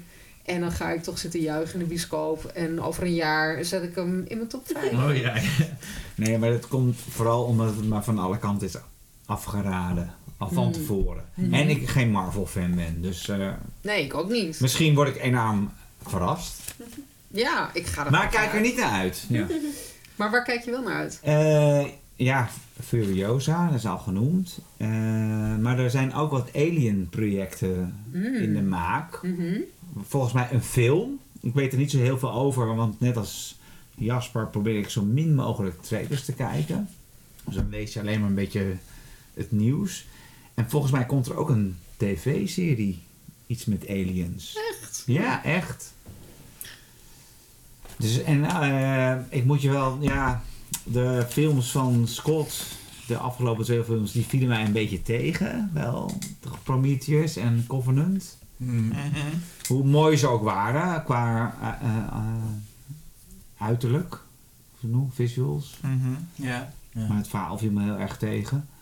Dus, maar goed, je- de- deze projecten, deze, de film en de series, is Scott volgens mij alleen maar weer betrokken. Of als adviseur of als eh, executive producer. Dus ik heb wel eh, hoop dat het interessant zal zijn. Ja, het is ook wel weer leuk dat eindelijk dat weer eens met Alien gebeurt. Ja, Dat het weer eens net als een beetje mensen... met, met Prey hebben we al per ongeluk daar straks al een beetje een spraakverwarring erover. ja. Van, van Dick Maas. Van ja. Dick Maas, van, van, van Idris Elba. Maar dat was- Cocaine Prey. Maar we bedoelden eigenlijk een beetje de Prey met de Indianen versus, oh dat mag ik niet zeggen, eh, eh, Alien, eh, Predator, sorry. Misschien kan dit ook wel weer zoiets worden. Hoop ik. Oh, nee, dat is ook Nee, goed. dat is al geweest. Heeft Tim nog zijn er iets? Oh, jij bent oh zo. Tim, heeft, eh, Tim kijkt heel erg uit naar eh, Mufasa, The Lion King. Maar jij waarschijnlijk ook wel. Niet dat komt er ook nog. Niet het liegje erbij. Liegje. Ik zie het in je neus. Ja. Ik heb Nee, jullie zeggen daar vooral zin in. J- Jullie zeggen, heb je nou meer zin in Mufasa, The Lion King of Joker 2? Nou, Joker 2. is- Voel je Pod- dat? Oh ja, dat wel- was het. Godsamme, zeg. Goed. Oh, wat het oh. Nou, tot Ik ben niet de zover. enige die blijft hangen in de woestijn. Bedankt. Misschien is hij heel leuk. Grappig. Misschien. Een camp. Goed. Eh, z- zullen Ik ben we... helemaal te neergeslagen naar Ja, deze. Ja, heel die zeker. We Ja, je mag- mag, ik mag opdrinken, niet oordelen voordat ik het gezien heb. Precies, Julius. Sorry.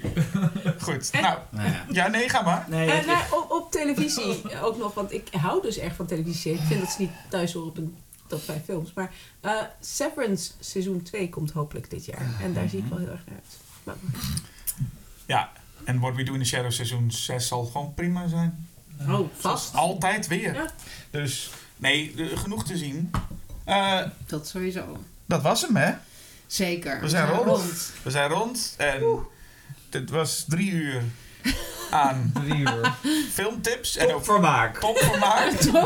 aan Maar al is er, is er minder gedronken dan in alle voorgaande... Ja. Tim, wakker worden. Tim, Ja, Tim, wakker worden. We zijn aan het einde. Ja, Het is Maar- omdat maar ze met toch het minder niet. waren. Toch hebben we het einde toch behoorlijk chaotisch nog weten te maken. zeker. En de ramen Ja. zijn goed beslagen, dus het is, eh, we hebben ons best gedaan. Zeker. Is traditie. Is traditie. En eh, die zetten we gewoon ook weer voort. Buster Keaton wordt zwakker. Die, eh, ja, Baster wordt gewoon wakker van het geschreeuw. Ehm, ja, dat was hem. Dus luisteraars die nog zijn blijven hangen, dank jullie wel. Eh, wij gaan weer een jaar ook podcasts maken, ja, zeker. denk Tuurlijk. ik. Toch? En volgend jaar sowieso weer met z'n allen. Ja, En- Ja, Dus, absoluut. En Tim. en Tim, natuurlijk. En. Buster Keaton. Met z'n allen. En Tim en Buster eh, mag terugkomen, vind ik. Ja. Mhm. Zo rustig was hij wel. Ehm, wat moeten mensen doen, jullie? Doe je riedeltje. Mensen moeten zich abonneren op deze podcast, liken, subscriben, comments achterlaten en recensies achterlaten overal waar het maar kan. Ja. We hadden, ja, ja, ja. We hadden weer een nieuwe recensie. Weer één. Eh, ja, van Dracula. Met een uitroepteken erachter. Jeetje. Eh, die, die is abonnee vanaf het eerste nummer en vindt het heel leuk om ook de stemmen uit, de- uit het blad ook een keer in de podcast te horen. De namen uit het blad ook in de podcast eh, te horen, zegt hij. Dus dat is, nou, dat is bij deze. Nou. Eh, verder moeten we zeggen dat mensen abonnement moeten nemen op ons papieren blad en naar onze website schokkennieuws.nl. Dan hebben we alles, toch? Dan hebben we alles. Volgende keer gaan we een, in ieder geval een Julius vers Jasper doen, toch? Yep. En dan gaan we de rampenfilm bespreken. Oh, welke? Dan gaan we voor Towering Inferno. Oeh. Versus the Poseidon Adventure. Wauw. Oh, moeilijk, Ja, moeilijk. Ja, Dus, ik weet het wel. Ja, ja, Ja. Want, en ik zei toen, dat vind ik echt januari films. En toen vond jij dat belachelijk, Jasper. nee, ik zei Jij niet... vond dat absurd. Ik, ik zei Jij ik, was- dat jij dat altijd zegt. Nee, Jij zegt altijd, dit vind ik januari films. En dan maakt het niet uit welk Jij genre. zei dat slaat helemaal nergens Je zegt, oh, de hangover films, dat vind ik zo januari. Nee, Maar nee, nee. zijn ze ook allebei uitgekomen in januari? Dat weet ik niet, maar ik heb nou wel de Poseidon Adventure gezien, Jasper. En dat is echt een januari film? Die speelt zich af op nieuwjaarsdag. Ja, dus een nieuwjaarsfilm. Ja, Nou, Dat is een nieuwjaarsfilm. ja zeg. dus Nou. had ik gelijk en jij eh. Ik heb nog steeds gelijk dat jij bij elk, elke film zegt, nou, dat vind ik zo Dat januari. zeg ik niet bij elke film. Dat zeg ik bij rampenfilms en bij... Bij eh, ongeveer 1 twaalfde van de films. ja, Precies, ja, oké. Goed, hoe nou, dat is voor dan. Heeft iemand nog iets te melden als laatste? Nee. Of te pluggen? Ik heb heel erg veel zin in eh, jullie eh, aflevering. Oh, dankjewel. Dat hoeft dus hier niet eens te zeggen. Ik luister altijd trouwens. Nou, Ik ook. Ik, ik heb het gevoel dat ik jullie heel goed ken. Maar dat is helemaal niet zo. Jawel, we kennen, Erik. we kennen We elkaar zijn- toch wel. We zien elkaar één keer per... Jaar. Ja. Weer. nee, nee, nee, ook op de borrels. Ook op de borrels. Goed, nou, dan zou ik zeggen, iedereen nog steeds, kan het nog steeds? Kan nu nog steeds, hè? Even ja, iedereen nog gelukkig. opnemen mag het wel, maar als het uitkomt mag het eigenlijk al niet meer. Nou, ja, nou. als je dit na 5 januari luistert... ja, dan doe je oren dicht. Doe je oren dicht. Ja. Okay. Gelukkig nieuwjaar! Happy New Year, Happy New Year, may we all have a vision now and then of a world where every neighbor is a friend.